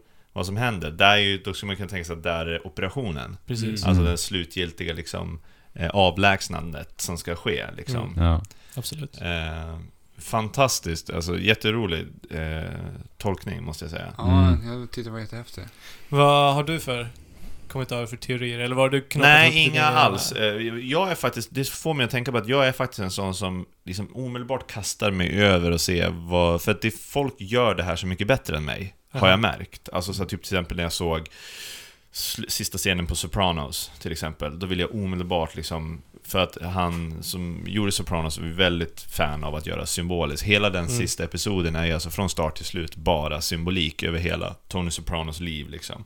Och ehm, eh, då vill jag liksom jag vill, jag ville se, vad, vad är det, vad har du att säga till mig? Du som är duktig på det här. Jag vill berätta, för det, det ger mig mer nöje än att jag liksom sitter och bara undrar vad det var. Inside lämnade mig för tagen. Mm. För att jag liksom, så här, spelupplevelsen var för det, det var som att den tilltalade någonting undermedvetet som blev så tillfredsställt så att när jag försökte sätta min analytiska del till Ja. så var det som att den var inte kompatibel till den upplevelsen Nej. jag hade haft. Nej. Utan det var för Den mycket, känslan hade jag lite ja, också. det var för Ja. mycket känslor och för lite analytisk förmåga som Mm. fick plats där. Ja. Och för lite information ofta också. Alltså man måste ju liksom se allting också som en helhet för att kunna pussla ihop det. Och då ska Ja. man helst spela igenom det en gång till ja, liksom. ja. Och så. Oh, ja. Men eh, det, det är ju kritiskt också att du har någon att diskutera med. Mm. Så att alltså, Ja. det första jag och Andrew gjorde var, han hade spelat igenom Mm. det några veckor. Mm, Vi, vi bara började så här, vad, vad kan det betyda? måste. vad gör man det? Och behovet av att göra det säger ju Ja. just vilket välutvecklat spel det är. Ja, precis. Ja, Jag brukar alltid prata väldigt mycket om att det finns verkligen ett spel för alla där ute. Mm. Och jag tycker Mm. verkligen att Inside är ett sånt här spel, för det, är inte ett svårspelat spel, utan det, du färdas bara framåt. Pusslerna är inte så avancerade att man behöver ha spelat länge för att förstå. Nej. Ja, men jag Så tror att det är svårt att, att inte kunna ta på, på den här atmosfären ändå. Mm. Alltså, Och det är ett Ja, ja. spel som man vill se andra uppleva. ja, men precis. se- Jag, jag spelade det här tillsammans med Linda då. Mm. Ja. Eh, Och hon älskar ju verkligen det här spelet Mm. också. Ja. Mm. Hon satt ju bara med som en Ja, åskådare. ja. Ja. ju Men det kan man ju absolut göra Ja. i det här. Det funkade verkligen Ja. Toppen. Ja, men min tjej tittade ju när Fabian spelade. Mm. Och hon blev ju verkligen indragen också. Även fast hon inte ens visste om det Nej. egentligen. Nej. Men det här får mig att tänka på, alltså någonting som jag har velat ta upp när jag ser ett spel som är designat på det här sättet, när jag ser ett spel som är så otroligt välgjort på det här sättet och det är inte någon överdriven superbra gameplay, men de har lyckats skapa en stämning likt ingen Oh ja. annan. Hur fragilt, liksom, hur, hur hopvuxet är det med själva spelutförandet? Kan, eller kan vi, önsketänkande, säga att, visst är de danska de här va? Ja. Ja. Mm. Kan, vi, kan, vi, kan det finnas en framtid där det här danska gänget, som är så himla liksom, beslutade vid att göra spel på sitt sätt, att det är Mm. pusselspel med en upplevelse, och så sen kommer ett annat gäng som är jävligt mycket liksom, gameplay, liksom, så här, som kanske vill bygga någonting mer, men de här liksom, jobbar tillsammans, att vi står för stämningen, vi står för symboliken, vi står Mm. liksom för allting.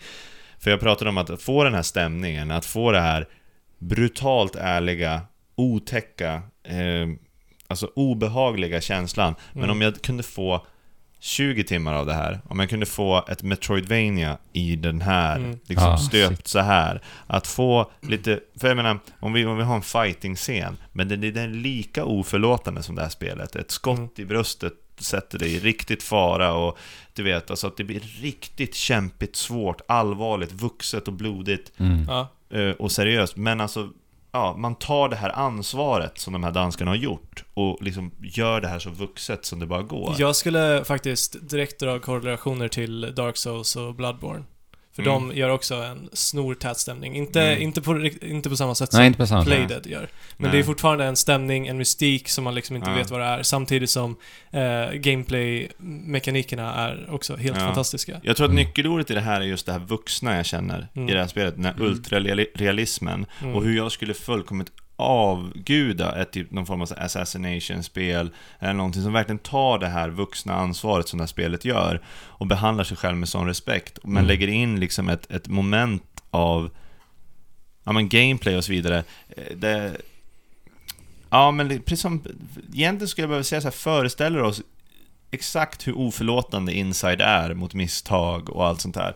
Men vi lägger in liksom, tänker en scen, ett pussel, men där liksom pusslet istället går ut på att traversa liksom den nivån, klättra upp, komma bakhåll, eller en shootout där du måste gömma dig bakom lådor och så vidare. Och där det är den här mörka stämningen liksom, och så sen efter den lilla drabbningen så sticker du tillbaka till din bas, briefar, du kanske måste köpa ny, nya vapen och allting. Men allt det här sker i den här mörka, dystopiska världen med Mhm. regn och rusk och lika lite ord sagda, lika Mm. lite information fått. Du är fortfarande bara en pjäs i den här liksom. Och- Det är, jag är rädd för att begära det, då får man inte ett nytt Playdead-spel av den här kalibern, tyvärr. Nej. Men alltså, när det gör så här bra när stämning gör så här bra så vill någonting i mig tro att stämningen inte bara sitter ihop med hur de designade spelet, Nej. utan att det finns... Nej, precis. Men för mig så det ju- tror jag att det skulle inte bli riktigt samma grej. För jag gillar ju den här komprimerade förpackningen som ändå Inside är. Alltså det, det är tre timmar.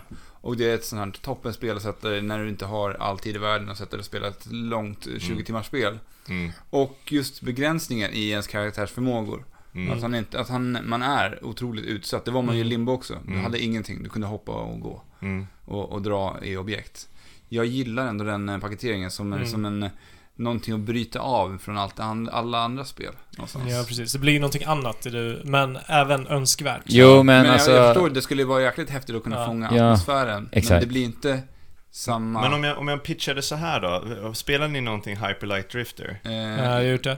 Eh, halva spelet kanske. Ja, du vet liksom hur liksom anonymt det är Ja. i början, hur det sägs så lite. Man bara, Ja, vad det är fan, bara vem bilder. är jag? Vem Ja. är jag liksom för något? Och så här, vad har jag för förhållande till det här vapnet och all Ja. elektronik och... Det är jättemycket stämning och då känner jag så här att Tänk att liksom Inside berättade lika lite för det som det gör i det här spelet. Utsätter det för pussel men där det kanske är lite mer shooting och allt sånt där. Mhm. Men du liksom det leder till att du kommer fram och rent inaudible, alltså du pratar, man, hör bara mummel, du går och träffar någon eh, tjej, kvinna som hjälper dig med någonting och du får ändå sitta och fundera så vem fan är hon? Varför hjälper hon mig hela tiden? Mm. Och så sen är det ändå spelet, compartment, så typ, till exempel som hur Metroid kan ha en nivå som slutar i en boss.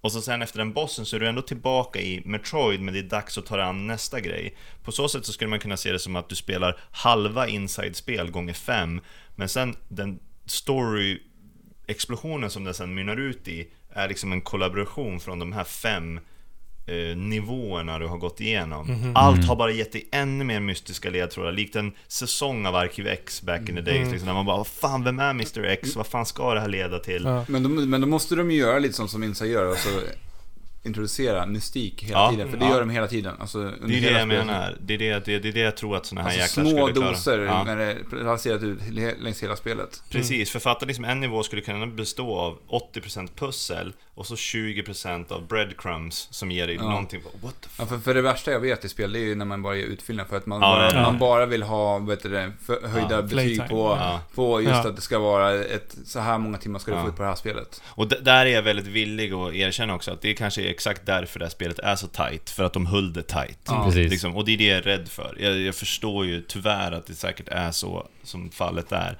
Att på grund av att de höll det här tight, simpelt, så kunde de lägga all fokus och kunde hålla liksom ramverket väldigt tight. Ja. Mm. Liksom, ja, hantverket överlag är ju bara häpnadsväckande. Alltså. Ja, men alltså, vi- det, det är ingen omöjlighet du målar upp. Nej. Men det skulle bara bekräva, kräva otroligt mycket ex- expertis Mm. och tid och resurser. mm. Mm.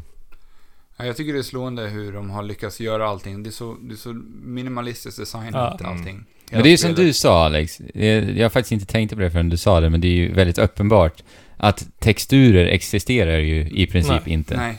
Det är bara plant, Mm. Plana ytor, det är bara ljus, Alltså, ljus jag, jag som blir så urskiljer. fascinerad av den här typen av design. Alltså den här grafiken som sitter och gjort det här. Mm. som bara har tänkt på ljus Mm. och nyanser i färger. Ja. Och ändå lyckas göra så otroligt mycket stämning i det. Mm. Och jag, för, jag tänker genast på så här vintage-poster, så här grafiska Mm, vintage-poster. absolut. Mm. Just designen i hur, lim, eh, hur, i hur Inside ser ut.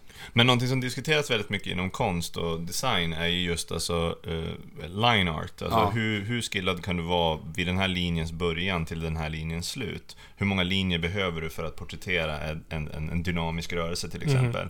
Och många brukar ju titta på folk som ritar mangas och anime, så tittar de bara det här ser enkelt ut så därför lär jag mig rita det här. Men vad de inte förstår det är att manga och anime-stil föddes, har ju fötts, eh, sin simpelhet har ju fötts ur en expertis bakom anatomi. Det vill säga, jag kan rita den här armen för att i min hjärna så finns hela den tredimensionella anatomin redan klar. Men jag har lärt mig att med så få linjer som möjligt eh, visa för dig ett övertygande liksom, resultat. Och det finns liksom en känd målare, jag kommer ihåg senast jag såg tavlor från honom var Venice Beach, Kalifornien.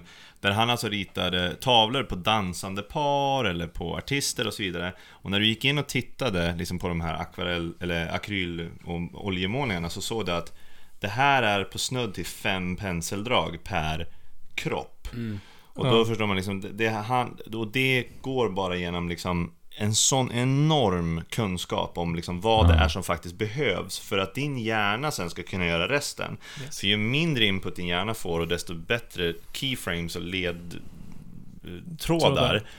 desto bättre blir upplevelsen. Och det är därför jag tycker liksom att när animeringen och eh, eh, ljuset och skuggorna och allting får fokus istället för texturerna, då, då heter det, händer det någonting. Då, då finns det inte saker som jag måste liksom ha åsikter om, utan Nej. jag tar in allting istället. Ja. Istället för att jag bara, ah, det där ser lite suddigt ut, eller det där var lite, där var texturen skev, eller eh, det här är lite uncanny valley. Liksom. Nu bara skit vi det, för det viktigaste för dig i det här spelet är att se pojken, att han har hår, att han har en röd tröja på sig. That's it, du behöver inte ha ett ansikte, för det fyller ingen funktion i det här. Nej. Och det, ja, jag tycker det är fantastiskt. Ja, jag håller helt med dig. Men eh, Micke, Mm. det är ju så här. Playdead har ju teasat sitt nya spel. Okej, det Mm. har jag missat. Det har du missat. Ja, Jag tänkte visa bild, den första bilden här. okej. Det ser ut som en astronaut, Mhm. tycker jag det ser ut som.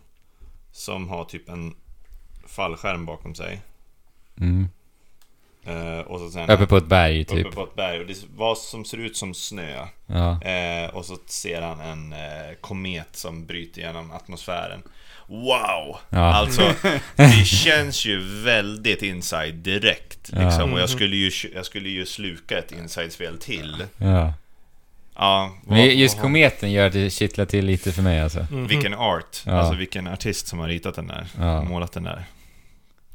Oj, oj, oj, okej. Ja, Men det lär ju dröja ett tag innan vi får se det dock. någon, någon form av rymdrysare skulle ju vara väldigt kul, med Ja. det döda, tomma, liksom. Ja, om, om vi nu bara så här låser oss vid Inside, Ja. alltså den typen av spelmekanik, det kan ju bli någonting annat, men någon form av alltså, ni vet, ensam ute i rymden, Ja. tom rymdbas, spacewalking, liksom. Metroid.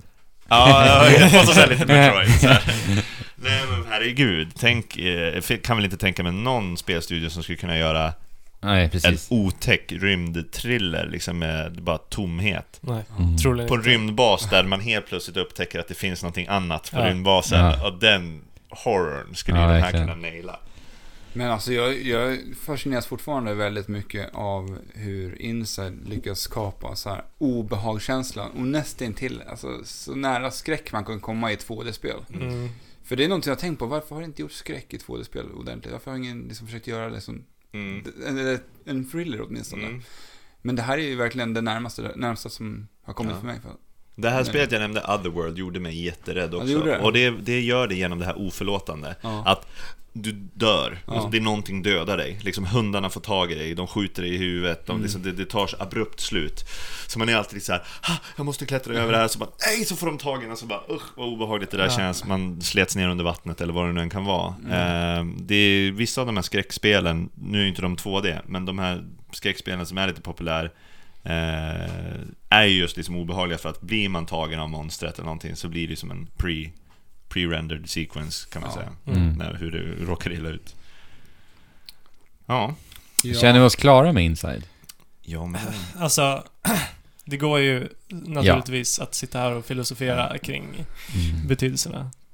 I Ja. all evighet. Men det där är den enda info man har fått om nya spelet. Ja. Ja, jag, om, om, om, vi säger, om vi säger, det där kanske är sista scenen vi ser. Mm. Och jag, jag spekulerar så då. Jag tror att, om jag bara, jag måste, okej jag måste dra en chansning här. Ja, gör det. Okej, okej, vad, vad är det jag ser? Trekraften, grabbarna, oj, har ju lagt upp den här på sin, på sin eh, Instagram. Mm. Eh, jag tror eventuellt att det vi ser, det skulle lika gärna kunna vara början också, men de är ju lite coola, så det de visar oss kanske är sista scenen. Mm. Eh, men då får jag samtidigt en dålig känsla i magen så här, skulle de spoila så? Nej. Men tänk att det där kanske är en del av rymdbasen. Ja. Eh, och du har flytt. Ja. Och det går åt helvete med den rymdbasen. Liksom, du lyckades ta dig ut och du har parachutat med Ja. din escape pod ner Ja. till månen som du nu är på. På en främmande planet kanske till och med. Och det, det kan, för jag menar, eftersom deras spel sällan, eller inte verkar sluta så himla lyckligt hela tiden, så kanske det där var your ticket home, men nu är du Ja, på precis. en barren planet liksom. Ja. Ja. Kanske Men sen är är det, det- rymdskeppet, fabriken från Inside som har flugit upp i det. Ja, ge mig! Ja, men på tal om det. Ja. Alltså, det vore ju ändå lite häftigt om Playdead på något sätt skulle kunna liksom knyta samman Limbo- deras spel. Mm. Inside. Ja, och för den nya då. Ja, Om, om vi säger serietidning. Limbo handlade väl också väldigt mycket om död Ja. och liv och sånt där va? Alltså för att de kommer ju självklart inte liksom förtälja historien i Inside. Men ändå på något sätt så här, i slutet när de har släppt deras tre spel. Ja. På något sätt bara ge oss någon, någon, Någon liten ledtråd som Ja. communityt får pussla ihop. precis. Ja, vad, vad behöver ske för att sådana här företag liksom ska fortsätta få hålla på så här? Vad, vad är det, vad är det som, sämsta som skulle kunna hända Playdead liksom? Att de gör ett Call of Duty liksom? Alltså vad är det som, vad är det som skulle kunna förstöra så här fin spelutveckling? Varför Ja. hör vi så sällan om folk som bara fortsätter göra homeruns? Mm.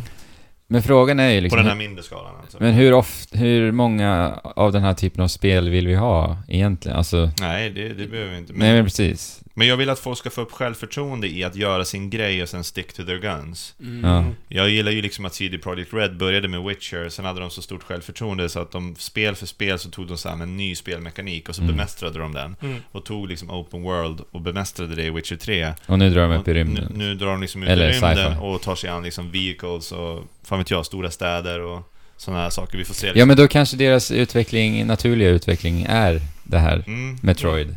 mm. Ja. Ja, fast vi såg fan inte den utvecklingen, tillstymmelse till den mellan Inside och Limbo. Nej. Det var samma spel. Men Ja. de kanske fokuserar på den här trilogin då, om det Ja, nu blir så. ja. jag, jag tror att vi kommer få se ett, ett Inside, eh, men med nya typer av pussel. Kanske lite så här, arbete i djupled. Eh, någonting sånt liksom. Men jag Ja. tror definitivt att vi kommer få se en plattformare liksom. Ja, det Ja. tror jag också. Men- Mycket fokus på atmosfär Men det som så. skiljer sig från en Limbo Inside är ju ändå den grafiska uppgraderingen. För att Limbo är ju bara helt svartvitt egentligen. Ja. Och det kommer man väl se.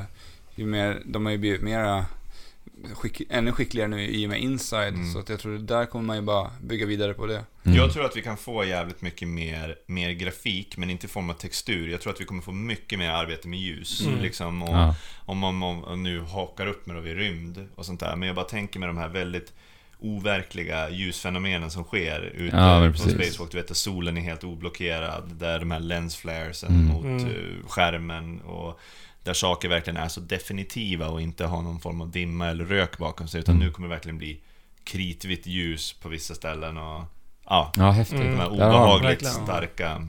Jag får hoppas att de visar upp det här äh, snart. Vad, när har vi nästa möjlighet, tror ni, att de skulle få dyka upp? Alltså Vad det för här företaget är ju speciellt? Okej. Playdead.